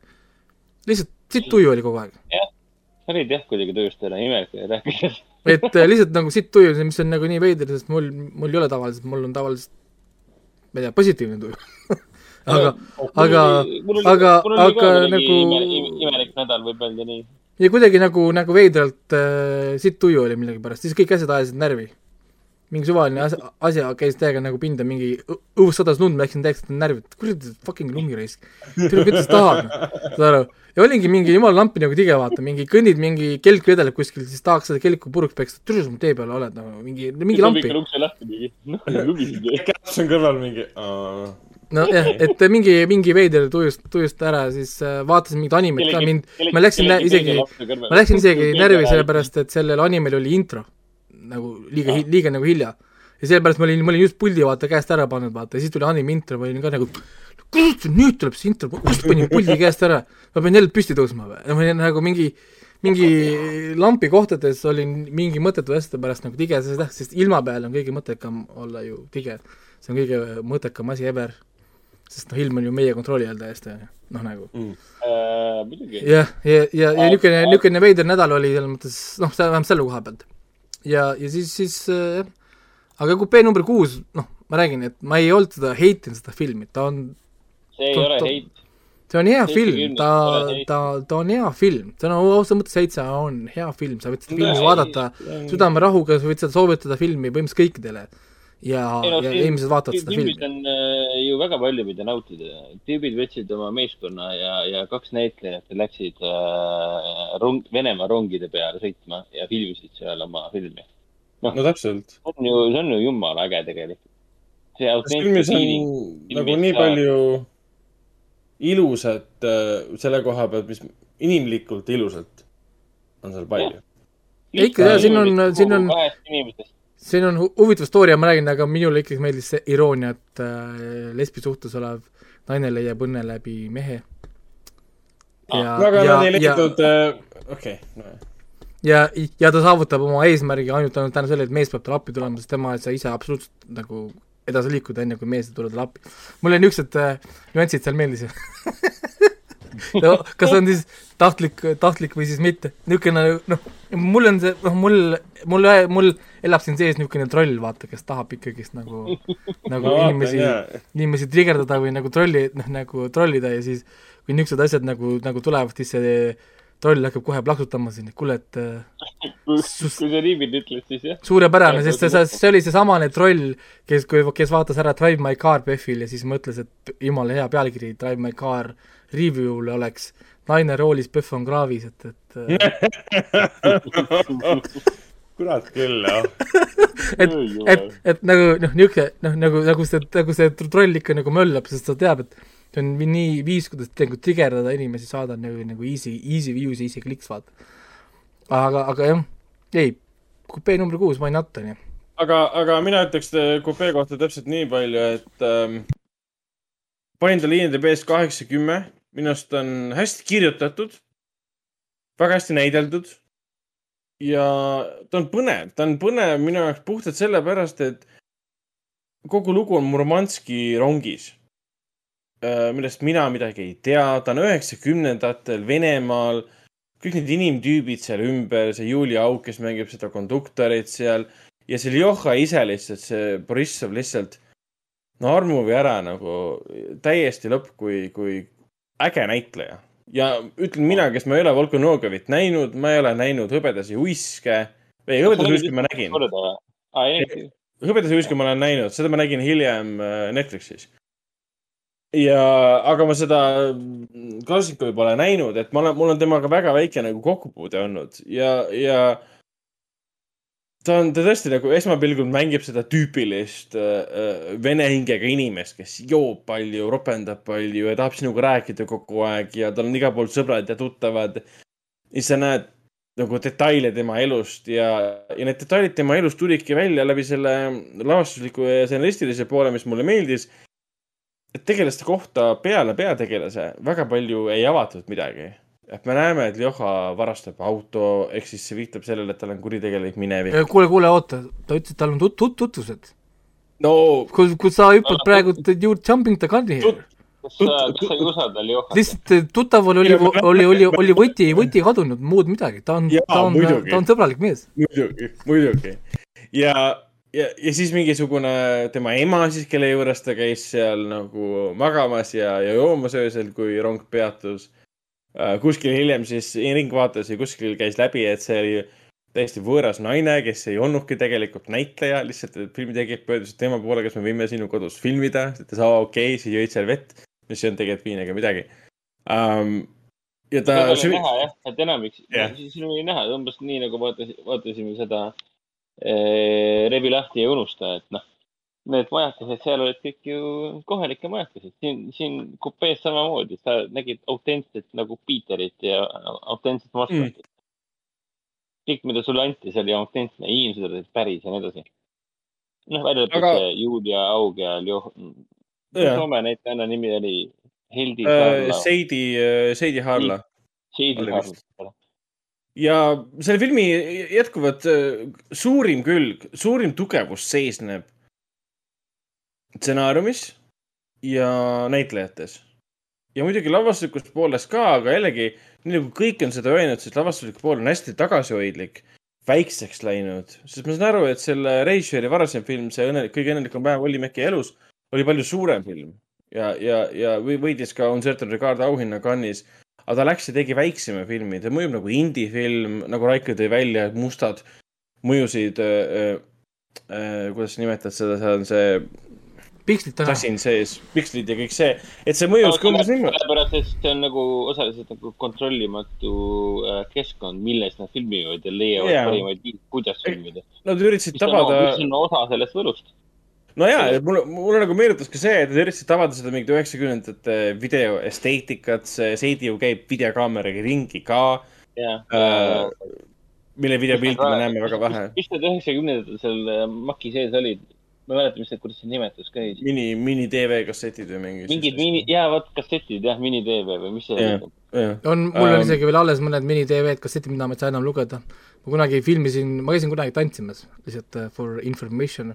ja, ja, ja siis ma filmisin oma neid, oma, filmisin, lasin inimestel filmida mingeid tantsuvõistluseid, kus ma siis käisin. ja, ja siis äh, need on mul seal mingi veedelte mini-tv kasseti peal ja huvitav oli see, kui ma sõitsin Tartus nende tantsuvõistlustele või noh, mitte võistlustele, niisugused mingid väiksed mini-kont-, kont-, competition'id, siis ma rääkisin suvaliste inimestega bussides. küsisin, kas ma võin filmida, küsisin nende käest asju. Kuidas on Nii. Tartus elada ja mida nad arvavad elus asjadest, need on kõik nende mini-tv kassettide peal. Nice. et mul oli jah, selline äh, väikene, väikene, väikene kaamera oli mul niisugune, millega ma siis neid asju tegin. see, see kõlab täpselt nagu mingisugune äh, Murder Mystery Mm. viimase hetke plot, plot point nii-öelda. ja, ja seal, see murtsukas on selle suvalise tv peal kasseti peal lihtsalt jäänud peale. jah, huvitav on ka, on ka siis see, et viis, viis tüdrukut, kellega ma rääkisin, neli olid mingi hetk siis ka pärast seda minu girlfriend'id korraks. Weird flex, but okei ei, lihtsalt nagu, et äh, lihtsalt võtad kaamera, lähed, räägid the power of a video, video, video camera. tood seal cast- casting couch'i ka mingi. No casting couch. ei, lihtsalt et äh, see, see tu- tuletas mulle meelde mini-TV-ks ette, ehk siis tegelikult peakski võib-olla uurima, kuidas üldse mini-TV, TV-sid saaks täna üldse digi-, digi-, digitaliseerida. sest mind tegelikult huvitaks küll, mis äh,, mis seal peal nagu on. lihtsam on vist võtta lihtsalt üks makik, seesama kaamera. kaamera ja mingi USB-ga panna mingi arvutisse või, või kas ta kuidagi. oli ju see, ma ei mäleta enam, mis see juhtme nimi on, me BFM-is. Fire, Firewire'i vist või? Firewire'i juht. Firewire. aa, jah, oli küll Fire. sest mina kunagi võtsin niimoodi yeah., niimoodi arvutisse, et ah, panin nagu videomaki sisse või selle, mitte videomaki, vaid selle kaamera sisse. siis kaameras yeah. panidki see, kas oli Firewire või mis asi see huina oli Jaa. selle, selle kaudu Jaa. sa said siis selle kätte. ja siis said otse ühendusse ja siis sa salvestasidki endale arvutisse selle. jah, täpselt nii oligi. Me BFM-is tegime päris tihti seda, aga enam ei mäleta eriti hetkel. meil on ka kodus mingi hunnik tv-kassette alles. jaa, aga rääk-, aga rääkides filmist nimega Kupee number kuus. Ragnar, kas sa tahad veel midagi öelda? lisaks nii palju, et, et ma ei taha üldse, et jääks mulje, et meile ei meeldi see film. tegelikult keegi meist pole öelnud, et see film oleks halb. et ma rõhutan selle tegelikult üle, et kindlasti me ei arva, et tegemist oleks halva filmiga. me võib-olla, noh, teie võib-olla arvate või noh, Raiko või- või- võib-olla pigem arvab, et ta ei ole nagu kogu seda haipi ja tunnustust väärt võrreldes teiste filmidega, mis on paremad nagu Raimar Kaarn ja Hendrik on tegelikult No. sama asju öelnud. jaa, ei nojah, Jah. ja, ja ta oli samas võistluskategoorias, kus on Anett. täpselt. vaadake Aga va, vaadake ära näiteks Anett, on ju, mis, mida saab vaadata Oh, jah. kas siis Prime videos või ta oli just PÖFFil, ma ei tea, kas ta Eesti kinole vist tuleb või mitte, ja Mis siis Anett, või?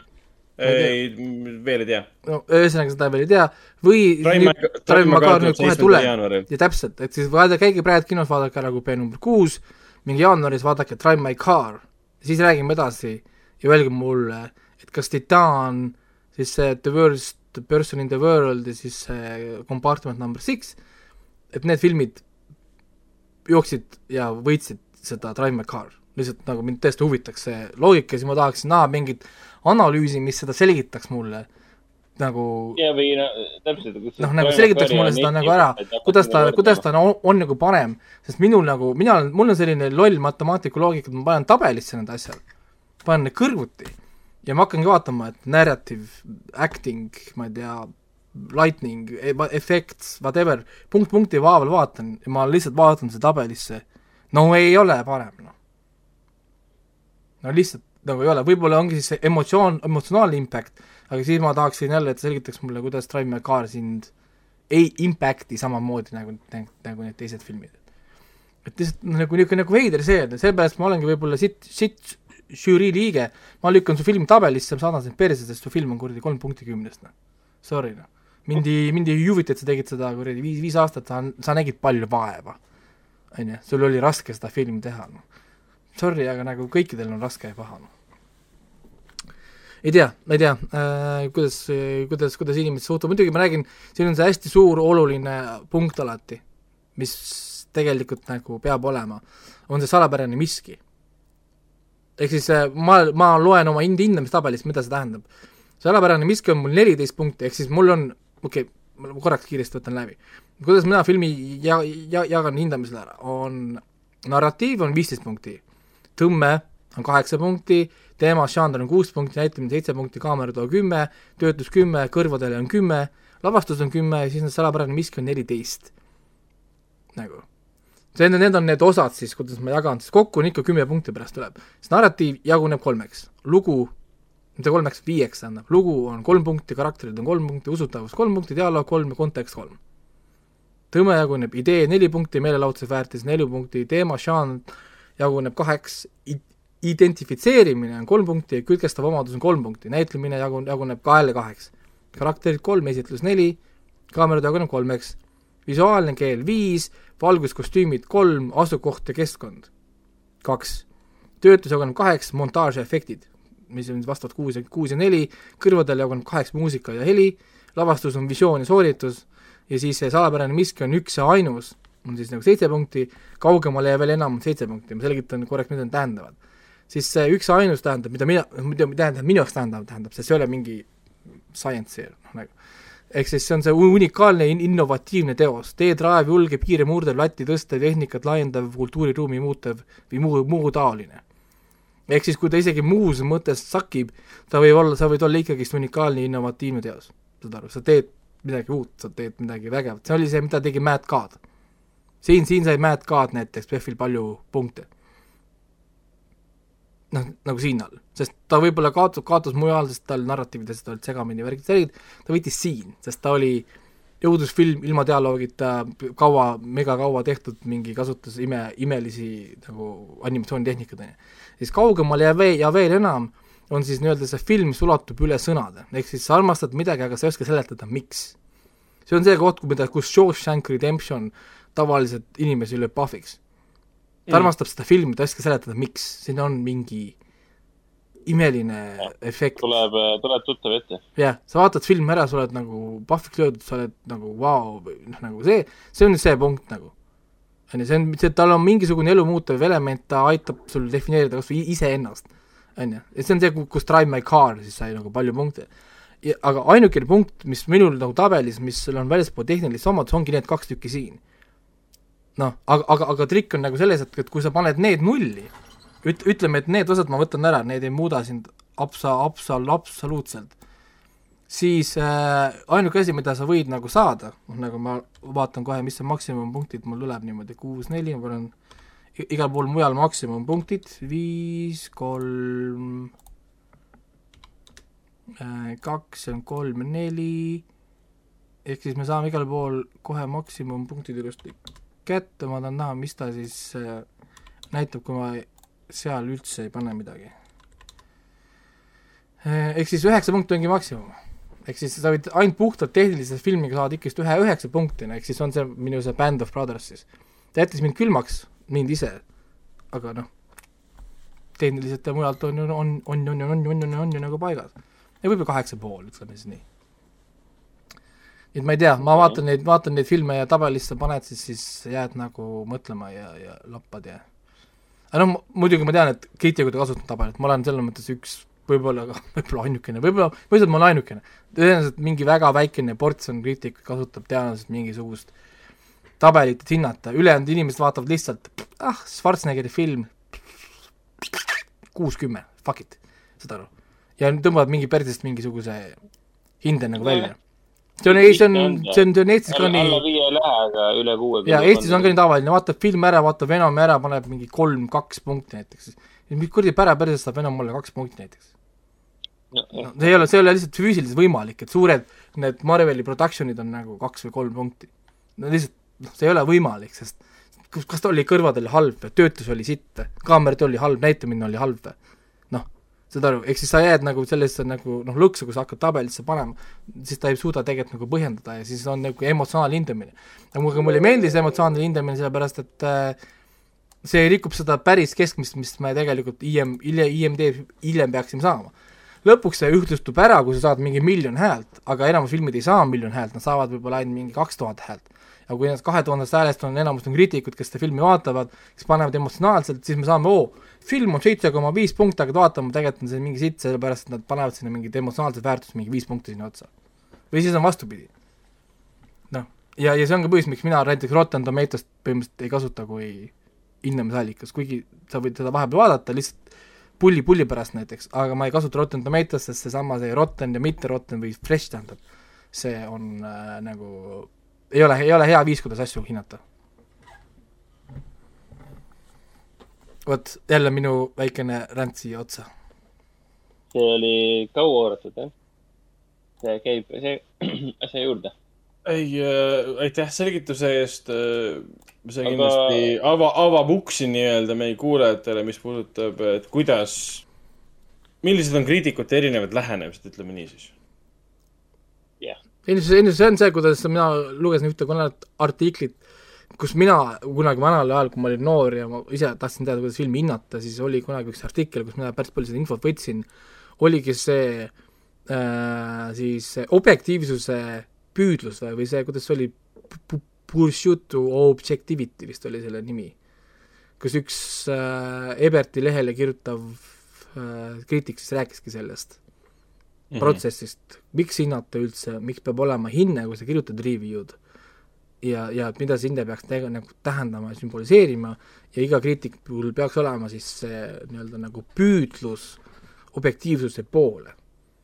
aga samal ajal säilitama selle subjektiivsuse, et miks inimesed loevad sinu review'd teiste review asemel, sest seal on see sinu maik peab olema juures, kui see on lihtsalt robotlik tühi analüüs, siis see ei huvita kedagi, sest ta ei käi filmikoolis. noh, nagu no ütleme, see oli see, mis mulle kunagi meelde jäi. see oli muidugi pikk ja kihvt, ma ei tea, ma ei usu, ma ei tea, kas täna veel internetis on alles, aga, aga see oli lihtsalt, kus mina kunagi omale selle tabeli paika panin kunagi vana-vanal heal ajal. nii, aga ma saan aru, kas teil on filmid nüüd räägitud või? on nüüd kõik need äh, filmid räägitud?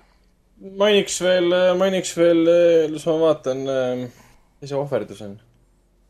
Igatahes on äh, äh, filmidest ma mainiks kahte filmi ka mina. mainiks, mina mainiks siis äh, Rifkini festivali hirmuti, sest tegelikult me ju Rääkisime rääkisime HÖFFil, jah. äh, HÖFFi ajal, et äh, soovitan meie HÖFFi saade üles otsida. selle jaoks on meil olemas tag'imise süsteem. kinosaade.ee lehel täpselt. otsingul paned Et- selle filmi nime, te leiate selle saate kohe üles, kus me sellest räägime, sellest filmist konkreetselt. jah, et seal ma rääkisin pikalt ja laialt ja, ja tagantjärgi ma olen selle filmi suhtes muidugi ainu- ainult leebunud, sest mul on meeles, et mina olen, olin ju nagu negatiivne, aga see negatiivne hoiak tulenes pigem sellest, et eh, see ei olnud film, mida vaadata HÖFFil, see oli film, mida vaadata PÖFFil, või pärast kinos. et ma läksin eeldusega, et see on Jakuuti õudusfilm, aga see ei vastanud tõele. See oli- see oli kõrghindaga, ma andsin kaheksa vist talle, sest mulle väga meeldis see film. Sest see oli nagu see dokumentaalfilm segamini ju selle värgiga, et sa räägid seda külaelu ja kõike värki seal, kogu seda protsessi, see oli päris, see oli see päris šamaan vist võetud sinna, sest neil oli see usk, uskumus umbes, et nad ei tohi ju, suvaliselt ei tohi seda šamaani mängida, see on umbes nagu halb õnn. Äh, jaa, kui ma niimoodi Olgu, mõtlen, siis midagi ma isegi mäletan, mäletan, siin oli hästi kihvt tseen, et oli ilusalt üles võetud film. Ja, ja nad kasutasid kogu aeg statsionaarset pilti, mis on tegelikult minu arust alati huvitav võte, sest liikuva pildiga mm. filmide tegemine tundub mulle kergem kui statsionaarselt teha, kuigi tehniliselt tunduks just, et panen kaamera paika ja filmin, aga sa pead ikka kuradi hästi seda stseeni, stseene planeerima, kui sa ei saa kaamerat liigutada nagu. aa, ma panin talle HÖFFi ajal panin seitse-kümme, mis pole tegelikult üldse halb hinne. ja ma panin kaheksa talle vist minu arust jah, sest no äh, vot, ta oli- tegelikult. ta oli tehniliselt hästi tugev film. ja ta on nagu puhtalt nagu kultuurilooliselt põnev vaatamine. Jaa, on kodud, teine maailm, teised inimesed. külad, värgid kõik.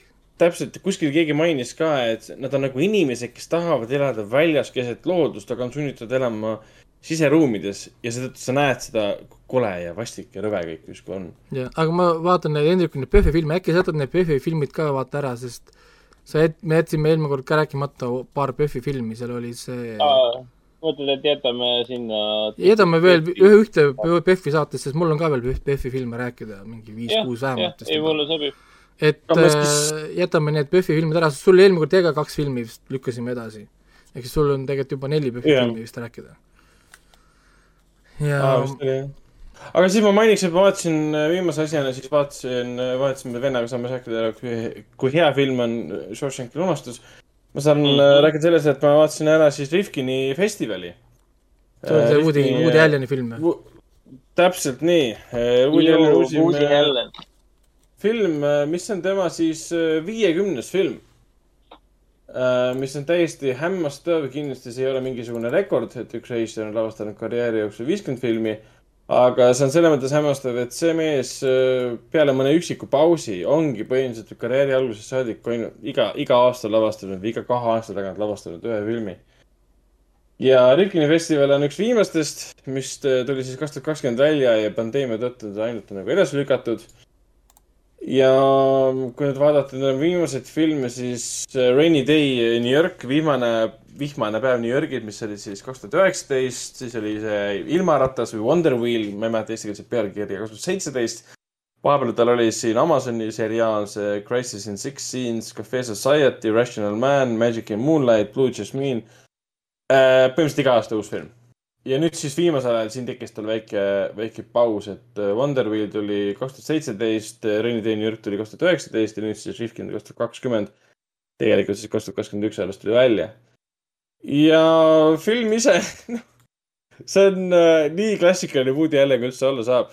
et kui Day New York ja Rational Man, Cafe Society olid veel teistmoodi, teistsugused karakterid, siis siin ta on jälle äh, läinud sinna vanakooli teed pidi ja pannud siis peategelaseks äh, Wallace Shawn'i äh,, näitleja Wallace Shawn ähm,, keda me, mina vist tean siin erinevatest filmidest nagu Fuhuhu, Princess Bride'is mängis seda Vicinit ähm,. My Dinner with Andre filmis oli ta ja ta tuntud karakternäitleja tegelikult väga omapärase välimusega ähm,. seitsmekümne, tähendab neljakümne kolmandal aastal siis sündinud ja keda ta siin mängib, Rifkini festival on siis selles äh, San Sebastiani põhimõtteliselt äh, filmifestival.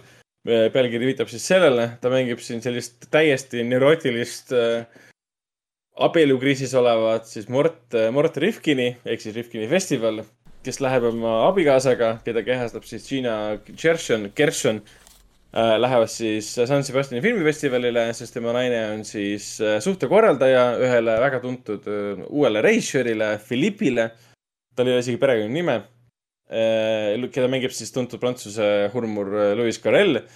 tema on siis, peab temal sabas käima ja hoidma siis teda nagu kriitikute või siis pressiilmastuste puhul või siis äh, äh, intervjuude puhul, et vaatame, et õigetele asjadele vastaks ja õigete inimestega kohtuks ja nii edasi.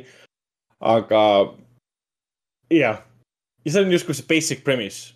Mort läheb kaasa oma naisega. ja tegelikult, mis sealt vastu vaatab, on see, et Mort äh, on ilgelt vana mees. noh, ta näeb ja käitub vana inimesena. ja tema naine siis, see, mis ta näitleja nimi nüüd oli, Gina Gershon. no nii nooruslik üldse olla saab, mis on selline korduv teema muidugi Woody Alleni puhul, vanemad mehed, noored naised, see on ammune teema tal muidugi. esiteks tuleb sisse abieluprobleemid, sa näed, et nad ei saa juba ammu läbi. Sa saad kohe aru, et see tema naine Sue on tegelikult väga-väga huvitatud sellest geniaalsest režissöörist Philippist, keda Mort silma otsas ei salligi. mina ka ei salli. mitte sellepärast, et ta justkui äh, meelitab siis Morti naist äh, nii-öelda siis äh, kirelõõmale, mida nad ei ole veel ise nagu asunud äh, huugama. vaid sellepärast, et ta on ülimalt selline üleolev pretentious režissöör. Ja see on teadlikult lavastatud puhtalt see, et lihtsalt Woody Allen lavastab filmi filmidest jälle. sest Mort ise on filmi fänn, ta armastab klassikuid, Fellini, Bergman. ta oli kunagi päris ammu aega tagasi siis äh, filmikooli õppejõud, õpetas siis jällegi klassikutest Fellini, Bergman, Hitchcock. ja üritab siiamaani kirjutada raamatut, mida, romaani, mida ta pole lõpetanud, sellepärast et ta ei taha kirjutada järjekordset romaani, vaid meistriteost. Ja siis iga kord, kui ta uue lehekülje valmis teeb, äh, mida filmis küll ei näe, aga kõik räägivad sellest, ta lõhub, hävitab selle lehekülje ära, sest ta pole rahul sellega. ja jällegi on erootiline vanamees, kes on noorema naisega, noh, mitte liiga palju noorema naisega, kes on ehk siis nagu... sa põhimõtteliselt kirjeldad ju üheksakümmend protsenti Woody Alleni filmidest praegu. jah põhiliselt küll. need on need põhilised Woody Alleni elemendid, mis siin on kõik täiesti olemas. Samas ma saan ja... aru, kui sa oled kuulus režissöör, sa ise tahad näidelda oma filmides, asjades ka, siis miks sa ei peaks võtma mingeid noori naisi endale sinna kõrvale? jah, ütle, jah, jah, ütleme nii, jah. sest ta lõ, lõ, lõ, lõppematult leiab endale näitlejaid, kes tahavad temaga mängida, sõltumata kogu tema sellest äh, ajaloost, oma, oma perega ja oma väidetavate nende süüdistustega, mida ei ole kunagi tõestatud ja nii edasi. Sellest suurest kajastusest. see on, see on jälle nagu see, et noh, professionaalselt, miks sa ei peaks tahtma tema koostööd teha? nojah, sest sa oled, sa oled Woody Allen ja, ja, ja täpselt, miks sa ei tahaks, kuigi jah, siin Kate Winslet on ju hiljem öelnud, et tema kahetseb seda, et ta mängis Wonder no, Wheelis ta võib öelda küll, aga samal ajal, kui sa tegelikult vaatad tema mingi neid auhinnakõnesid ja asju, ta ikkagi tänas umbes hetk vähemalt. et umbes sai eksper-, experience'i ja stuff'i juurde. Ja no, mina, mina oleks nõus isegi töötama mingisugust äh, näitlejat asjadega, keda ma tegelikult ei seedi, näiteks mulle meeldib Julianne Moore, ei meeldi mulle üldse. see tähendab, ei tähenda, et ma ei oleks nõus temaga koostööd tegema, sest ma ikka saaksin nii palju õppida stuff'i, sest nad on ikkagist elukutselised, nad on kõik teinud nii palju stuff'i et sa õpid igal juhul midagi nende käest ja tihtipeale sa õpidki nende inimeste käest võib-olla rohkem, kes sulle ei meeldi sest sa mm. pöörad rohkem tähelepanu, siis mida muud ta saab sulle siis anda et sa ei ole nii-öelda nagu joovastuses sellepärast, et sa oled mingi fänn, vaata.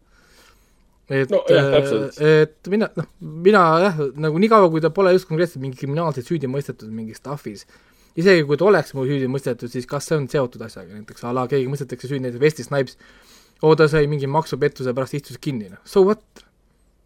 minu jaoks ei vähenda ju kuidagi tema nagu oskusnäitlejana või nojah, sest see on ju, me räägime maksupettusest. või nagu see oli see, umbes inimesel oli häda, et oh, Michael Jordanil on mingi gambling problem. Ta on nüüd halvem korvpallur, how exactly? kas ta põrgatab nüüd korvpalli kuidagi aeg, aeglasemalt, sellepärast et tal on mingi gambling asi või? Need ei ole nagu omavahel seotud, vaata. noh, või mm. nagu noh, nad no lõpuks võivad hakata muidugi jah, nagu tervinud asjad aga, aga, aga nagu jääme nagu konteksti sisse, vaata, see on nagu see, et oh, Kevin Hart tegi nalja umbes Twitteris, no võtame talt ära Oscarite kuradi juhtimise sellele um,. noh, jah, täpselt, mida tehtigi. No mis, mis, kuidas need puutuvad kokku nagu või noh, nagu niisugused veid-, nagu veidrad, veidrad asjad on küll siin maailmas meil siin, et, et ja, ja ega ei ole me keegi immuunsed enda vastu, me kõik saame kunagi cancel. meie ka saame kunagi aga..., kunagi cancel, nii et ma arvan, et ja ühel hetkel inimesed saavad aru, et meie jutt tegelikult ei ole okei. Okay aga, aga Rifki festivalist veel rääkides, siis äh, mina arvasin, esimeste minutite põhjal ma arvasin, et see vastabki tõele. enne filmi ma arvasin, et see ongi mingisugusest neureetilisest äh, mehest, kellel on abielukriis, kes on filmifestivalil ja üks mees hakkab tema naist võrgutama ja naisele see meeldib um,. tuleb välja, et see päris nii ei ole. kuna Mort on suur filmifanatt um,, armastab klassikuid siis ütleme, pool filmi tegelikult äh, koosneb tema äh, sisemisest narratiivist muidugi, kus ta jalutab mööda San Sebastiani ringi. ja taaslavastatud äh, tseenidest maailmakutsetest filmidest, on see siis Fellini filmid, on see siis Orson Wellesi Citizen Kane ja nii edasi. taas, taaslavastatud, lavastatud stseenid uute siis näitlejatega. ja seal on näiteks Seven Seal, Bergmani Bergmani film ka ja need on need elemendid, mis mulle selle filmis kõige rohkem meeldisid. Morti karakterist oli mul täiesti ükskõik ähm,. Aga taaslavastatud klassikute stseenid äh, tekitasid küll kinos olukorra, kus äh,, kus mina naersin, sest see oli nii naljakas, kuidas ta ümber tegi vanu klassikuid ja pani sinna narratiivile tähtsaid asju sisse, mis äh, puudutavad dialoogi näiteks, tõi sisse mingid asjad, mis on praegu käsil äh, samal ajal kui see, see meenutus või see referents nagu on käimas. ja mina naersin nende peale, aga saalis oli vaikus, siis ma tundsin, nagu mina oleksin äh, nagu midagi valesti teinud, et keegi ei naera kaasa. ja pärast rääkisin ühe filmilevitajaga, kes ka filmi vaatas, ütles ka, et ta pani ka tähele, et keegi nagu ei saa aru. ja see ongi see, et kui sa ei ole klassikuid näinud, pole üldse nendega kursis, siis sa ei saa aru, mida Woody Allen teeb nende stseenidega. ja see ongi nagu filmifännidele mõeldud film. siin on nii palju uuesti lavastatud stseene, mis on ka omakorda nagu komöödia võtmes naljakaks pööratud, et see tekitabki nalja tänu sellele, et kursis nende algupäraste filmidega äh, nagu Bergmani Seventh Seal näiteks äh,, siis, siis see on selle, selle võrra naljakam. ja, ja filmi teine pool siis äh, esialgu on jah, siis nii-öelda petmine. et kas see siis tuleb või mitte ära noore siis režissööriga, kes on eriti pretentious pompous režissöör, sellepärast et ta lavastab filmi, mis on sõjavastane ja siis pressikonverentsil räägib, et jaa, ma tegin sõjavastase filmi. siis Mort on kõrval mingi, vaata, sellega sa oled nüüd sügav režissöör, et sa ütled välja, et sa tegid sõjavastase filmi. ja siis, siis seesama mees ütleb siis äh, pressikonverentsil, et jaa, minu järgmine film üritab lahendada siis äh, Iisraeli konflikti. no mina olin saalis ainuke, kes selle peale naeris, et sul on nii ennasttäis režissöör, kes ütleb, et ma teen filmi, mis lahendab Iisraeli konflikti. ja, ja kõik käitusid selle Philippi ümber, see ongi see absurdne olukord, et see on tõsine. et ta teebki seda. Et ta veits nagu tegi nalja filmikunsti üle ka ja näitlejate ja režissööride üle, kes arvavad, et film on see kõige tähtsam asi maailmas, võib muuta maailma. tihtipeale need George Clooney'd ja need maailma tuntumad näitlejad, kes teenivad nii palju raha, kui mina oma saja elu jooksul ka ei näe, ju võtavad auhindu vastu ja ütlevad, et näitleme, et see kõige tähtsam töö, mis kunagi olnud on. mis tegelikult, no ei ole. kirurg on tähtis töö. ta ta, päästab su elu. film võib su elu päästa, aga kui mind lööb auto tänaval, auto sõidab mulle otsa, siis päästab mind kirurg, mitte hea film. ja selle üle teeb Woody Allen veits selles filmis ka nalja. See on selline- välja, absurdne see mõnikord on. jaa, aga see on muidugi jälle see, et äh, mulle, mulle ei meeldi nende näitlejate ja, ja kõikide nende teiste filmitegijate see muutus hiljem oma elus. ehk siis peale seda, kui ta on nautinud terve elu juba seda reward'i, siis lõpus hakkab, muudab oma narratiivi.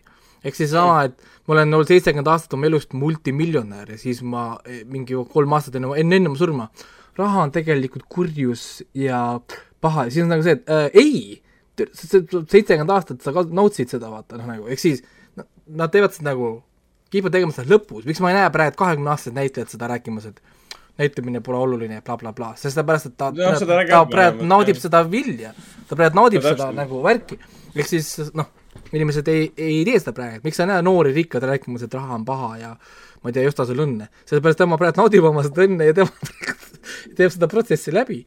Hiljem jah, kui sa, kui sa, kui sa oled viiskümmend aastat seda juba kõike teinud, siis sa võid juba seda lubada endale, sest nüüd sul on juba ka suva. noh, sest ma juba, ma, mul, minu on juba kõik tehtud, noh nagu nii-öelda. Et veitsa nagu selline, see silmakirjalik tuleb natuke nagu hiljem. ehk siis minu arust on nagu nüüd saab Woody Allen, noh nüüd on, nüüd on nagu natuke hilja võib-olla seda nalja teha, et oleks sihtida seda nooremana teha seda, aga siis, siis ta ei taha, siis ta ei julge jälle. eks ta on ka kaheksakümmend kuus, väga aktiivne siiamaani vana ja, ja ta ju sündis kolmekümne viiendal aastal. november, kolmekümnendal novembril sai kaheksakümmend kuus, täitsa nagu lõpp. ja, ja see film tegelikult mulle tagantjärgi nagu meeldis, sest ta oli naljakas. Ja ta ei olnud naljakas sellepärast, et seal mingi ne- neurotiline vanamees on, ta on naljakas sellepärast, et tema abielu on kriisis.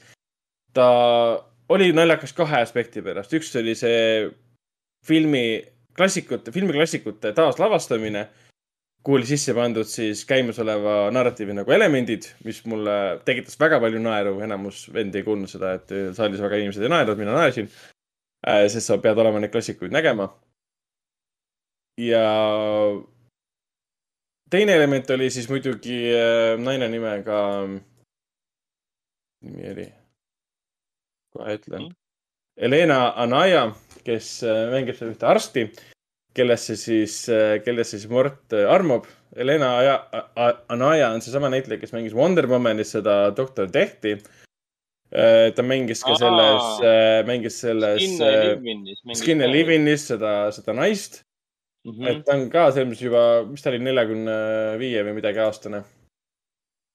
väga tore ja ilus näitleja ja, ja seal tekkis üle, selle element küll sisse, et Mort, kes ise, ise näeb välja nagu mingi troll lihtsalt, see näitleja vallas. mingi väike, väike päkapikk. suur kõht ja siukene väike päkapikk, kuidas ta kõnnib ka nagu mingisugune nagu mingi neurotiline, neurootiline juut. filmis käib see läbi ka, öeldakse, et kuule, sa ei ole ikka õige juut, et sa ei pühitse mitte midagi, sa pole Iisraelis käinud. ja seda ütlevad tema nagu, nagu, nagu aju, mis lülitab ennast Fellini lainele ja kõik on mustvalge ja lihtsalt ta kohtub suvaliste inimestega nagu mingi Fellini filmis näiteks ähm,. jah, ühesõnaga ma soovitan vaatama minna, ta on lühike film, ta on mingi tund kolmkümmend kaks pikk, ta on naljakas ja ta on filmifännidele päris hea selline treat. ta kindlasti ei ole mingi uus äh, šedööver Woody Allen ega meistriteos, ta on lihtsalt Woody, Woody Alleni kvaliteedimärgiga film. et kui te ei lase ennast häirida tema tegudest või noh, väidetavatest tegudest ja tema ümberkäivast äh, trallist äh,, siis äh, saab seda filmi nautida küll. ja mina teda nautisin. hindeks ma panin talle, las ma vaatan, IMDB-s panin Rifkini festivalile. hindeks ma panin talle isegi kuus. kurat, ma praegu mõtlen, kas tõsta. okei okay,, ma praegu tõstan tal hinnet, täitsa huvitav. mida rohkem sellest filmist räägin, ma ei ole saanud väga palju temast rääkida, et eile õhtul ma rääkisin ühe inimesega, panen talle seitse praegu. Et mida rohkem filmist räägid, seda rohkem see nagu avardub tegelikult, oma, oma, oma, oma peas oma häältega väga ei taha rääkida temast pikalt. igatahes jaa, Rifkini festival kinos Artis äh, täitsa olemas, soovitan vaatama minna. samamoodi nagu kupee number kuus, Kutsitragööd ja, ja Hirmud tiis. aga viimaseks filmiks jääb siis meil äh, Shawshanki lunastus, mis jäi ka meie viimaseks filmiks äh, Coca-Cola Plazas, mis läks äh, hästi üürikeseks ajaks äh, kinni. aga mis, et äh, Shawshanki lunastus, noh, eesmärk oli, ta on ju kinoklassika film. aga see, see on ju jõulupuhkus ja tegelikult meil peaks ka tulema jõulupuhkus, ma arvan, et äkki järgmine nädal ongi võib-olla viimane saade või, ja siis mitte, mis, mis jutt see nüüd on, mis, mis jõulupuhkus? podcasterid ei puhka. et, et ma mõtlesin, et, et noh, meil jääks siis veel kaks saadet äkki või teha. siis, siis, siis tuleb ju jõulupuhkus ju. jah, täna on ju neli, neliteist, seitseteist, eks enne, enne jõuli ju ei, ju ei tee või. nii et ma ei tea, lähme ka puhkame korraks jõuludel. ja siis tuleme aasta lõpus aasta toppide ja värkidega erisaated, ainult erisaate otsa. see on muidugi, mis puudutab Coca-Cola Plazat, siis see pole eriline jõulupuhkus, vaid see on minu jaoks kindlasti midagi oluliselt ei muutu. no Viljandi kino on lahti ju, seal, seal, seal, seal, seal, seal peab ikka asju tegema. Ja keegi peab selle kava ikka tegema ja noh, nagu ma ennist mainisin, siis Shawshank Redemption ehk siis Shawshanki lunastus oli, on meil ju see detsembri kinoklassika, et kahjuks läheb muidugi detsembrikuus äh, enne jõule avame jälle uuesti Plaza. ehk siis näis, millal me seda Shawshanki lunastust sa- saame jälle uuesti näidata, sest muidu me saame vaadata, muidu oleks saanud näha seda detsembrikuus Plazas siis igal kolmapäeval. Antud juhul sai seda näha ainult ühe korra 4K-s Iceland saalis möödunud kolmapäeval. ja tõesti, on ikka film. et nagu mm, ja mul oli nagu päris pikk paus nüüd selle viimase korraga, kui ma seda viimati nägin. ikka väga pikk paus, et mul umbes nii pikk paus, et mingid, mingid sündmused või sündmuste käigud ei olnud enam meeles, noh, eredalt meeles, ei ole päris niimoodi, et hakkad filmi vaatama. Ikkagi väga tuntud film äh,. alati inimeste toppides iga mingi endast lugupidav äh, filmifänn alati mainib seda. IMDB topis on ta ka juba mingi, ma ei tea, kui mitu aastat see on, kümme, kolmteist või palju see neid aastaid kokku oli? Forever, see on seal number üks film olnud igavesti. ja Ma- oli mingeid ma- uudis ju ka, et see tõusis nüüd ju. siin oli see mingi, mingi Blu-ray reliis või mingi ekstra uus reliis oli filmil. Ja, ja- ja, oligi 4K, 4K reliis oli vist Okei. eelmisel üle. või mingi jah, ühesõnaga mingi, ma nägin mingi uudisnupukest, kus kohas, et oo, et mm. -hmm. Shawshanki keskmine tõusis null koma kaks punkti või et, et kust see tuli? kus kohas nagu what the fuck, et miks see film veel nagu saab, kuhu ta veel tõusta saab nagu. oh my god. ja minu meelest ta vist oli kümme pluss aastat on ta juba seal IMDB topis olnud. Ja noh, ma saan täitsa aru, mõttes, et siin on äh, Stephen Kingi fännidele absoluutselt kõike on siin. siin on äh, Morgan Freemani fännidele absoluutselt kõike. siin on suure üheksakümnendate äh, stiilis eepilise draama fännidele, et noh, vennaga arutasime pärast seanssi ka, et neid, et lust on vaadata neid, kas kodus või kinos siis neid äh, kaheksakümnendate, üheksakümnendate või isegi sajandi alguse neid eepilisi draamasid nagu, nagu, nagu Meet Joe Black. Kohutavalt pikk, filmil ei ole kuskile kiire. Shawshank Redemption, kaks ja pool tundi. Ja, ja, ja ta tõmbas su nii sisse ära ja filmil ei ole kuskile kiire, ta ei, ta ei, ta ei alusta filmi ainult sellepärast, et sellega lõpuni jõuda nii-öelda, sest osade filmidega on niimoodi, et hirmus kiire, et kus teine akt hakkab juba esimese viie minuti pealt pihta ja siis ootad, millal lõpuks ära lõpeb. või siis, mis need veel võrdlused on, noh, see vene lemmikfilm, see Legend tuhande üheksasajast või noh, meie kõigi lemmikfilm, samamoodi tohutult pikk eepiline draama. et mingil hetkel isegi oli House of Gucci'l äh, Vikipeedias, enne kui see ära muudeti, oli pandud äh, Ridley Scott, Ridley Scott's New Epic Drama, aga vahetult enne reliisi oli keegi selle Epic Drama sealt ära võtnud ja asemele pannud vist, ma ei tea, mingi dramatic fashion story või midagi sellist. aga, aga vaadata film, eriti just äh, kogu see vangla olemus ja kuidas see pildile on võetud, see, see, et nad päris vanglat filmisid, osaliselt oli väga vinge. ja noh, kogu, kogu see lugu sellest Andy Dufresne'ist, ma mõtlesin, et see on niisugune läbijäratud kont, mida ma noh, väga ei süvene enam sellesse või sa ootad, millal need No. no. Andy Dufresne'i need teemad nagu üle lähevad. ega see on ju, see on ju see,, äkki see, äkki ei mõju, ma kartsin, et äkki see ei mõju enam niimoodi. kogu aeg see Andy Dufresne, The Walk and the Talk, ma mõtlesin, et okei okay,, noh, näinud piisavalt palju See- hästi palju meeme ja nii edasi, et no äkki ei mõju enam, mm, aga ei, tutsi. ja nii no, hästi selle ikka- kohe paneb südamesse. ikka toimib täpselt nagu Green Mile toimib forever. Mhm. Aga siin on nagu seesama, et inimesed- üks oluline asi, Shawshank Redemption on koht, kus me saime Morgan Freeman narration'i. jah, täpselt. et, et see, me ei tohi unustada selle filmi kultuurilist, kultuurilist panust.. selle koha pealt on väga kultuuriline panus. et kui see suures kaadris, suures plaanis oli äh, Morgan Freemani tedetehnid, siis ma vaatasin, et ah, see South Park'i episood tuleb kohe meelde. et iga, iga kord, kui ta narrate'ib midagi, siis ta saab ühe dedetehni juurde, oli vist niipidi jah. et noh, kuigi siin on, see on ka film, millel ei ole otseselt midagi ette heita. Võib-olla võiks ette heita seda, et äh, üllatavalt vähe vanglast põgenemist on filmi kohta, mille kõige kuulsam osa ongi vanglast põgenemine. siis kaks ja pool tundi kestis ja kuskil äh, viimased nelikümmend minutit algab üldse äh, iga, äh, algab osa sellest filmist, mis puudutab vanglast põgenemist ja see pole ka suurem asi põgenemine, et noh, lihtsalt ta põgeneb, saadakse teada, kuidas ta seda tegi ja siis me näeme, et ta on juba väljas ja siis tuleb see Return of the King'i lõpp nii-öelda ehk siis over- overlong lõpp nii-öelda, mis mul nagu sobib, sest mina olen ka Return of the King'i äh, sõnust lisanud siis kolmas osa lõpu fänn. Ja ma tean inimesi, kes jälestavad seda Return of the King'i lõppu, et miks, miks see nii pikalt kestab. samamoodi siin Shawshank Redemptionis lõpp kestis hästi pikalt, aga miks ta kestab pikalt, sellepärast et kui sa oled juba nende tegelastega nii palju koos olnud, verd vananud, peksa saanud, nendega koos nutnud ja, ja, ja nendega koos rõõmustanud siin, vaadanud pealt, lugenud koos Andy Dufresne'iga Brooksi viimast kirja, enne kui ta ennast üles poos, et noh. ja siis loomulikult sa tahad nendega hüvasti jätta nagu korralikult. ja see Brooksi lugu nagu vend, vend terve seanssi mainis, et ah, see fucking Brooksi lugu, see üheksakümne aastane, kes vanglast vabaks sai Jaa. ja läks tagasi. et see vend, vend ütles, et kuidas ütlesidki, et sulle alati see mõjub nii raskelt. Sest ma vaatasin Shawshank Redemptioni esimest korda elus üldse paar aastat tagasi äh,. oli Okei. aeg see kõige hinnatum film ära vaadata. ja see Brooksi, Brooksi lugu jah, ta on nägu praegu.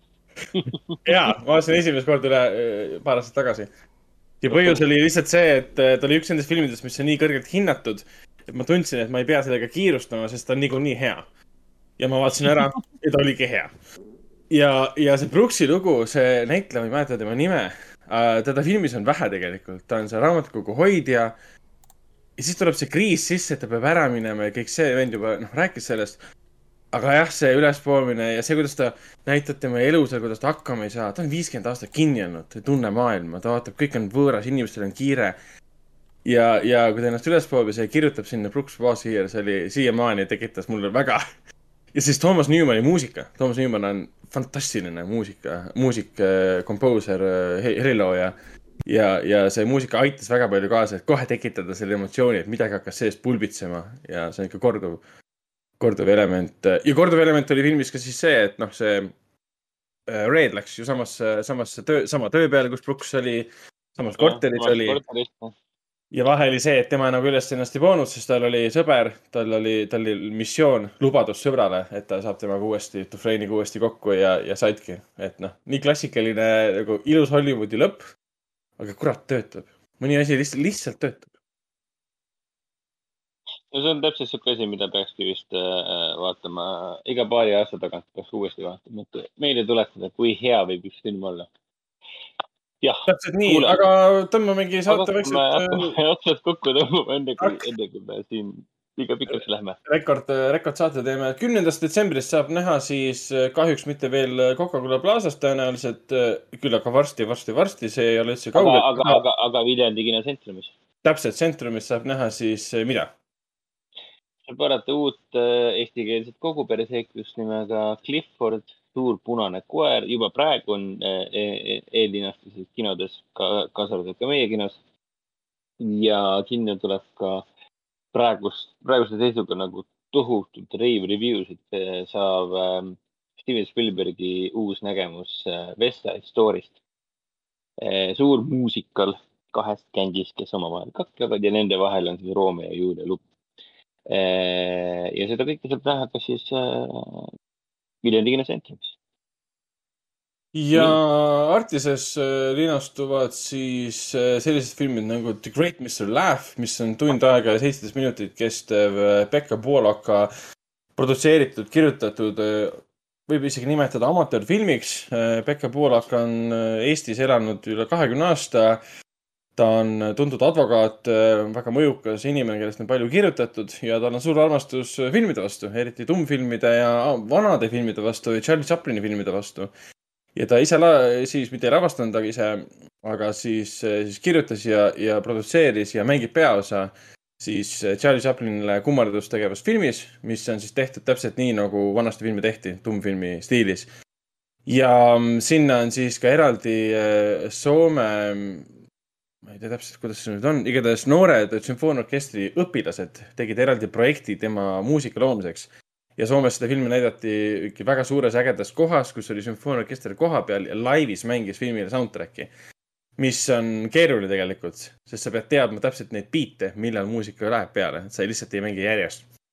Ja nüüd ta toob selle ka Eestisse ja Artises ta linnastub viie seansiga. üheksandal detsembril on ähm, siis avalinastus, sinna on juba ette ostetud, ma vaatasin mingi kakskümmend viis piletit äkki Liisa on ta kohal ka ja räägib sellest, kuidas film kõik valmis ja kuidas tal see armastus tekkis ja, ja see on kõik La- Labor of Love, kasutas Eesti kohalikke Facebooki gruppe, et näitajaid leida ja nii edasi.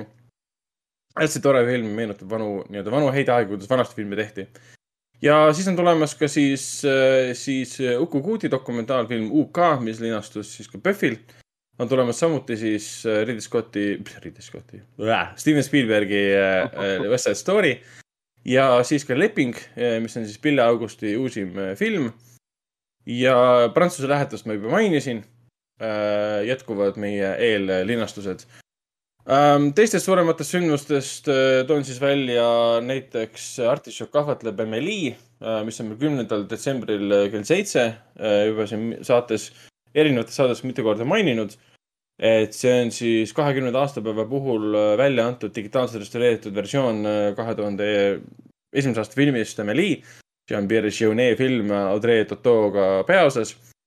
ja see on siis, septembris tuli see restaureeritud versioon välja ja siis ähm, Pimedate ööde filmifestivali juht Tiina Lokk ja siis Eesti filmilevitaja Kaupo Liiv on seansil kohal, kes istuvad pärast seanssi maha, see on meie Artišok kahvatleb formaat esialgu on väike lühike sissejuhatus ja pärast seanssi istutakse sõbralikult, intiimselt, mõnusalt maha. räägitakse publikuga juttu. räägitakse publikuga juttu, vähemalt nii me oleme seda, mida mina olen äh, neli, viis korda teinud, ühe korra ma ei teinud, ma olin siis puhkusel. Nüüd ma olengi puhkusel, et mind ennast seal ei ole. aga Tiina Lokk ja Kaupo Liiv on kohal ja pärast räägivad siis filmist äh,, äh, Amelie tähendusest ja Tiinaga ma juba rääkisin ka, Tiina ütles ka, et Amelie on siiamaani täiesti anom- anomaalia, anomaalia film. toona ei olnud tehtud enne sellist filmi ja ka tegelikult pärast samal tasemel ei ole tehtud, et ta on nagu justkui lihtne komöödia, draama, mis on ülimalt professionaalselt tehtud ja ta avas ukse justkui Prantsuse sellele uuele äh, filmikunsti stiilile, et hakati tegema siukseid kergeid komöödiaid, mis muutusid kõik Prantsusmaal väga suureks äh, hitiks muidugi. alates siin äh, Amelie'st ja see üks pluss üks film, mis ta oli, Intouchables, Untouchables, mis on nagu kerge draama vibe'iga, samas ta on niisugune südamlik komöödia. aga Amelie'd eristab ikkagi see, et ta on kunstiliselt hoopis teisel äh, tasemel ja lavastusliku fantaasia poolest ka, et Jonet on mitte ainult äh, tulnukas, tulnukas taassünni režissöör, vaid ka siin City of äh, Lost Children'i režissöör näiteks ja, ja ta on üldse vis-, visuaalse fantaasia koha pealt väga andekas inimene. ja, ja täpselt, järgmisi asju ma saan mainida järgmine kord. vot, aga siis äh, saamegi saate, saateks äh, lugeda. on juba peaaegu neli tundi täis. kas see on mingi rekord, ma ei tea. aga oli tore rääkida uutest filmidest, seriaalidest ja kiita Arkeeni. absoluutselt nõus. Arkeene on parim. Nonii Nagu- aga jah, lõpetame, lõpetame. kohe vaatama minna. lõpetame ära jah, pange Netflix tööle, vaadake Arkeen ära ja siis kirjutage meile, miks see meeldis, miks ei meeldinud, igal juhul ma tahan teada, sellepärast et Arkeen on selle aasta Queen's Gambit. nii et ähm, võib-olla, sest Witcherid on tulemata siin ja siin on veel tulemata asju. ma pole veel vaadanud lõpuni Foundationit, Invasionit, Doctor Brain Oh jookseb ma pole vaadanud Wheel of Time'i, Dexter New Blood alles käib, nii et konkurents on tihe õigus, jah. Konkurents on tihe ja samuti Yellow Jackets on samuti ka kaheksa punkt, kaheksa pluss hindega IMDB-s. ja ma juba näen omaenda feed'is artiklit sel teemal, et äh, keegi, keegi juba kirjutas artikli sel teemal, et miks sa juba Yellow Jacketit ei vaata. nii et, et jah, meil on siin, elu on keeruline, et filmisõpradel, seriaalisõpradel on praegu raske elu, sest äh, kvaliteeti tuleb äh, igast august, kust, kust vähegi saab. Ja raske on äh, tõesti seda aega, seda, seda aega leida, et seda vaadata, nii et samal ajal, kui ma kirun seda lühikest hooaja formaati, siis samal ajal võib-olla peaks tänama seda lühikest hooaja formaati, sest muidu ma ei jõuaks tõesti mitte midagi vaadata. nii et kõik jah, võiks olla kakskümmend viis minutit äh, maksimaalselt, siis jõuaks midagi vaadata ka. aga lõpetame tänaseks ära järgmine kord juba uuesti paremini võib-olla või halvemini, võib-olla veel pikemalt, võib-olla lühemalt, ei tea. jah, et äh, võib-olla viimase asjana mainime ära ka, et kui teil ei ole vaadatud, siis vaadake HBO-st, Telia HBO-st ära Race by Wolves, mis oli hundi, hundikasvatus, hundikasvatus. jah, sellepärast, et kolmandal veebruaril algab selle teine hooaeg, et see veider hullus veebruar. jätkub Nice. täpselt juba veebruaris. jess.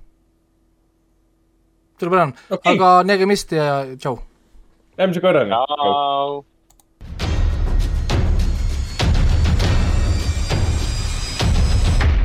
Kinoveebi Jututuba podcast.